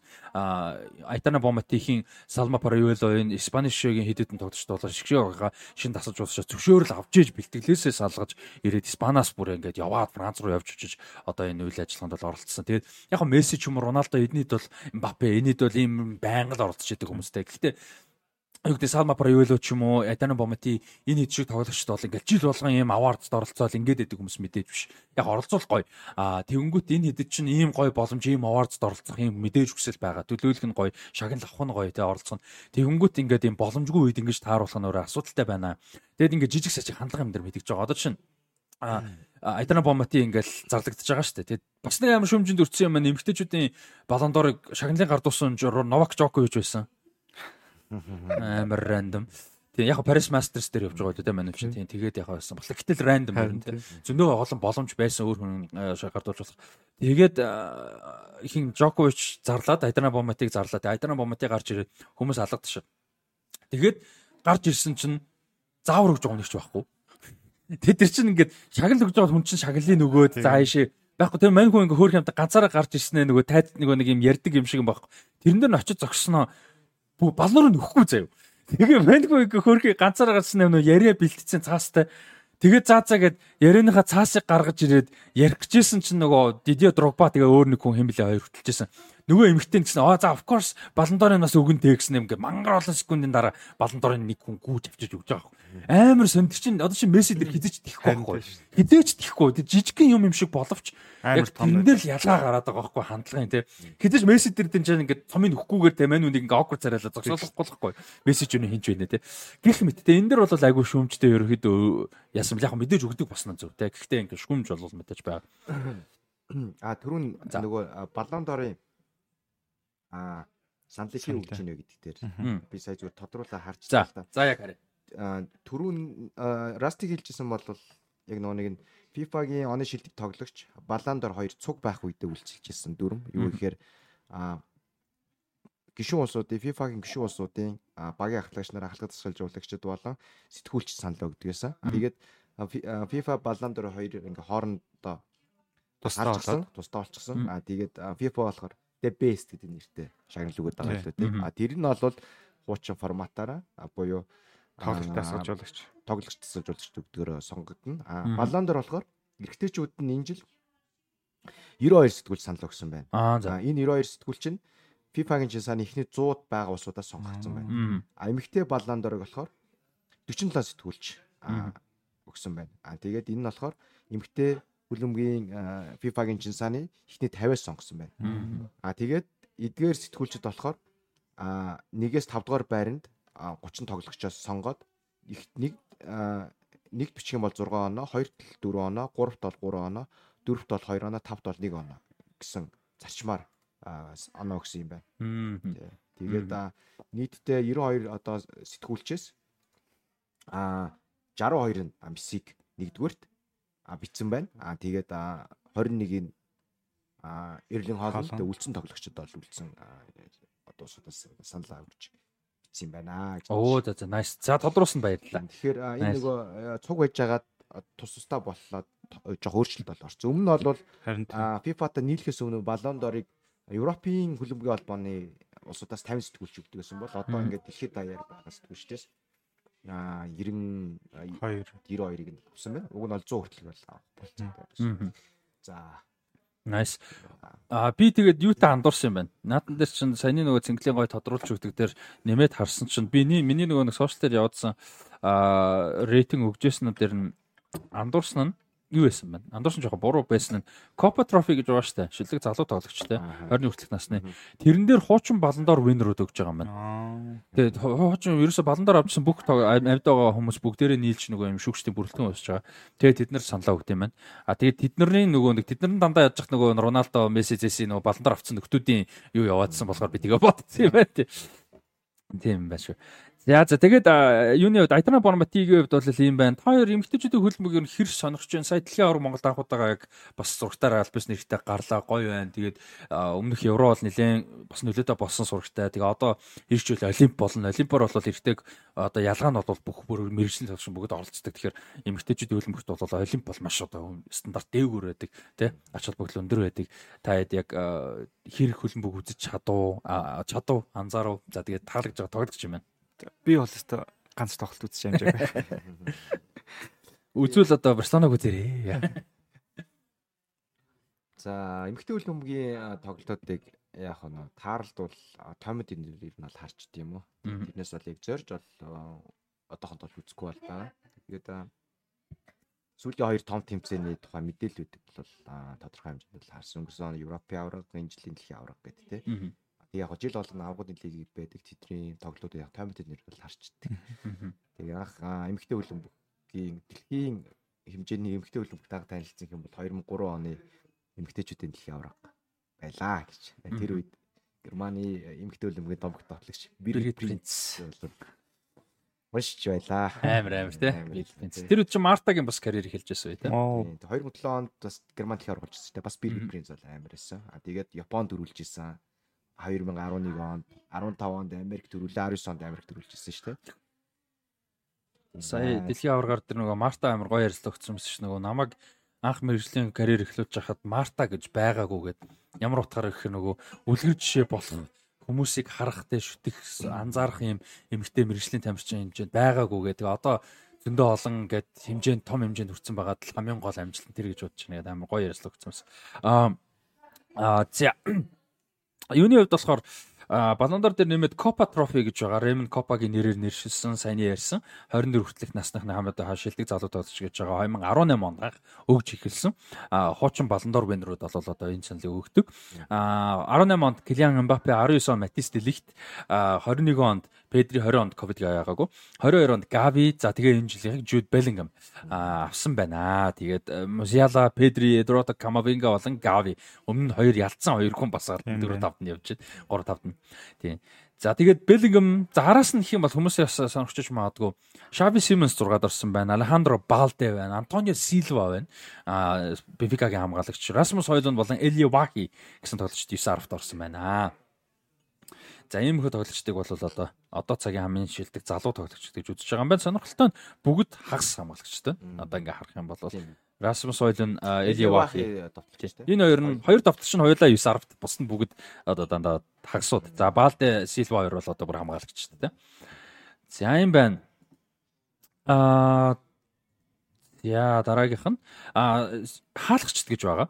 За хаалгачдыг болохоор энэ дээр нэг хүмүүс амар дооёлоод байсан. Юу шилдэг хаалгачдыг буюу одоо Яшин трофи цомыг бол Эмилиано Мартинес авсан. За тэгсэн мөртлөө Баландорын ранкинг гэж байгаа шүү дээ. Одоо бүгд нэг 30 тоглож шүү дээ. Тэрэн дээр хамгийн өндөр одоо байранд орсон хаалгач нь Куртуа 13-т 15-д нь Эмилиано Мартинес байсан. Тэгснэ хаалгачдах дээр нь болохоор Мартинес нэгт биш Куртуа биш уучлаарай Боно шүү. Ясин Боно шүү. Би андарчлаа. Боно нэгтээс. Тэгсэн чи яг хаалгачдынхаа рантинг одоо санал дээр болохоор Мартинес нэгт Эдерсон хоёрт Боно 3-т болчихж байгаа. А тэгсэн мэт Баландорох дээр болохоор хин илүү. Боно Мароккогийн хаалгач тийм Мароккогийн. За ер нь бол дэлхийн аваргаар дүгнэгдсэн хоёр л байна гэсэн үг л Мартинес Боно хоёр л тийм. А яг хөө гэтээ Боно юу яасан л да Европа лиг төрүүлсэн. Европа тийм. За Эдерсон бол ойлгомжтой трипл хийсэн. За А за тэгээ Герд Мюллер трофи ойлгомжтой мэрэгэн бууч Эрлин Хаалн 56 гоолтой. Тэгээд мань хүн тайзан дээр гарч ирээд цумаах та it's my job гэдэг. Нөхө Ройкины биш Ройкин биш it's my no it's, your job гэдэг чи Ройкин биш нөх юм байхгүй одоо. Грэм сүнэс тэ Грэм сүнэсийн үг дооёолж мань хөө хэлсэн байлээ. Грэмсэнэс ч амар нөгөө хүмүүсийг шүүмжил. За тэгээ Сократис Сократис Award Award гэж өгдөг болсон. За Socrates Award гэдэг нь бол одоо Бразилийн одоомогт Socrates өчгөл мөчний нэрээр нэрлсэн ийм цом байгаа. За энэ ямар учиртай юм бэ гэхээр талбайгаас гадна сайн санааны үйл хийсэн зөв зүйлийн төлөө тэмцсэн тэ нийгмийн одоо идэвхтэй байсан гэдэг ч юм уу дуу хоолойгоо ашигласан мэдээж топ хэмжээний хөлбөмбөгчд бол маш том платформтой байдаг хэлж байгаа хэлж байгаа тийм хэлж байгаа болон үйлдэл бүгдээрээ маш олон хүн сая хүндөрдөг учраас ач холбогдолтой байдаг. Тэгээд энэ жил бол Vinicius Junior-ыг бол сонгосон байгаа. Vinicius Junior Испанд бол ялангуяа Испанд бол арьс өнгөөр одоо арьс өнгө үдсээр одоо ялгуурлын эсрэг бол үнэхээр тэмцэж байгаа харамсалтай тэмцэх шаардлага гарч байгаа. Сая одоо Барселонатай хийсэн тоглолтын дээр хүртэл одоо бас дахиад тийм асуудал гарсан гэдэг юм яригдаж ирсэн байлаа харамсалтай. За тэгээд юу яасан бэлээ энэ сүүлийн 2 3 жилд Men's Women's Club of the Year гэж шагналагддаг болсон юм байлээ. За энэ нь бол ерөөсөө тэр шилдэг 30 тоглогч номинашнд нь л одоо хамгийн олон тоглогч багтсан баг нь энэ вэ л гэдэг л байлээ л дээ. Ер нь бол тэгээ City энэ жил 7 тоглогчны 30-нд орсон. Alvarez, De Bruyne, Diaz, Gundogan, Erling Haaland, Rodri, Bernardo. За тэгээд эмэгтэй нь бол Barcelona. Айтана Бонмати, Салма Париуэло, Фределино Ролфо, Патриса Гухаро, Мапилион энэ хоёр хоёулаа шгшээдээ яваагүй эсрэгүүцэд. А тэгээ Асисад Ошоола. За ингээд ийм шагналууд бол балондор дээр гардуулагдсан бэл. За тэгээд нэг сонирхолтой мэдээлэл сая UEFA-гийн сайтн дээр гарсан байна л да. За тэр яасан бэ гэсэн чинь 24 оноос эхлээд Баллон дорын үйл ажиллагааг UEFA хамтран зохион байгуулахаар болжээ.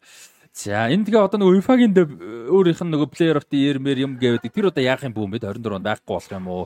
Одоо яах юм? Ямар ч байсан UEFA-тай хамтаргаар болсон. А гэхдээ брендийн эзэмшил бол одоо энэ компанийн нэр нь юу вэ? Group Amauri юм байна. Тэг Group Amauri гэх компани эзэмшдэг. Одоо France Football сэтгүүлийн эзэн компани. За энэ компани бол брэнд мэрэндээ эзэмшинтэй энэ бол бүгд хിവэрэ. А гэхдээ одоо нөгөө нэг voting system те энэ дээр бүгд хിвэр. А гэхдээ UEFA юун дээр нь оролцох гэхээр зохион байгуулалтыг хариуцсан, гүйцэтгэлийг хариуцсан, маркетинг брендинг те ер нь бол тэрийг нь хариуцахаар болж байгаа юм байна. 24 оны балан дорыг UEFA хамтран зохион байгуулахаар болж байгаа юм байна. За тэгэхээр дараа жилийн одоо юунд бол балан дорт UEFA-гийн тэмцээнүүд ач холбогдол илүү болно гэсэн үг. Одоо евро бол орхон тодорхой болсон. Еврог оролцуулах нь тодорхой болсон дараа жилийн. Аа тэгээд voting одоо системд нь UEFA оролцохгүй ч гэсэн нөлөө байж таарна те яг мэдээж UEFA талдаа илүү харах нь ойлгомжтой байх. Тийм. Ийм болж байгаа юм биш үү? Тийм. За тэгээд Аа дараагийн мэдээлэл бол 34 нийтлэхээр тодорхой болсон. За угаасаа ч өршөлтгөн байгаагүй тий. 10 сарын 31-нд Багтаад одоо OFC буюу Ошин нэг чи юу гэж байгаа лээ. Би ингээ гоё монголоор зэгцтэй ярих болохоор цэглээс асуудаг шүү дээ. Түрүү ингээл би ярьж чадахгүй бүс нутаг энэ төр гэдэг гоё хэлж байгаа шүү дээ. 70 орнуудын 70 орнуудын холбоо. 70 орнуудын хөлбөмбөгийн холбоо. Тий.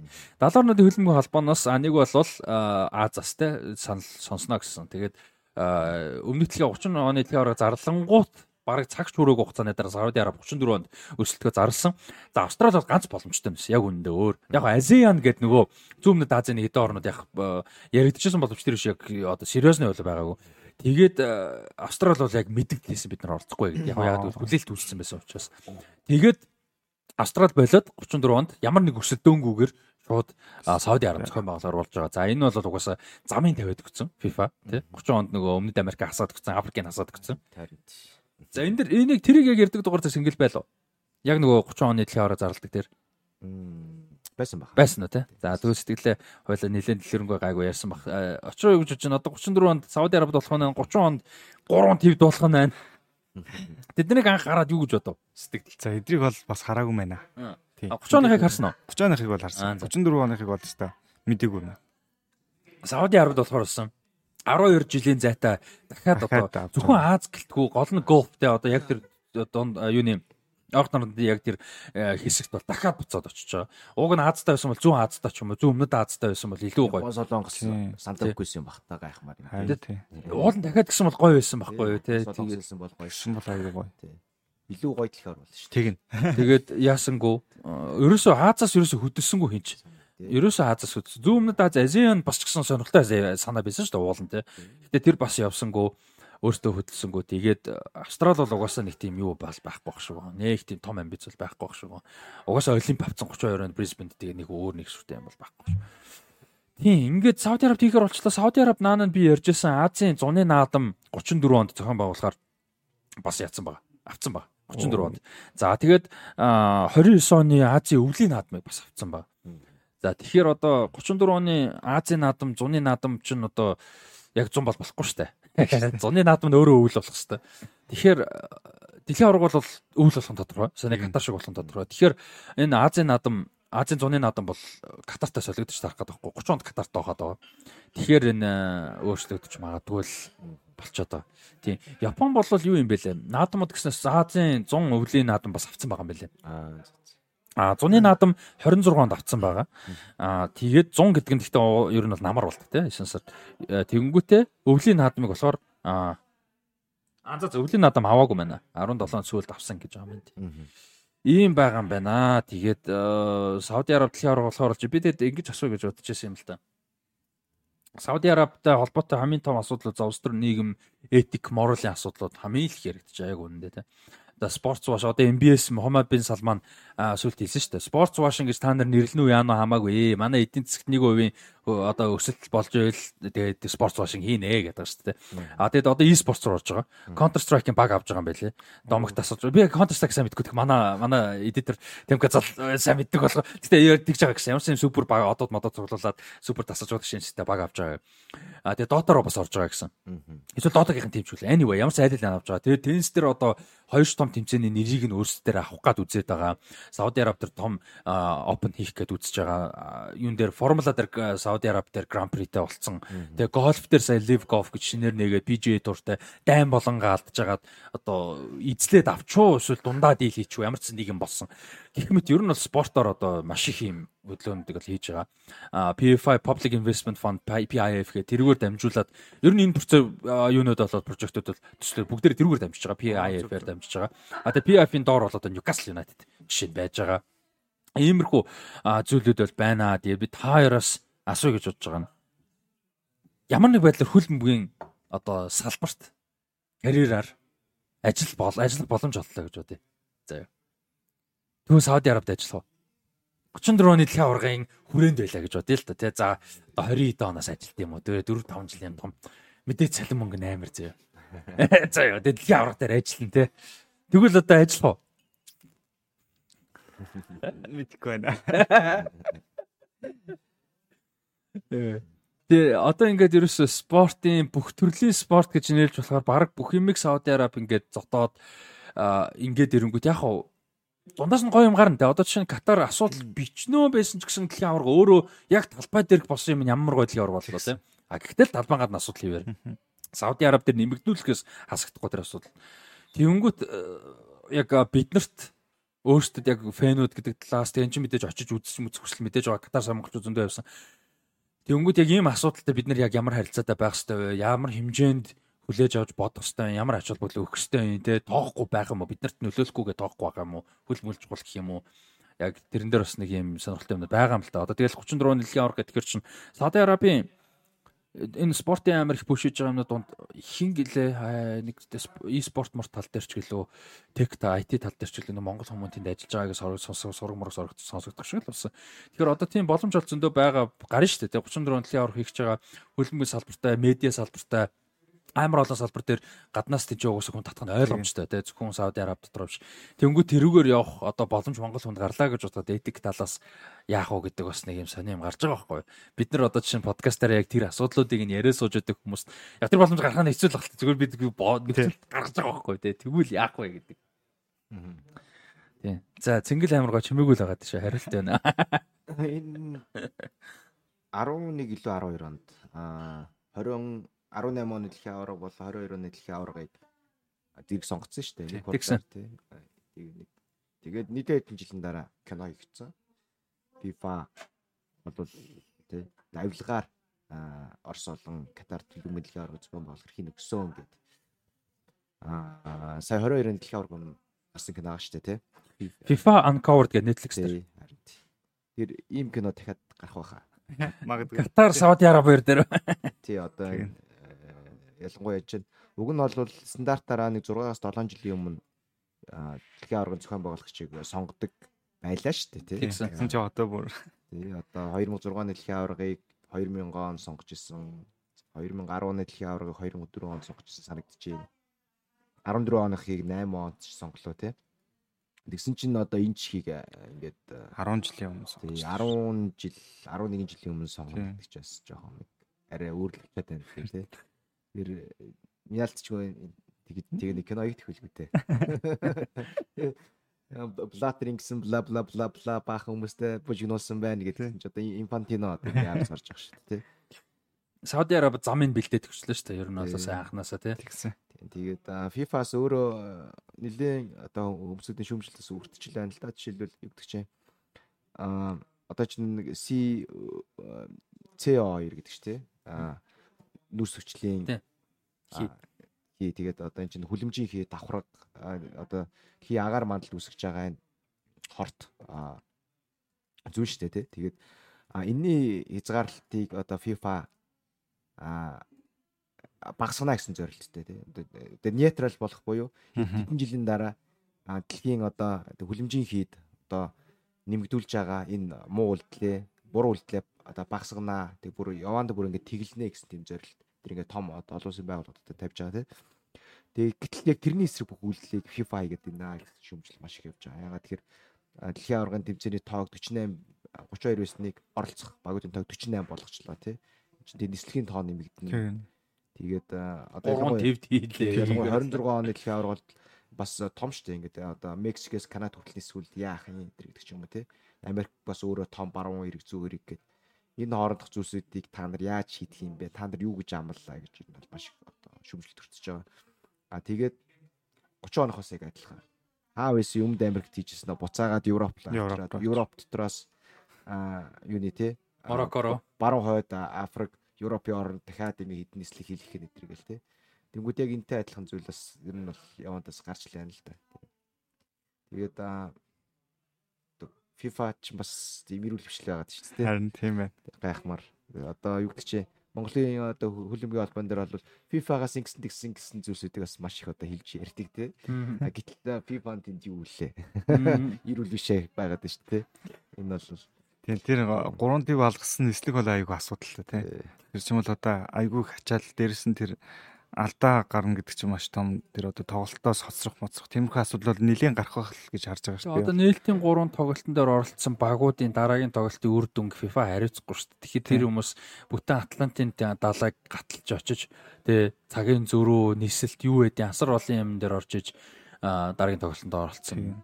Тэгээ тэр нислэг байна. Тэр нислэгийн чинь дими зардлууд, дими одоо байгалийн дими сөрөг нөлөөнүүд гэдэг ч юм уу те. Тэр асуудлууд бол байгаа л да. Тэгээд Сауди Араб бол спорт вош хийгээд тэгээд өөрсдөө одоо улсынхаа одоо имиж те дүр төрхийг бол иргэдэл рүү явуулах гэж бол одоо хичээж байна. Аа тэгээд нэг талаар бол ингээ харах юм бол энэ чинь маш ухаалаг үйлдэл хийж байгаа байхгүй тий. Маш ухаалаг. Тэгээд хэмжээний одоо орлогыг газрын тосны борлуулалтаас газрын тосны экспортоос олж хаад одоо Монголын төр зэсгтэйдэг хүмүүс шиг идчихгүй шүү дээ тий. Хулгайчихгүй тий. Дахиад эргэлдүүлэх гээд шүү. Тэрийг ингээ хоримтлуулад хоримтлуулсан тэр одоо санга дахиад газрын тосны экспортын дараа Сауди Араби эдийн засаг яах вэ гэдэг асуултанд хариулт олох гээд олон улсын тэмцээнүүд хийж гин. Одоо спортын төв хаб болох гэж байна. Тэгээ Сауди Арабийн хөлбөмбөгийн лигээ олон хүний одоо анхааралд оруулснараа тэндээсээс телевизийн ирэхээ борлуулах, мерчендайзингаа борлуулах гэдэг ч юм уу ингээд экспорт хийх гэдэг нь шүү дээ, тий. Бас аялал жуулчлалыг татах гад байна. Тэр бүсэнд тутас ч хүмүүс үлэм үзэх гээд байна гих мэтчлэнгээр. Аа тэгээд энэ талаас нарах юм бол үнэхээр мундаг байгаа аахгүй арабууд бол. Үнэхээр мундаг. Ухаалаг хөдөлж байна. Маш ухаалаг. Тэгээд дээрэс нь аа улаан цай хулгай ихгүй байна. Тэгээд цугласан мөнгөө маш гоё үр дүнтэй зарцуулах гэж одоо хичээж байна тий. Нэг талаас нь харахад аа бүр хөгжсөн байгаа улсын төвчнгээс харахад эдгэрч те одоо хүний эрхийн асуудлуудаа шал өөр юмнаар юмар дарах гад байна те. Тэнд боолчл баг хийцнийгээ ингэж өөр юмар харуулах гад байна.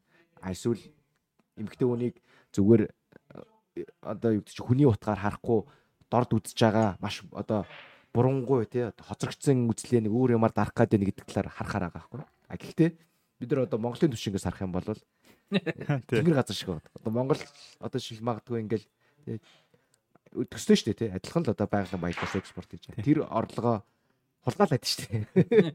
Уг нь уг нь ингэж хулгаалгүйгээр сан үсгэж жагаад Монголын лигийг гоё болгомоор нь шүү дээ гэх шиг үү те. Одоо олон зүйлийг гоё болгомоор. Дэлхийн аваргыг хийдгүү маа ихэд Зүү Азийн хөлбөмбөгийн аваргыг хиймээр шүү дээ. Одоо Азийн аваргыг хиймээр шүү гэдэг шиг үү те. Тэгэж одоо явж ивэл бас гоё л энэ те. Даанч тэгээд эсрэг тесрэг л байна да. Тэгээд Монголтой харьцуулбал бол Сауди Арабыг бол энэ лидерүүдийг нь бол спорт вошинг хийж байгааг баг дэмжмээр байна тий. Барууны үзлээс харах юм бол барууны гэхээс илүүтэйгээр зүгээр хөгжсөн байж байгаа. А хүний эрх гэдэг талаас харах юм бол шүүмжлэлтэй хандах зүйлсүүд бол мэдээж зөндөө байгаа. Тий. Тэгээд харьцуулгад юм байна да. За эцсийн үр дүн тэгээд чамд ажлын санал ирэл яах юм бэ? Ажлын санал ирүүлөө. Юу гээс хамаарна. Ямар үүрэг оройлтой одоо тэнд хэдэн ширхэг юунаас тий одоо юунаас Арабиагаас ирсэн өөрхий суул хөгжилтэй улсуудын улсуудын хүмүүсийг барилга дээр очиод тий загнаад ажил хийх гэвэл хийхгүй гэж хэлээ. Юу. За энэ үрээд өнөөдрийн дугаарыг 2 дугаар хэсгийг өндөрлөе. А тэгээд 3 дугаар хэсэг дээр өнөөдрийн стори болол одоо өнөөдрийн төчнаар ирсэн очроогийн маань гой стори байгаа. Тэгээд тэр хэсэг рүүгээ орцгоё.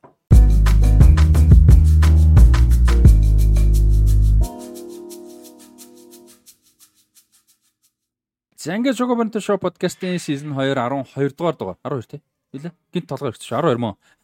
12 дугаар дугаар аа үргэлжилж чинь тэгээ өнөөдрийн story time болоо. Очроогийн маань story time байгаа. За за товчроо би зүгээр эхлэе нийчээ. Тэгээ очроо маань өөрөө гоё ярих баха. Дундаас нь битээр асуулт асуугаад явъя. За очроо маань бол яг товчондоо бол одоо 23 оны 5 сард Монголоос гараад Улаанбаатараас гараад дугуйтаа яваад за тэгээ Манчестер хүртэл одоо явнаа. Манчестер хүртэл очиод Манчестер хотын мөрөөдлийн театр буюу Old Trafford цэнгэлтэд очиж хайртай баг Манчестер Юнайтедтэй үзнэ гэсэн юм одоо гайхалтай том одоо зорилгыг агуулж одоо гарсан. За тэгээд дугуйтаа яваад бол Турк хүртэл Истанбул хүртэл яваад за тэгээд Истанбулоос бол яг виз гэдэг зорилготойгоор бол төрхийн хугацаанд Монголда буцаа ирсэн байгаа. Одоо дугууга годоо гол алтан унаагаа тэнцээ орхицсан явж байгаа. Одоо энэчнээс виз виз ажиллаа бүтээчээд буцаж яваад энэчнээс аяллахаа 2 дугаар хагасыг 15 минутын завсаргаагаа авсан байгаа маань. Тэгээд half time talk хийж байгаа. Тэгээд еврого 2 дугаар үлүүгээ явна. Аа тэгээд эрдэр нэмэх 6 дээр алтан гол хийж Old Trafford-д орж ирнэ гэж байгаа шүү дээ. Тий, Fergie time дээр. Тий, Fergie time дээр яа нааш. За энэ бүхний санаа юунаас гарав? Юунаас эхлэв? Яа одоо эн чинь ингээд юу гэдэг хүм зүгээр мөрөөдөх юм зөндөө байдаг шүү дээ. Аа ингэж бол гоё, тэгчүүл гоё. Энэ чинь бол яг тийм юм байгаа хгүй ихэндээ. А гэтээ чи тэрийг бол ингээ үнэхээр гайхалтайгаар одоо бодит болгож те одоо бүгд дэлхийд даяар тоглоомчгүй дэлхийд даяар үзүүлж хөлбөмбөгийн фэнүүдэд те Манчестер Юнайтед фэнүүдэд үзүүлж бишрүүлж гоё бид бодит болгож байна. Яг юунаас эхлэв? А тэгэд ихэлсэн санаагаа яаж одоо гүйцэтгэе гэдэг юм зориг гарва хаанаас гарва за тэгэд энэ бол яхаа хөлбөмбөг тоглож ихснээс хойш өөртөө нэг зориг мөрөөдөл тэхийг хүсээд тэгээ тэр зориг мөрөөдөл нь дэмждэг хайртай баг Манчестер Юнайтедаас ер нь эхэлсэн. За тэгээд ерөөхдөө ингээд олон жилийн хугацаанд спортоор хичээллээд явсан хүний хувьд нэг өөрийн тэр мөрөөдлийг зүгээр орхиж болохгүй гэдэг өөртөө нэг тийм юу тавьсан л да. Босго тавьсан. Тэгээд тэрийг биелүүлэхийн тулд яг л спортын хүний те тэр тэсвэр хатуужлыг нэг харуулсан тийм юм хийхийг хүссэн. Тэгээд ер нь бол нэг 2 жилийн хугацаанд яг юу хийх үү гэдэг аягүй их бодол бас хайгуул төрсэн. Тэгээд яг эцсийн мөчөд яг ингээд мөрөөдлөө харахаар тий яг ингээд олон хүмүүст юу урам зориг өгөх үү гэдэг үүднээс харсан. Тэгээд яг тэрэн дээр одоо нэг өөрийнхөө нөгөө бүх нөгөө фантази төсөөлөл тий нэг боломжгүй гайхамшгүүдийг бүгдийг хаяад яг өөрийнхөө мөрөөдлийг газрын зурган дээр харсан л та. Тэгсэн чинь яг газрын зурган дээр харахаар яг хизээч тий ямар цаг үе болсон ингээд тэр газраас хөдөлгөөргүй. Тэгээд дээрэс нь газ одоо юу гэх юм одоо хуршгүй хол биш километрээр хэмжигддэг тийм газарт байсан. Тэгээ яг за одоо тэгвэл ийшээ юу хийх вэ гэдэг бодол дээр яах вэ? Аюу өөрөө бас нөгөө дэлхийр аялахыг хүссэн болохоор яг тэрийг ингээд хооронд нь холиод тэг тийм дугуйтай аялал гэдэг зүйл дээр яг тогтсон л доо. За яг ингээд би яг өөрөө ингээд хийж чадах тийм юу вэ те? Яг спортын хүний хөлс хүчээр тэгээд төсвөр төвчээрээр давж туулаад хүрэх юу вэ гэж харсан. Тэгээд судалсны эцэст юу дугуй гэдэг дээр ер нь яг аяллаа эхлүүлэхээс нэг 2-7 хоногийн өмнө л яг тогтоол за яг энэ дээр ийм хэрэгтэй ингээд явах хэрэгтэй мэн гэдэг бэлтгэл ажлаа хангаад хамгийн гайхшигтай тэгээд бүх зүйл бүр маш амархан бүтсэн. Тэгэл аяллаа зүгээр ямар ч эргэлзээгүй ихсэн. Хамгийн гол нь эргэлзээгүй ихсэн. Яг би угаасаа энэ зүйлийг чадна, энэ зүйлийг хийхийг маш их мөрөөдсөн, энэ зүйлд маш олон жил биелдсэн. Тийм болохоор би энийг хийнгээд шууд л ихсэн. Тэр нь маш нэг тийм минийд нэг давал байсан юм болов гэж харж байна. Сүг тий. Гайхамшигтай шүү. Үнэхээр гоё тий. Би яг э, анх нөгөө нэг э, юугаар мэдсэн л дээ. Нөгөө Манчестер Юнайтедийн сайтн дээр нийтлэл орсон байна гэдэг хүмүүс шеэрлээ. Тэгэхэд анх мэдсэн. Тэгээ өмнө нь яг сонсоогүй л хэлсэн. Тэгээд яг тэрнээс үчи пэ ямар гоё юм бэ гэж бодоод тэгээ тэгэхэд чинь Шинжаанд явж байлаа та. Шинжаанд явжсэн сан. Тэгэд би пэ Шинжаан гэдэг чинь яг хятад ихээр хажууд гэж ойрхон хэд чинь энэчнээс гараад хил даваа тэгээ шинж амар хол байхгүй. Тэгээ би хөөх бүр ямар гоё юм бэ бүтээсэй гэж. Тэгээд аа мэдээж аяллыг нь хараал яваадсэн дагсан. Тэгээд тэгж явж байгаад сүүлд нь ингээд зааштай юу яа шогаатал оруулъя те яхаа шогоод нэгдүгээр сонирхолтой байх те эн чинь мэдээж хөлбөмбөг бид нар чи ямар их газар зүй ярьдаг үлээ те ямар их хөлбөмбөг ярьдаг үлээ. Те тэрэн дээр гой тааруулаад гоё юм байна гэж бодчихсон те. Нэгдүгээр оролцсон баярлаа ордож байгаа баярлаа тэгээ би байгаа юм шиг санагдчихсан одоо гэхдээ би бүр барьсан амир төрөл шилмээр санагдаад байгаа байхгүй. Те за тэгээд аялал цаашаа явсан. За Ямар ямар за одоо нэгэнт ингээд энд ирсэн байгаа юм чинь энд ирэх хүртлээр зүгээр товчхондоо ямар ямар улсуудаар машуудаар явлаа. Контекст өгчөө сонсож байгаа юм зү. Эндээс гараад ер нь бол хамгийн хол километрийг бол Монголдо тоосон. Монголоос Улаанбаатараас гэрээсээ гараад ховдын булган хилээр гартал 1800 явсан. Ард нь Шинжааны ууграа үгүй. Тий. Юу Хятадын Шинжаа ууграар яваад дараа нь Казахстанаар яваад Узбекээр яваад буцаж Казахстан руугаа оронгуудлаа Каспийн тэнгисээс а Азербайджааны Баку руу онгоцоор нисэж туусан. Тэгэхгүй бол одоо Иран руу орохын тулд Туркменстан руу явах боломжгүй байсан. Виз нь боломжгүй маш хаалттай ус байсан. Оросоор гарах юм бол Европын визэн дээр бас хязгаарлалттай байсан. Тийм болохоор яалчгүй Каспийн тэнгисийг давах шаардлагатай бас гатлах тийм. Тэгээд тэрнээс чи усан онгоцоор бол явах боломж байсан. Гэвч Азербайджаны газрын хил усан боонт нь хаалттай байсан учраас нисгээс өөр сонголтгүй. Тэгээд Азербайджанаас Иран орсон.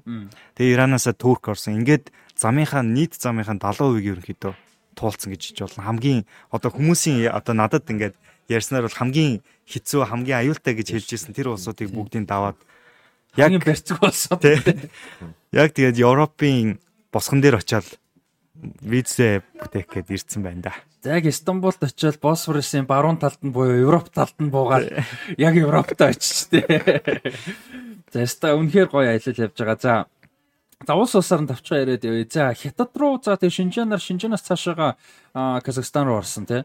Тэнгүүт яг за за Монголоо ирчээ тавчгаа. За ховдоор гарсан тий. За тэр хүртэл хамгийн одоо хэцүү юм нь юу байв? Хамгийн гоё ч юм уу те сюрприз болсон яг тооцоолоогүй тийм гоё ч юм уу юм байсан нь Монголд мэдээж хамгийн одоо эн чинь бас гоё ирж штэ. Ийм амар хол явчихад хамгийн их явсан бас Монгол байд чинь бас нэг гоё сонсогдож штэ тий. Тэгээд яг төсөөлөөгүй бүх зүйл Монголд өрнсөн л дөө.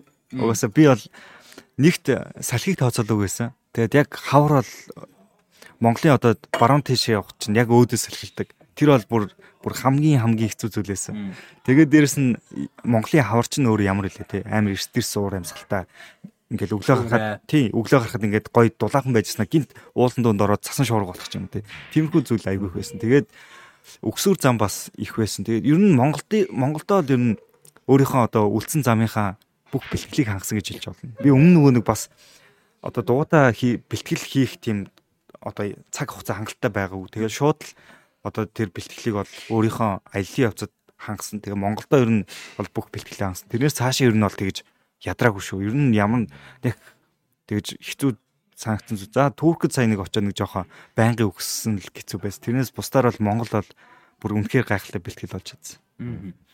За Шинжаанаар явангууд яг хил даваад явангууд яг Казахстан хүртэл соёлын талаасаа за мэдрэмж талаасаа тэгээ бид нар одоо юу гэдэг байнга шинжаан ордоггүй хүмүүс бас гаднаас өөр мэдээллүүдийг сонсдог тэгээ яг тэр талаас соёл талаасаа ч юм уу ямар хуу зүйлүүд анзаарав юм сонирхолтой байв. За шинжаанд орсон яг бүр бас нэг төсөөлөгөө бүр хизээш төсөөлөгөө зүйл нь Монгол хүмүүстэй таарна гэж ерөөсө төсөөлөөгүй. Тэгэл Монгол торгууд аа тува цахар өөлт гэд айгүй олон ястан байсан. Тэгээд тийм хүмүүстэй тааралдаад бүр яг Монголдо явж байгаа юм шиг тийм мэдрэмжийг авсан. Дээрэс нь тэр хүмүүсийн тэр Монголд өвөг соёл уламжлалаа яг тэр дээр үеийн тэр чигээр нь аваад одоо хүртэл ингээ хадгалсан айгүй сэтгэл хөдөлгсөн гэх юм уу. Тэгээд маш сайн ярьдаг. Монголоор маш сайн ярьдаг. Одоо өөр Монголоос арай өөр бид нартай арай ойролцоо гэсэн үг. Тийм байсан. Тэгээд ингээ харилцах ч гэсэндээ маш амар. Тэгээд өв соёлын хувьд одоо жишээ нь түүхээр айгүй хаялсан. Тэнд айгүй бүгд ингээд түүх айгүй сайн мэддэг хүмүүстэй таарсан. Тэгээд аа Шинжаан бол ер нь бол хятадаа хятад 50 52 лөө 54 үндэстэн байдгаас одоо Шинжаанд 34 үндэстэн ястан байдаг. Тэгэхээр ер нь бол тэнд айгүй их тийм соёлын зүйлс бол одоо жишээ нь хоолноос ахуулаад айгүй олон үндэстний хоол ч юм уу тиймэрхүү зүйл гэл айгүй олон зүйлсийг бол тэнд харсан. Тийм. Тэгээд цаашаа явхад бол тэндээс сурсан зүйлс бол мэдээж хэрэг болоо явж байгаа. Тэгэхээр илүү ер нь бас л нэг соёл одоо тэр уламжлалт тал дээр ер нь нэг тийм хичээл болсон зүйл болсон л да түүх мөнгө дээр ч гэсэндээ.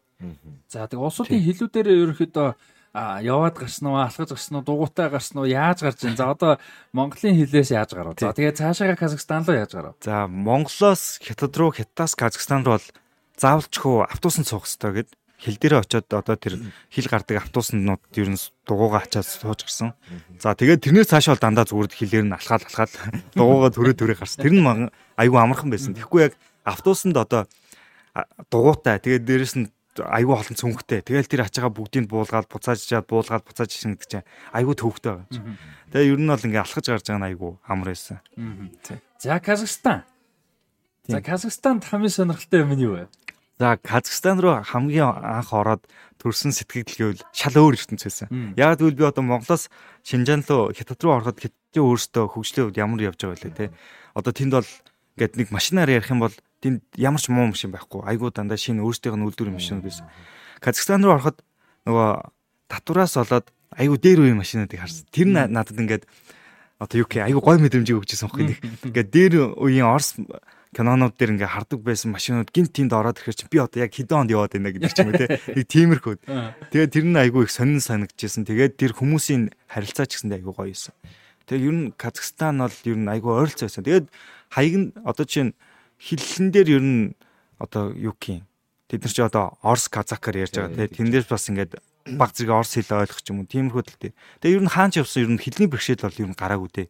Одоо л дэлхийд даяар нөгөө утас л байхад транслейт гаргаж ирэл хамаагүй. Ойр зүрийн бол гол асуудалгүй шүү дээ. Ойр зүрийн тэр ямар ч асуудалгүй болчихж байгаа. За тэгээд Казахстанаас Узбек орсон тий. За Узбекэд Узбекээс эхлээд нөгөө юу асууя гэж бодож байсан л да. Хоолны соёлууд тий. Нэгдүгээр Узбек Узбек гэлтгүй ер нь ямар ямар улсуудаас хамгийн сонирхолтой хоолны соёлууд байв шинээр олж мэдсэн, шинээр дискорison төсөөлж байгаагүй сонирхолтой тийм хоолны соёлууд мэдээж байсан баг. Тэр тал дээр.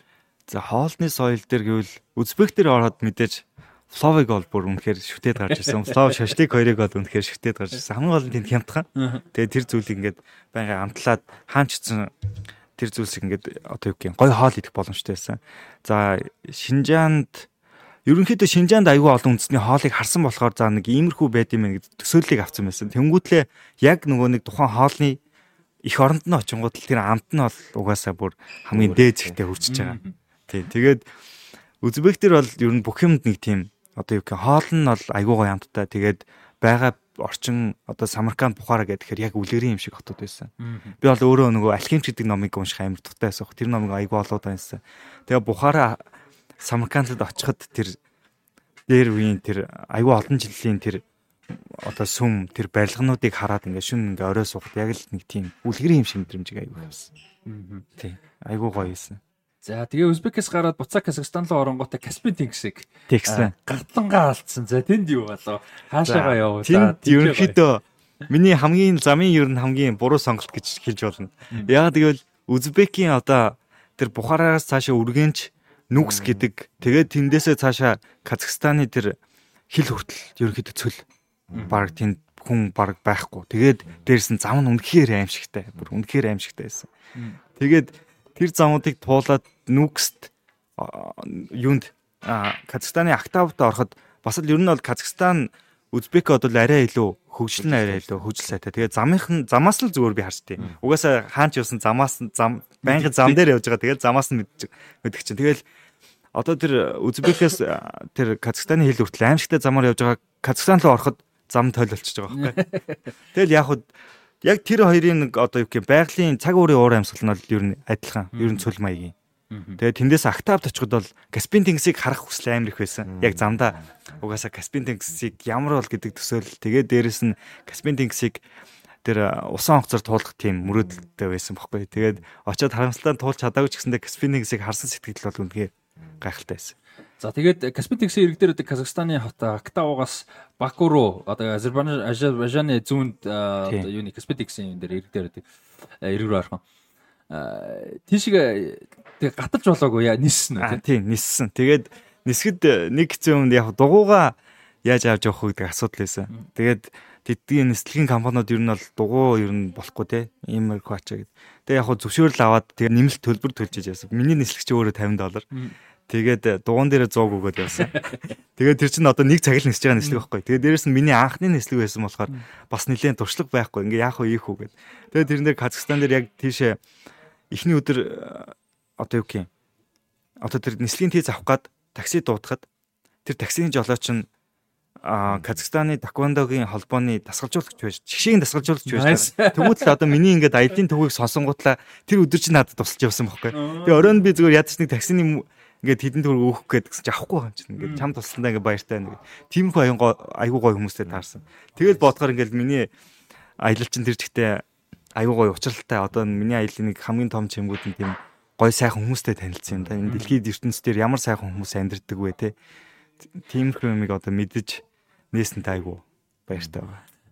Анхны Анхны онгоцны нислэг нь Казахстаны Актаугаас Азербайджаны Баку руу гэж чадах юм бол их ховор. Айгу ховор. Тэгээд дээрэс нь тэр нислэгийн цагийн ч гэсэндээ сонио. Би шүн 3 цагт Казахстаны Актаугаас нисээд шүн 3 цагт Азербайджаны Бакуд бууж байгаа байхгүй. Цагийн зөрүүлдэг цаг. Тэгээд нислэгийн ч гэсэндээ маань хурдан өндрөө аваад баг бууж шиг болж байгаа. Айгу сонирхолтой юм. Тэгээд э, одоо бас нөгөө нэг танилцсан хүмүүс за бас мэдээж шүлмбийнхаа талыг хэдүүлээ бас үргэлжлүүлээ ярин гэхдээ Стамбул хүртэл нэсэ ярьчих.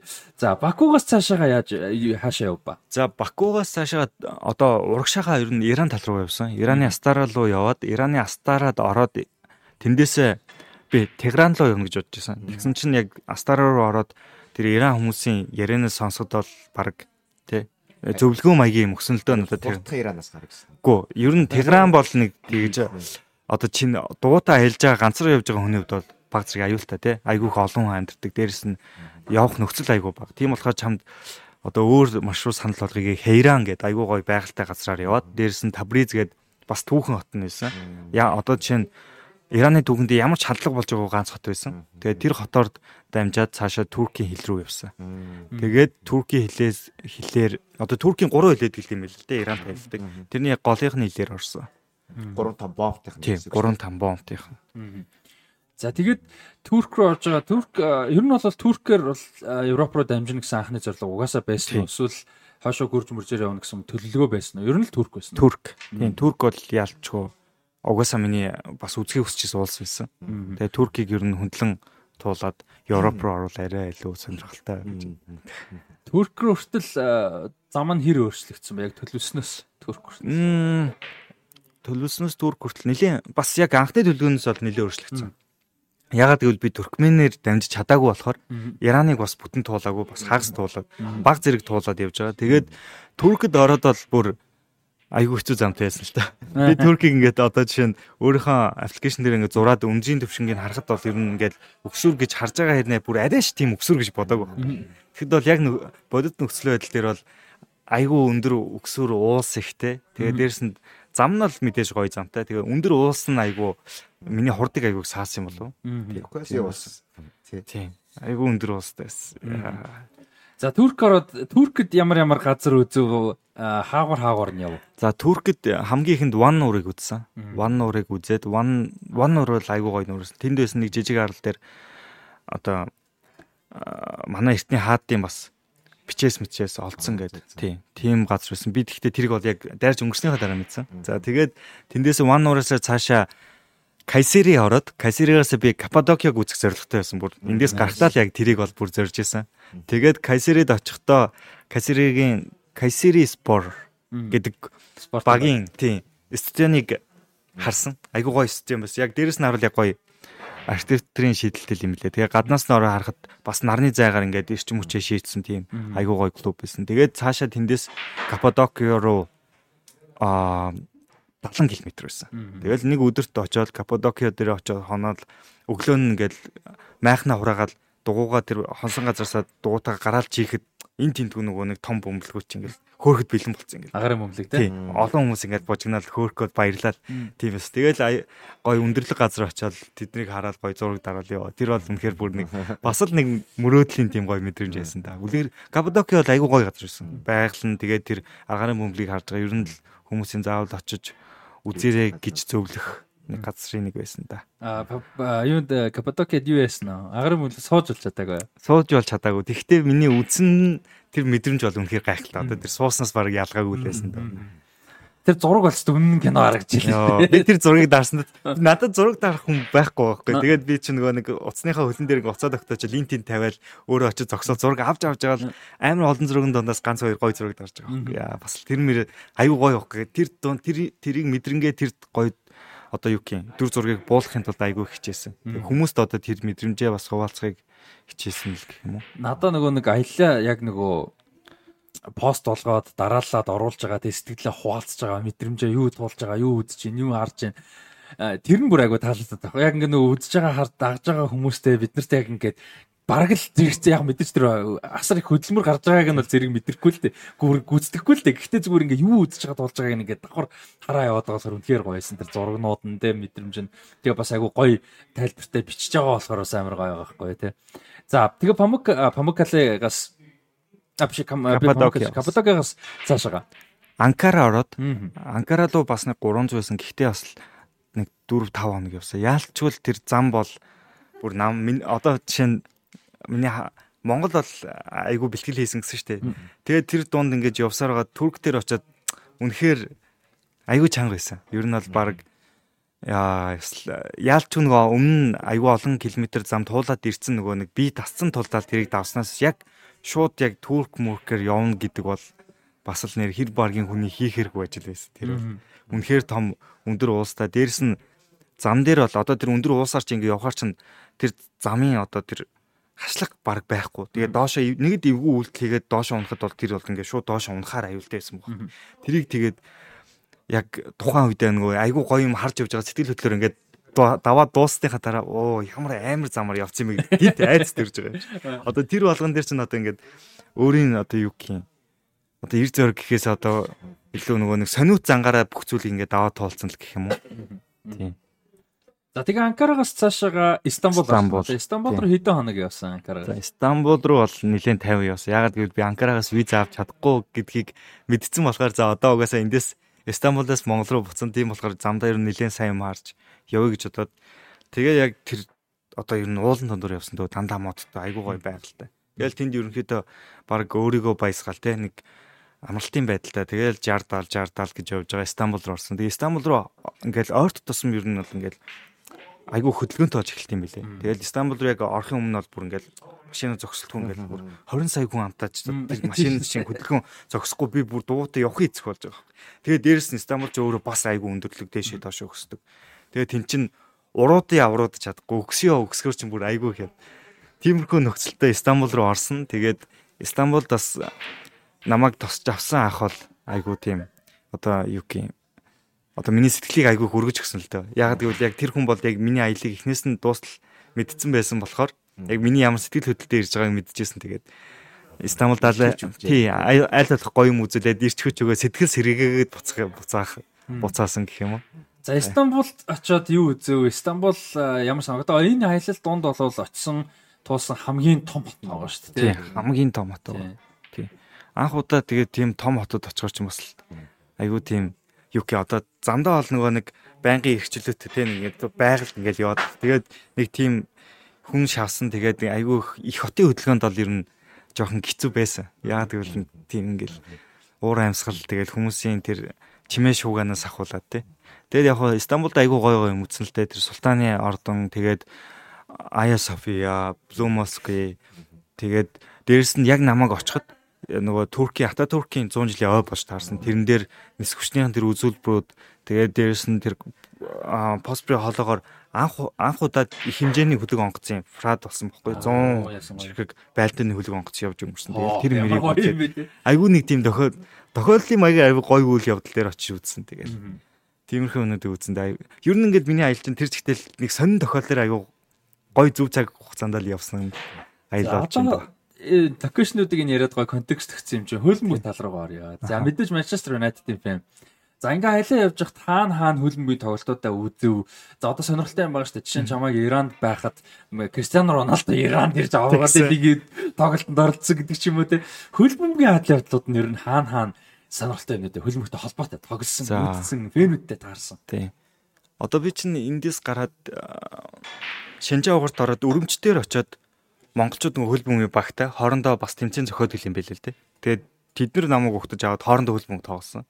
Тэгэхээр тэд нартай туршлага солилцоод дээрэс нь тэд нар аюулаг юм банер манер бэлдээд амжилт тусан тийм бичлэг мэшлэг хийгээд тэр аюу гоё яасан. Тэнд одоо очиод тоглоод тэгээд гоё хорхоогоо дарж байгаа. Тэр чинь бас хөл бөмбөг тоглох хүсэл байгаад байгаа шүү. За тэгээд цаашгаа Казахстан ороод Казахстанаас бол ер нь аа Манчестер Юнайтедийн дэлхийн фанатууд ер нь уулзж эхэлсэн. Тэгээд тэнд бол тэгээд намайг хөтөж аваад ийм байна гэл тэгэхэд одоо чинь Станы орнуудын тэр Юнайтедийн фанатууд бол ер нь харилцаа бол айгүй сайн юм билээ л дээ хоорондоо. Тэнгүүтээ тэндээсээ Узбек, Азербайджан гэдэг намайг ингээд залаад өгч байгаа байхгүй. Тэгэхээр миний оцсон хот болгонд тэр хүмүүс тосч аваад туг далбаатайгаа өмсгөлтөөгөө ингээд хөл бүм үзээд тоглоод явж чар чинь тэр чинь бүр хамаагүй бүр гоё сэтгэл төрж байгаа юм чи тий. Нэг гэр бүл. Тэгээд дээрэс нь тэдний тусламж нь ерөөхдөө айгүй сэтгэл хөдлөсөн л доо тий. Нэг одоо чинь надад тэр тусалж байгаа тусламж нь ингээл жижигхэн ч гэсэндээ айгүй их сэтгэлээсээ. Тэгээд дээрэс нь нэг гэр одоо хөл бөмбөгийн фанатын хувьд нэг гэр бүл ахан дүүс болчихж байгаа болохоор чинь тэд нар ингээл хаан ч утсан ингээл айгүй нэг тийм хүмүүстэй уулзаа болоход айгүй амар байсан гэх юм. Тийм.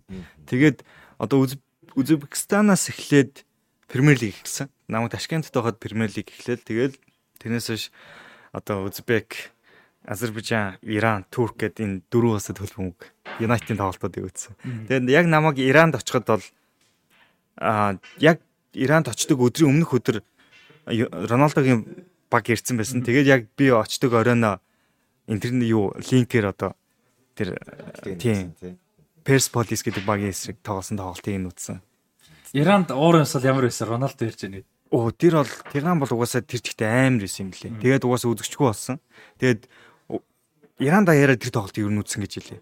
Ер нь бол хаа байсан тэр астараа гэдэг бүр тэр булан байж байгаа ус бүгд тэр чигтээ ингээд оройн үзэж байгаа байхгүй энэ тийм точтон цай уудаг газруудаа. Халтар цай төдөлдөг шиг л болсон юм шиг тийм. Яг тийм бол тийм. Тэгэхэд ихэж харахгүй шүү дээ. Роналдо ирж байгаа. Роналдо Азийн орнуудын лигт ирсэн тэгээд тоглож байгаа гэдэг чинь амар баг. Тэгээд тэр астараад байхдаа тэгээд маргаашнаас нэглээд би яаж байгаа юм. Баяртай тоглосон тоглолтыг үзсэн. Яг тэр 7 хоногт баяртай тоглосон тоглолт. Юнайтед хоёрын тоглолтыг бас л ингээл интернет амар удаан газар тэгээд гацаал ингээл үзэж байгаа байхгүй яг л нэг дээр үе нэг бид нар нөгөө телевизээр гардаг байх нэг линк хайгаа явдаг. Яг тэр үе л очиж байгаа юм тэнд бол. Тэгэл Юнайтедийн тоглолтыг үзсэн. Аа тэгээд Галатсарайтай тоглосон тоглолтыг бол юун дээр? Табризд үзсэн. Яг тэр миний очисон тэр ресторанд баахан Иранууд цуглдсан тэр Турк гэдэг Галатсарайг дэмжиж байгаа байхгүй. Би тэгсэн чинь тэнд ганцаараа United гэж United өмсгөлтэй ингэж багссан. Голороо баярлаа. Тэгсэн чинь 2 гол ороо баярсан. Юу тэр авир чинь Иранууд ч орилж гашхраад би чинь тэнцтэй сонин царай.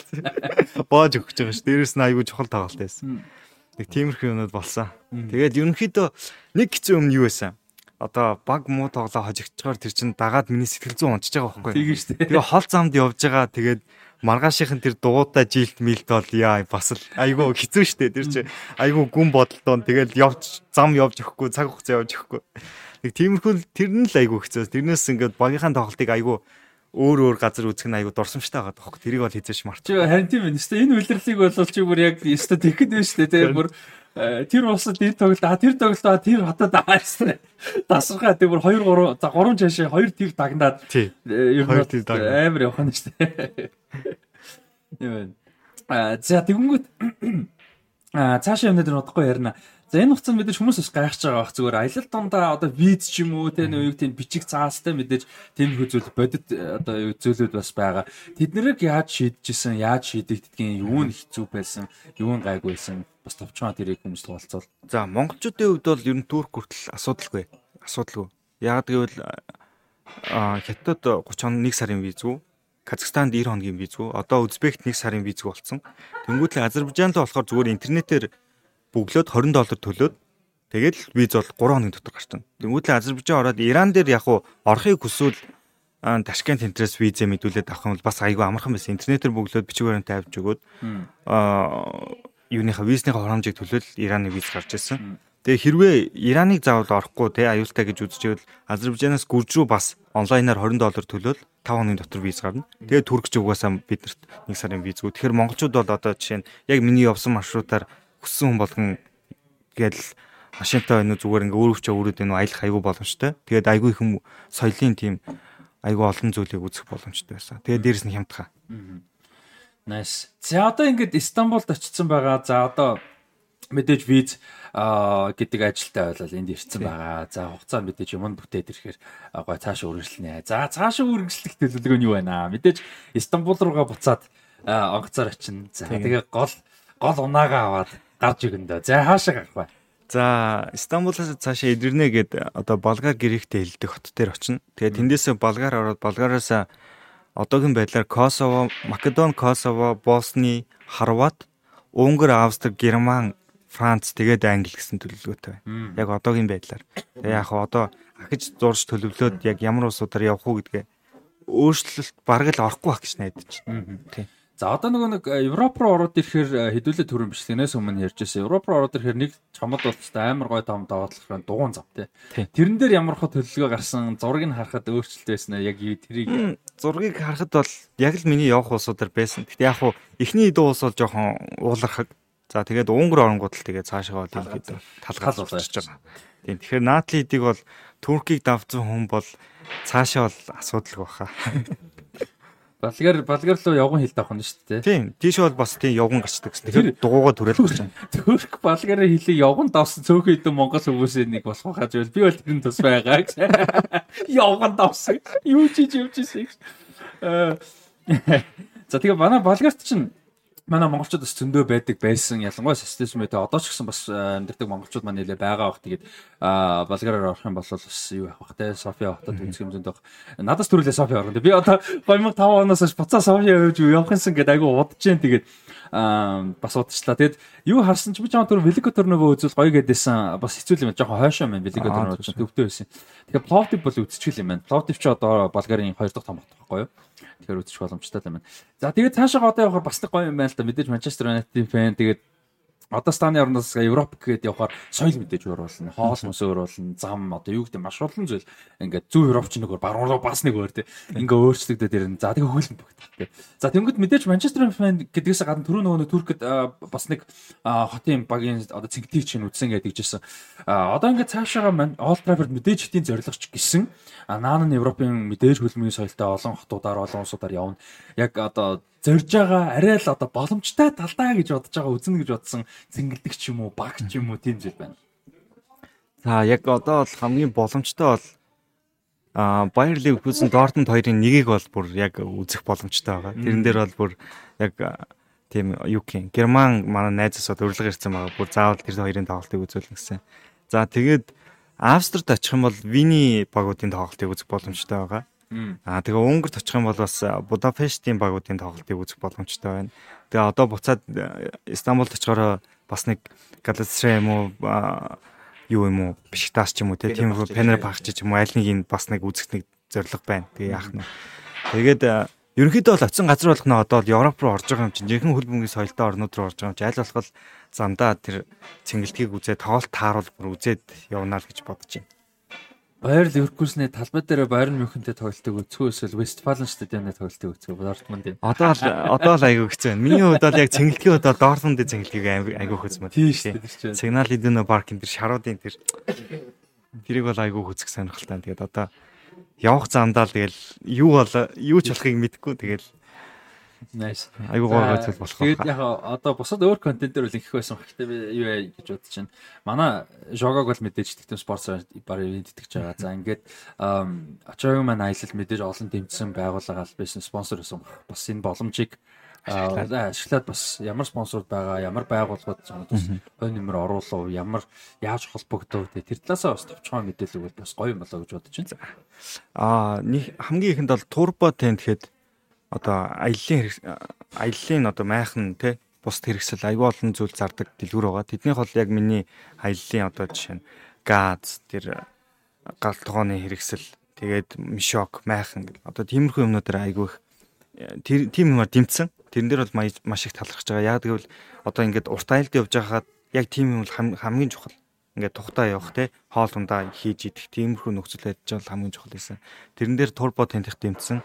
Аа тэгээд дараа нь болохоор талын Монгол болохоор яг тийм хоолоор борцтой тий борцтой гуралтай шил хооллыг бол юм одоо ядарч ирчээд яг бүх юмыг бэлдээд хоол хин гэдэг шиг худлаа юм байхгүй юм билээ ерөөд. Ерөнхийд айл болох бэлэн хоол тэгээд дээрэс нь нөгөө нэг хордон болдог хоолыг хэд. Тэрэн дээр бол талын Монголын гуралтай шүл будаатай шүлнүүд нь бол үнэхээр зөв сонголт байсан. Тэрийг бол тэрэн дээр бол талын Монгол брэндийнхэндээ бол маш их баярлаа.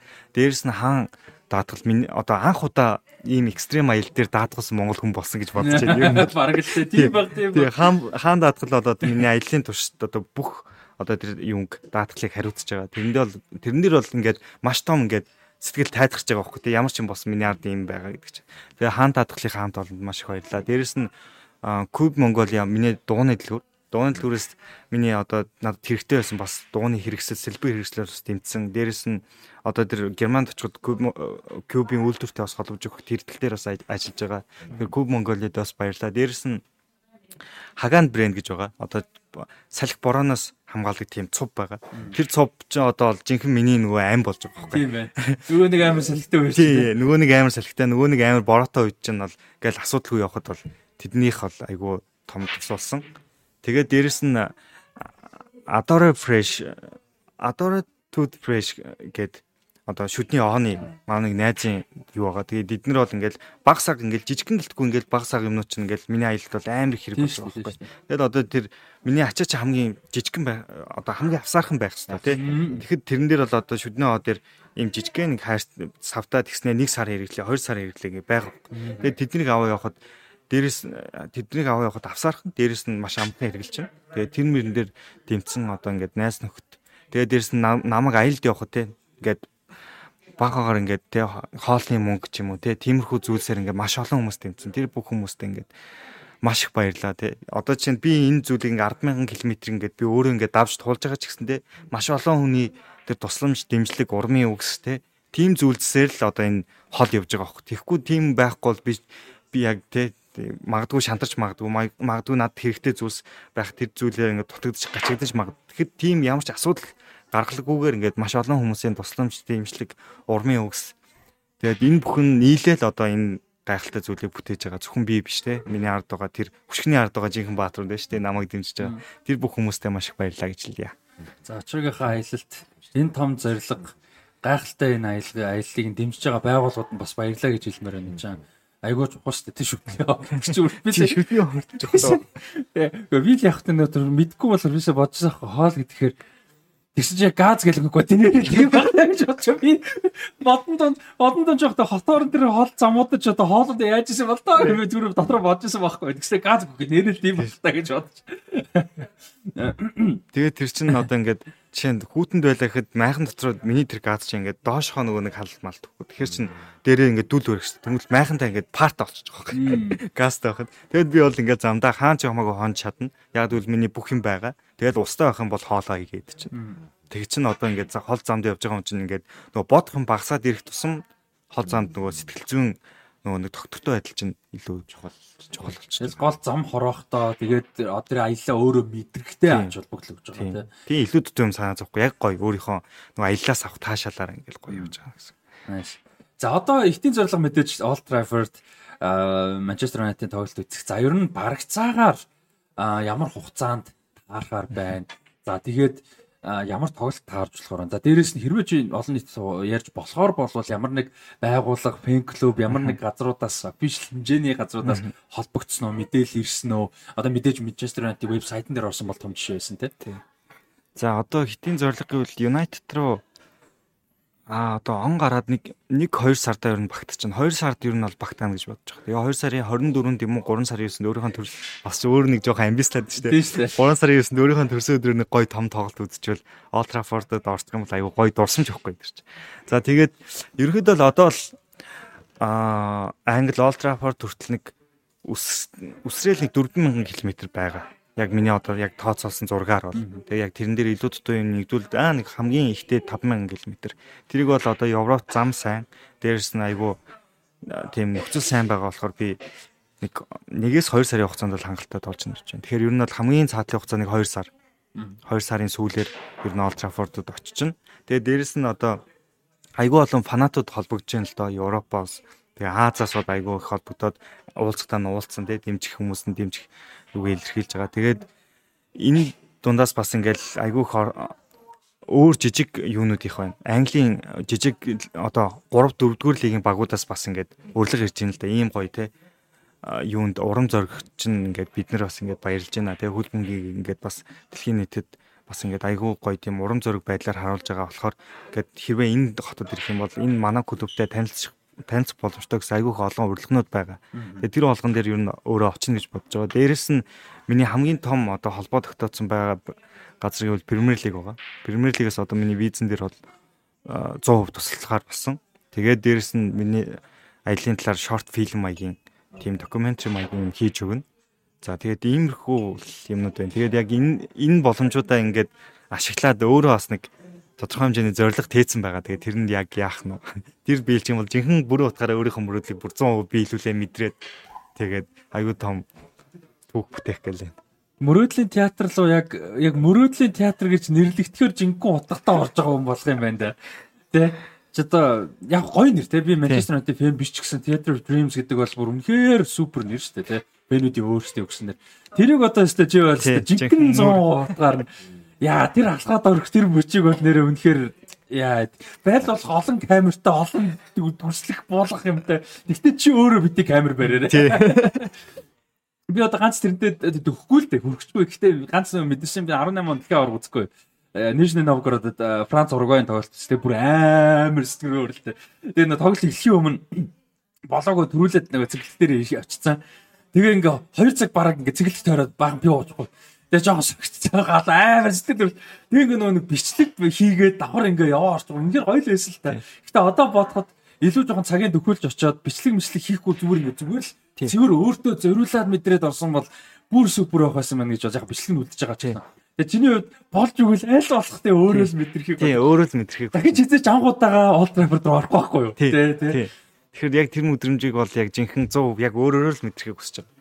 Тэгээд яг хамгийн одоо яг миний ингээ аяллаа хамгийн гоё зүйл нь одоо жишээ нь хүн мөрөөддөг те ямар нэгэн мөрөөдлийнхаа зүйлээ тэмцээд тэр мөрөөдлөө биелүүлэхийн тулд ингээл маш олон зүйлийг даван тулж байгаа. Тэгэхэд одоо би мөрөөдлийн одоо Old Trafford руу өдөр болго ингээд 100 100 км-ээр ойрч чина те өөрийнхөө мөрөөдөл рүү ингээд бодит ингээд химжигдсэн тэр мөрөөдөл рүү ингээ ойрч чина гэдэг нь бүр үнэхээр бүр үнэхээр гайхалтай мэдрэмж байгаа байхгүй. Тэр чинь л тэгэл өөрөөсөө дотроос ингээ урам зориг болоод өө ингээл ингээл ойрслоо явах тусам. Одоо жишээ нь ингээд 100000 км явсны дараа миний мөрөдөлд хүрэх ч одоо 5000 5000 км болчихж байгаа байхгүй. Тэгэхээр чин тэгээд надад өөрт уран зоригтой. Дээрэс нь одоо юу юм? Хүм одоо залуучуудад те айгүй бодит тийм кейс болж ийн гэж харж байгаа юм бол тий хүмүүс ч нэг бодоод хийсүр зүйлсийг ингээд мөрөөддөг тий тийш ингээд хүрэх алхам нь тодорхой бос байдаг шүү. Тэгэхэд минийх бол ингээд шууд ингээд хүрэх боломжтой болгож байгаа. Өдөр бүр ингээд тийшээ ойртож байгаа нь айгүй гоё зүйл тэгээд хүн болгоныг хүсэл мөрөөдөлтөй түүнийхээ төлөө тууштай байгаараа л гэж хэлээ та. Тэгээд хүн бол одоо юу гэх хүн болгонд өөрийн гэсэн цаг хугацаа байдаг гэдэг шиг хүн болгонд мөрөөдлөө биелүүлэх өөрийн гэсэн арга барилаа тий өөрийн зам байна. Тэгээд тэр замаа олдлоо тууштай байгаараа л гэж. Яс өмнө дасгаа лээ. Йоо үлгэрч би бүр ичээ огшоо суугаад байна. Э тэгээд энэ гой гой аяллаа бас тэмдэглэж байгаад нэх баяртай. Тэмдэглэж байгаа гэдэг нь селебритигээс гадна тэмдэглэгээ болгож үлдээж байгаа тий Facebook дээр ч юм уу. Тэгээд чи өөрөө мэдээж зураг бичлэг зөндөө юм үлдэж байгаа ч юмаа. Аа тэрнээс гадна чи өөрөө нөгөө нэг бичиж үлдээж байгаа ямар нэг байдлаар аяллаа тэмдэглэл маягаар ч юм уу. Тий ерөнхийдөө аль болох ингээд тухайн авсан мэдрэмжүүдээ бич үлдээхийг хүсэж байгаа. Дээрэс нь тэр мэдрэмжүүд чинь одоо дараа нь бичихгүй бол дараа нь мартчихин тий дахиад яг тэр шиг мэдрэхгүй болохоор аль болох ингээл бичээл утсан дээр ингээл тэмдэглээд авдаг. Тэгээд ерөнхийдөө хураангуу тэмдэглэлээ бол Facebook нөгөө нэг пэйж дээр оруулчаал. Тэгээд ерөнхийдөө яг нэг өөрт яг надад үлдсэн нөгөө гоё мэдрэмжүүд бол ингээд багаагаар ингээд хадгалаад өөрийнхөө нөгөө нэг архив дээр ингээд хадгалаад явж байгаа. Тэгээд ерөнхийдөө хүмүүс айгүй олон хүмүүс ном болгоорой гэсэн. Тэгээд яг тийм зорилгоор ер нь одоо л бодод айгүй их төрж эхэлж байна. Тэрийг одоо Англид очиж шууд ажиллах хэрэгтэй шүү дээ.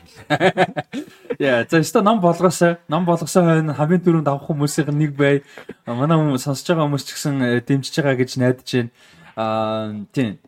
Тэгээд манай очрогийн энэ гайхалтай аяллыг бас дэмжих хүсвэл ямар маягаар дэмжиж болох вэ? Тэрийг хэлээч. Тийм. Одоо ерөнхийдөө яг Европ руу одоо яг Европч өөрөөсөө өөрөө нөгөө нэг айгүй өндөр өртөгтэй тий. Тэрэн дээр бол одоо тийм санхүүгийн тал дээр бол ер нь бол ивент итгэгч тэгээд тусламж дэмжлэг бол ер нь одоо л яг хайж эхэлж. Ягаад гэвэл сая би 100000 явахдаа бүх юм шавха шавха 0 болоод ирсэн байхгүй. Тэгэхээр одоо ерөнхийдөө спонсор тэгээд дэмжлэгийг ерөнхийдөө хайж эхэл хайж байгаа. За тэгэхээр сонирхож байгаа хүмүүс байвал байгууллагууд байвал бас холбогдорой Facebook хуудас нь Facebook хуудас бол UB2 Manchester Bikepacking гэдэг байгаа. UB2 Manchester гэхэл гараад ирнэ тийм. UB2 Manchester гэх юм бол гараад ирнэ тийм. Instagram дээр ч гэсэн байгаа тийм. Instagram дээр яг хөө миний хувийн Mr Ваза. Тэгээ Ваза шин. Тэгэд миний нэг гоё юм.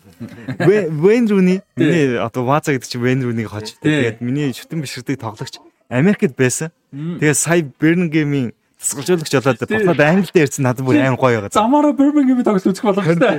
Тэгээ би тэр нь бүр айгу гоё. Би бүр Рүнийг тэгээд буцаад англид ирсэн. Йоо бүр айгу их баярсан. Тэр мэдээг сонсоод байна. Лондон орчоод цаашаага Манчестер явах чинь зам чи Birmingham байгаа шүү дээ. Тэгэхээр Birmingham-д очиад Рүнийхийнхаа васа васатагаа уцах боломж байна шүү дээ. Тэрийг би бүр мэдчихэл боо. За жинхэнэ бүр яг олдсон гэдэг. За тэгээд э, тэгвэл э, манай хэд бас э, Facebook дээр нь очиж лайк дараа орж лайк дараараа гой постуудын ихнээс нь уншаараа үзээрэй. А тэгээд одоо яг спонсор хэрэгтэй байгаа гэдэг бол айгүй чухал зүйл учраас бас мэддэг холбогдох хүсэлтэй манай подкастыг үздэг сонсож байгаа хүмүүс ч гэсэн бас холбогдох хүмүүс байл бас холбогдорой гэж зөвлөмөр байна. Жохон ч гэсэн платформ болж байгаа гэж найдаж байна. А бидэд ямар дэмжих боломж байна бидэд бүгдээрээ дэмжих гэж байна. А бидний өмнөөс явж байгаа юм шиг санагдаж байгаа шүү дээ. Яг үнийг хэлэхэд би одоо нэг удаа амар том фейлцсэн шүү дээ. Уул нь очиод Иранд байхад би тэр кол хийсэн. Цаг гарангийн коллег интервью хийгээд манай дараагийнх нь дугаарын 20 дугаар хэсэг болж орох хэрэгтэй байсан. Тэгсэн чинь би өөрөө фейлдээ тэр файл маань байхгүй болсон хайрын. Тэгээ би тэр сайхан яриа болоод үлдсэн одоо. Тийм. А гэтээ өнөөдөр бас бүх гоё юм одоо ярьж чадлаа, нэмж дэлгэрүүллээ тийм. Тэгээд а өөр зүгээр хүмүүс донешн хийж дэмжих хүсвэл өнөөдрийн дугаар дээр би түрүү хасбагны донешн хийсэн үү? Хэлсэн. Хэлсэн үү. За тэр тэгвэл ингээд тэрэн дээр контекст нэвчээ. Тэр өнөөдөр манай Хаспанк руу өнөөдрийн ингээд эпизодыг үзээд манай Хаспанк руу хэрэг донешн хийж байгаа бол Гөлгөөний утга дээр Ваза гэж бичээрэй. Тэгэх юм бол бид нар Ваза гэж Гөлгөөний утгатай хийсэн донешн болголныг очроод зориулъя. Тэгээд манай очроод өөрт нь шууд шууд утгаар яг донешн хийж дэмжиж гэвэл ямар За шууд утгаар донешн хийж дэмжийг бол одоо миний хувийн данслаг байна. За тэр нь юу хэрвээ хэлж болохоор бол ч хэлээ. Миний хувийн данс чинь худалдаа хөгжлийн банк 4260 1878 2. Би өөрөө нөгөө нэг 2 орноор хэлдэг болохоор сүүлийнх нь 2 гэж сонин. Тэгээ одоо радионы юм шиг ингээд 42 60 18 782. Окей 100 юу юм бэ? За 782 юм бэ. За 42 60 18782 очир байна гэд хаяг. За тэгээ энэ донешнэр ер нь би түрүү нөгөө нэг зүгээр амны уншлагаараа хэлээд юу ячиж. Өнөөдрийн донешн хэрвээ хийхийг хүсвэл болвол та бүхэн манай очрогийн бас одоо данс руу донешн лөө хийж одоо донешн хийж дэмжээрэй гэж жижигхэн нэр тоглоомчгүй нэр нэг өдрийн шүдний оо гэдэг шиг тусал болгон нэмэр болж байгаа юм чи амар хол аялал. Тэгээд одоо нөгөө нэг жинхэнэ үнэтэй газар руу явна те баруун Европ ч амар үнэтэй зардал чангатай. Тийм болохоор бас нэмэр болно гэж бодож чинь тэгээд бас замд туслах хүмүүс нэмэр болох хүмүүс гоё уур амьсгал өгөх, туршлага хуваалцах, аялах те ийм хүмүүс зөндөө гаргах гэж бодож чинь. Аа тэгээд очиодоо маш их баярлаа. Баярлаа урьж оролцуулсан. Тэгээд яг хөл бөмбөгийн талаар өөрөө нэг хөл бөмбөг харахтаа тэгээд өөрөө яг ийм гоё нэвтрүүлэгт орж үзхийг бас мөрөөддөг. Тэр мөрөөдлөөс энэ дэр биелүүлж аюу гоё юм. Яг тэр аюу. Өчигдөр ярьжсэн Монголд нөгөө ихээр босно босныхын дараахан нөгөө Монголод ирснийх ирэх босныхаа дараахан шууд хэлжсэн. За эренгүүт чинь жогоод оруулна шүү гэдэг. Тэгэл баг ирээл яг орж ин да тийм уржиг дээр ирсэн гэсэн шүү дээ. Тэгээд өнөөдрийн дугаартаа олцсон. Хэр их баярлалаа. Тэгээд э, цаашаа аялалд нь өндрөөс өндөр амжилт хүсье. Угаасаа амжилттай болно гэдэгт эргэлзэхгүй байна. Айл болох олон газар үзээрэй олон төрлийн хоол, соёл, урлаг, спорт хүмүүстэй танилцаараа үзээрээ хуваалцаараа хуваалцж байгаад баярлж чинь тэгээ ном болгоорой. Ном нь амжилт олох болтугай. Тэгээ зөвхөн энэ удаагийн сонирхолтой юм ном нь бол зөвхөн Монгол биш ингээд Манчестер Юнайтед дэлхийн фэнүүдэд хүрэх боломжтой энэ ном болгоорой гэж зөвлөе англи хэлэн дээр их тусламжаа хэрэгтэй бол хэлээрэй гэж. Тэгээд тэгээд өөрчөө олцоолсонд маш их баярлалаа. Тэгээ эх орныхоо нэрийг те одоо бид нар чинь бас ингээд хөл бөмбөг тоглож хөл бөмбөгийн тоон доторх хүмүүс чинь нэг хизээ нэгэн цагт дэлхийн тэр том лигүүдэд Монгол хүүхэд Монгол хүн тоглох гэдэг чинь бол хүн болгоны л мөрөөдөл байгаа байхгүй. Тэгээ тэр мөрөөдөлт ингээд баг ч гэсэндээ зам ингээд тавьж байгаа да айгүйх баяртай байгаа. Тэгээд ингээд айгүй гоё одоо юу гэх өөрийнхөө түүхээр айгүй гоё урам зориг нэмээд дээрэс нь тэр том одоо англи гэдэг хөл бөмбөгийн соёлтой газар ингээд монгол гэдэг нэрээ гаргаад тэр тий хөл бөмбөгийн их оронд монгол гэдэг нэрээ гаргаад монгол хүн ийм шүү гэдэг бас нэг тийм зүйлийг мэдрүүлчихнэ гэдэг чинь дараа нь хизээ нэгэн цагт монгол хүн тэнд тоглох боломж гарвал бас нэг тийм түүх болж үлдэх юм да. Тийм шүү дээ. Тэрэн дээр маш их баярлж байна. Тэр нэг өнөөдрийн 3 дугаар хэсэг ихэлснээс хойш яг цэнгэл ерөөсө 5 л үг хэлсэн. Гайхалтай гэдгийг тавьсан. Тэгээ монгол хэлэнд сайн сайхан илэрхийлсэн бодохоор бас тийм жолон биш үү.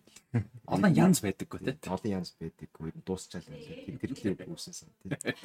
Тэгэхээр одоо гайхамшигтай байна. Тэгээд хэр хэн болгонд яг ийм санаа хоёр нь бол орж ирэхгүй. Угуугаар явсаар агаад англи Их Британий харалт очиж Манчестер Юнайтед тоглолт гэсэн санаа орж ирэхгүй байх. Орж ирсэн ч за ингэж эхлүүлэе гэдэг. Аа зэрэг зүрх зэрэг тий. Аа хичээл зүтгэл гарахгүй бах тий. Энэ болгоныг даваад аа тэгээ түрүү нэвтрүүлэг ихэнд хэлсэн шүү дээ яг одоо Монголын хөлбөмбөгтэй холбоотой аа хүмүүс дундаас дэлхийд хүрсэн дэлхийд хамгийн ихээр танигдж байгаа хүн болвол цаг үеийн түүхэд гэж тий очроо байна. Энэ аялал цааш нь амжилттай үргэлжлүүлээрэй гэж очин сэтгэлээс хүсэж байна. Аа тэгээд аа бид нар тун удахгүй Очрогийнхаа ТV контентийг Премьер лигийн аль бие усны суугаар үзэнэ гэдэгт бол итгэлтэй байна. Угасаа ч ер нь хийгдэж байгаа тий. Тэгээд цааш тийм одоо гайхамшигтай аялалт нь хамгийн сайн сайхныг хүсье. Тэгээд энэ явж байгаа энэ завч нь бол маш олон хүнд урам зориг өгнө. Маш олон хүнд итгэл найдвар ер нь бол өгнө. Чиний төсөөлснөөс ч илүү их тийм сайн сайхан үр дагавар бол гарна. Аа хэдэн зуун хувь ихтэй байна. Гайхамшигтай ийм гоё түүх сонс хавь сонссонгүй. Тэгэл ингээл хамт цуг явсан юм шиг л тоглолт байж энэ. Одоо Олд Траффордд одоо контент хийгээд Олд Траффорд дэрчлээ гэдэг одоо мэдээг тэсэн ядан хүлээж байя.